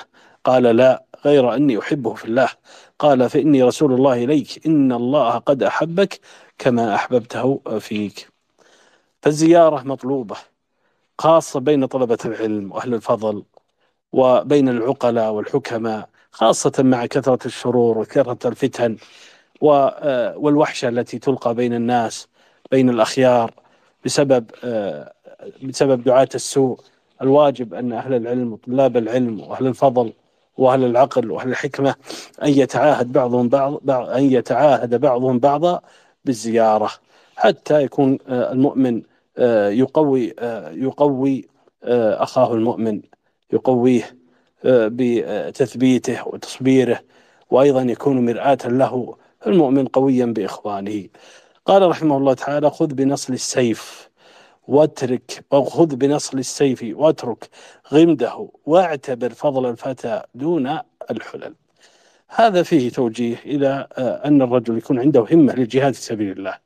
جهاد الشرعي تحت الولاية تحت الإمارة تحت ولي راية ولي الأمر. وما كان نظيره يكون الرجل المؤمن قويا ذا همة كما قال رسول الله صلى الله عليه وسلم. من لم يغزو أو يحدث نفسه بالغزو مات على شعبة من النفاق كما قال عليه الصلاة والسلام المؤمن القوي خير وأحب إلى الله من المؤمن الضعيف. فأشار بهذا البيت أن الرجل لا يكون ضعيفا لا يكون مهينا بل يكون ذا همة عالية ذا همة عالية وذا قلب وقاد وذا قلب يطمح إلى معالي الأمور يطمح إلى إلى شريف الخلال والخصال. فإن فإن الرجل يفضل غيره بهمته وبعبادته وبجهاده وبنصحه. هذا هو محل الفضل. هذا هو محل الفضل.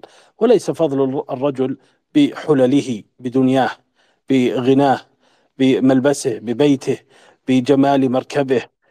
مع مع مع كونه خليا من دين أو من ورع أو من خلال حميدة أو من أفعال طيبة هذا هذا ليس هو الميزان وإنما الميزان هو علو الهمة وشريف الفعل. قال رحمه الله لا يضر الفضل إقلال كما لا يضر الشمس إطباق الطفل.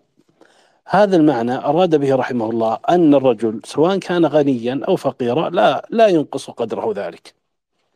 لا ينقص قدره ذلك إذا كان رجلا ذا فعل حميد وذا قول حسن وذا همة عالية وذا دين وخلق وذا تقوى وذا ورع وذا شهامة ورجولة لا يضره كثرة لا ترفعه كثرة المال ولا ولا تدنيه قلته. قال كما لا يضر الشمس إطباق الطفل. يعني إذا كانت الشمس بارزة وحال دونها ضباب أو سحاب أو أو غير ذلك فإن لا يعني ذلك أن الشمس غائبة فهي معلومة. لا تخفى على على من من من أبصرها. وإن كان دون رؤية دون رؤيتها سحاب أو غير ذلك. فكذلك الرجل شريف الخلال والخصال لا يضره قلة ماله كما لا يزيده كثرة ماله شرفا إن كان وضيعا في فعله وفي رجولته وفي دين. نسأل الله العافية والسلامة قال رحمه الله حبك الأوطان عجز ظاهر فاغترب تلقى عن الأهل بدل فبمكث الماء يبقى آسنا وسرى البدر به البدر اكتمل. هذا البيت كما في البيت السابق والذي قبله يتحدث عن علو الهمة وأن الرجل العاقل لا يكون عاجزا. إن قلت ذات يده رضي بفقره وعج وركن إلى عجزه ينتظر الناس تعطيه من فضل مالهم وإن كان في بلد ليس فيه علماء جلس محتارا لا يبذل همته في في طلب العلم. وإنما همة الرجل بقدر رجولته أنه يبذل ما يستطيع من وسع في في غناه عن الناس بما يكفيه. أن يقيم صلبه ويستغني عن عن غيره ويبذل وسعه في طلب العلم ما استطاع إلى ذلك سبيلا فيرحل فيرحل. أما من رضي بالقعود والكسل فهذه فهذا دنيء الهمة. ولهذا قال فبمكث الماء يبقى آسنا يعني يتغير. فإذا أنت طالب علم ولا يوجد في بلدك علماء واكتفيت بما عهدت بما كان لديك من علم ولم ترحل لزيادة العلم نقص علمك. وإذا كنت في بلد التجارة فيه غير مجدية ورضيت بما معك من مال نقص رأس مالك. هكذا هكذا العاقل هو يبحث عما عما يزيد عقله ويزيد علمه ويزيد فضله ويزيده مما مما أمر الله عز وجل بالازدياد منه أو مما اباحه الله سبحانه وتعالى. قال رحمه الله وسر البدر به البدر اكتمل يعني أن البدر بسيره يكتمل حتى يكون كاملا. قال رحمه الله أيها الع... أيها العائب قولي عبثا إن طيب الورد مؤذن للجحل. أراد رحمه الله تعالى أن القول لا يعاب بغير دليل وإن ولذلك قال عبثا. أما إن كان نقد القول بدليل كأن يكون محل استدراك أو محل تنبيه فهذا آه فهذا محمود. والمؤمن رجع إلى الحق. أما إن كان عائب القول آه سبب عيبه له حسد أو آه أو هوى فإن هذا لا يضر صاحب صاحب القول. ولهذا قال أيها العائب قولي عبثا. إن طيب الورد مؤذن للجعل. يعني الجعل يؤذيه الرائحة الطيبة لأنه لم يتعود إلا على الرائحة المنتنة. كذلك الحاسد لا يقر له قرار إلا بالفساد والإفساد. كذلك المبتدع وصاحب الهوى وصاحب الشهوات المناكف المعارض له الإيمان والطاعة لا يرضى ولا تسكن نفسه إلا إلا بما خالف الحق كما قال الله جل وعلا. وإذا ذكر الله وحده اشمأزت قلوب الذين لا يؤمنون بالآخرة. وإذا ذكر الذين من دونه إذا هم يستبشرون. نسأل الله العافية. قال رحمه الله أيها العائب قولي عبثا. إن طيب الورد إن طيب الورد مؤذن للجعل. عد عن أسهم قولي واستتر لا يصيبنك سهم من ثعل أراد رحمه الله أنه يقول اترك ما اترك تشغيبك. واترك عبثك بتعقبك قولي مما لم يخالف الحق. فإن هديت له فهذه نعمة من الله عليك. وإلا فدع عنك التشغيب. قال عدي عن أسهم قولي لأن الحق سهام. كما قال الله عز وجل بل نقذف بالحق على الباطل فيدمغه فإذا هو زاحق. قال عدي عن أسهم قولي واستتر لا يصيبنك. تنكشف عورتك. إذا إذا قام الدليل على القول انكشفت عورة المبطل عورة قوله فبان جهله أو بان هواه. لا يصيبنك سهم من ثعل وثعل قبيلة آه، كانت آه، مضرب مثل في إصابة في الإصابة في الرمي. فهو شبه قوله آه، الحق الذي وافق الكتاب والسنة وافق الدليل الشرعي والدليل العقلي ب بالأسهم التي التي لا تخطئ لا تخطئ صاحب الهوى. قال رحمه الله لا يغرنك لين من فتى. إن للحيات لينا. يعتزل. أنا مثل الماء سهل سائغ. ومات أسخن ومتى أسخن آذى وقتل. أنا كالخيز أنا كالخيزور صعب كسره. وهو لدن كيفما شئت انفتل قوله لا يغرنك لين من فتى آه هذا اللين ربما آه ربما يكون موجعا. كما قيل اتقي غضبة الحليم. فلا تظن أن هذا اللين أو أن هذا السمح الطيب أنه سهل سهل آه، أن أن ينال منه.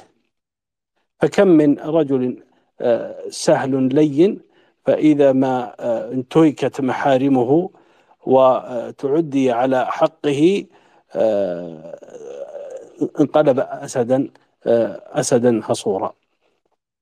ولهذا قال ومتى أسخن ومتى أسخن آذى وقتل الماء ماء سهل ينساب على الأيدي وتشربه هنيئا لكن متى كان حارا كان قاتلا.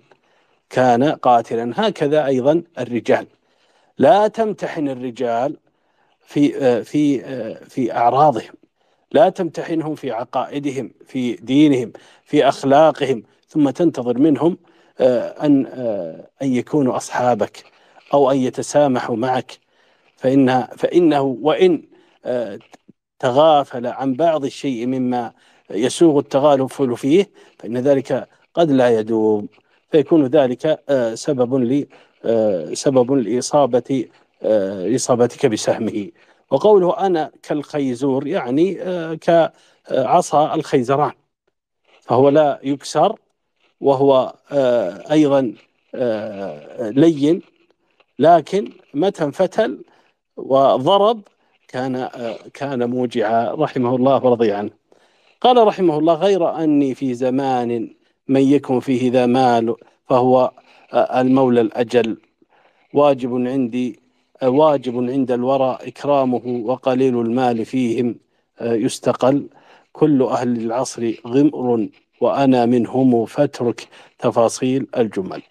أراد رحمه الله تعالى آه، أنه يعني يتكلم عن أهل زمانه وهذا في كل زمان. هو أراد رحمه الله آه، ويبين أن كثير من الناس لا ينظر إلى حقائق الأقوال ولا ينظر إلى الحكمة وأهلها ولا ينظر إلى العلم وأهله ولا يلتفت لهؤلاء وإنما يلتفت لأهل الجاه وأهل المال وأهل آه، يعني الزخارف من القول والعمل فيغتر بهؤلاء.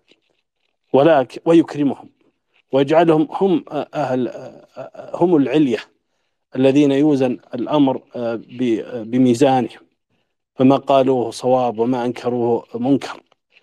وهذا كثير هذا كثير في كثير من الأزمان فتجعل الموازين غير غير الكتاب والسنة غير الحق غير الحقائق والبراهين الشرعية والعقلية. وقوله رحمه الله كل أهل العصر غمر يعني ما جرب الأمور. وقوله وأنا منهم هذا تواضع منه. وهكذا طالب العلم والعالم لا لا يرفع نفسه على غيره. فدائما يرى نفسه مقصر يرى نفسه عاصي يرى نفسه قليل العلم يرى نفسه قليل التجربة. لماذا؟ لأنه يفتقر إلى الله جل وعلا آه، بمثل ذلك. حتى حتى يربي نفسه وحتى يعالج قلبه مما قد يعترضه من العجب ومن العلو. الذي قد يهلكه نسأل الله العافية والسلامة. فاترك تفاصيل الجمل. يعني لو فصلنا آه، لك آه، مهما فصلنا فإنك ستجد قولنا فيه تقصير وفيه نقص. هكذا يتواضع رحمه الله ورضي عنه. ثم ختم منظومته بقوله وصلاة الله ربي كلما طلع الشمس نهارا وفل للذي حاز العلا من هاشم أحمد المختار آه، من ساد آه، الأول وعلى الآل وصحب آه، سادة ليس فيهم عاجز إلا بطل. اللهم صل وسلم وبارك على عبدنا عبده ورسوله نبينا محمد. نسأل الله أن يجعل ما قدمناه وما تكلمنا به في التعليق على هذه المنظومة في هذه المجالس السبع خالصا لوجه الكريم وأن يكون مباركا نافعا وأن يكون في ميزان حسناتنا جميعا وميزان من حضر من الإخوة وأيضا في ميزان الإخوة في جمعية الدعوة في محافظة البدائع جزاهم الله خيرا. وأن يكون ذلك مما يسرنا حين نلقى الله جل وعلا. والله أعلم صلى الله وسلم وبارك على عبده ورسوله نبينا محمد.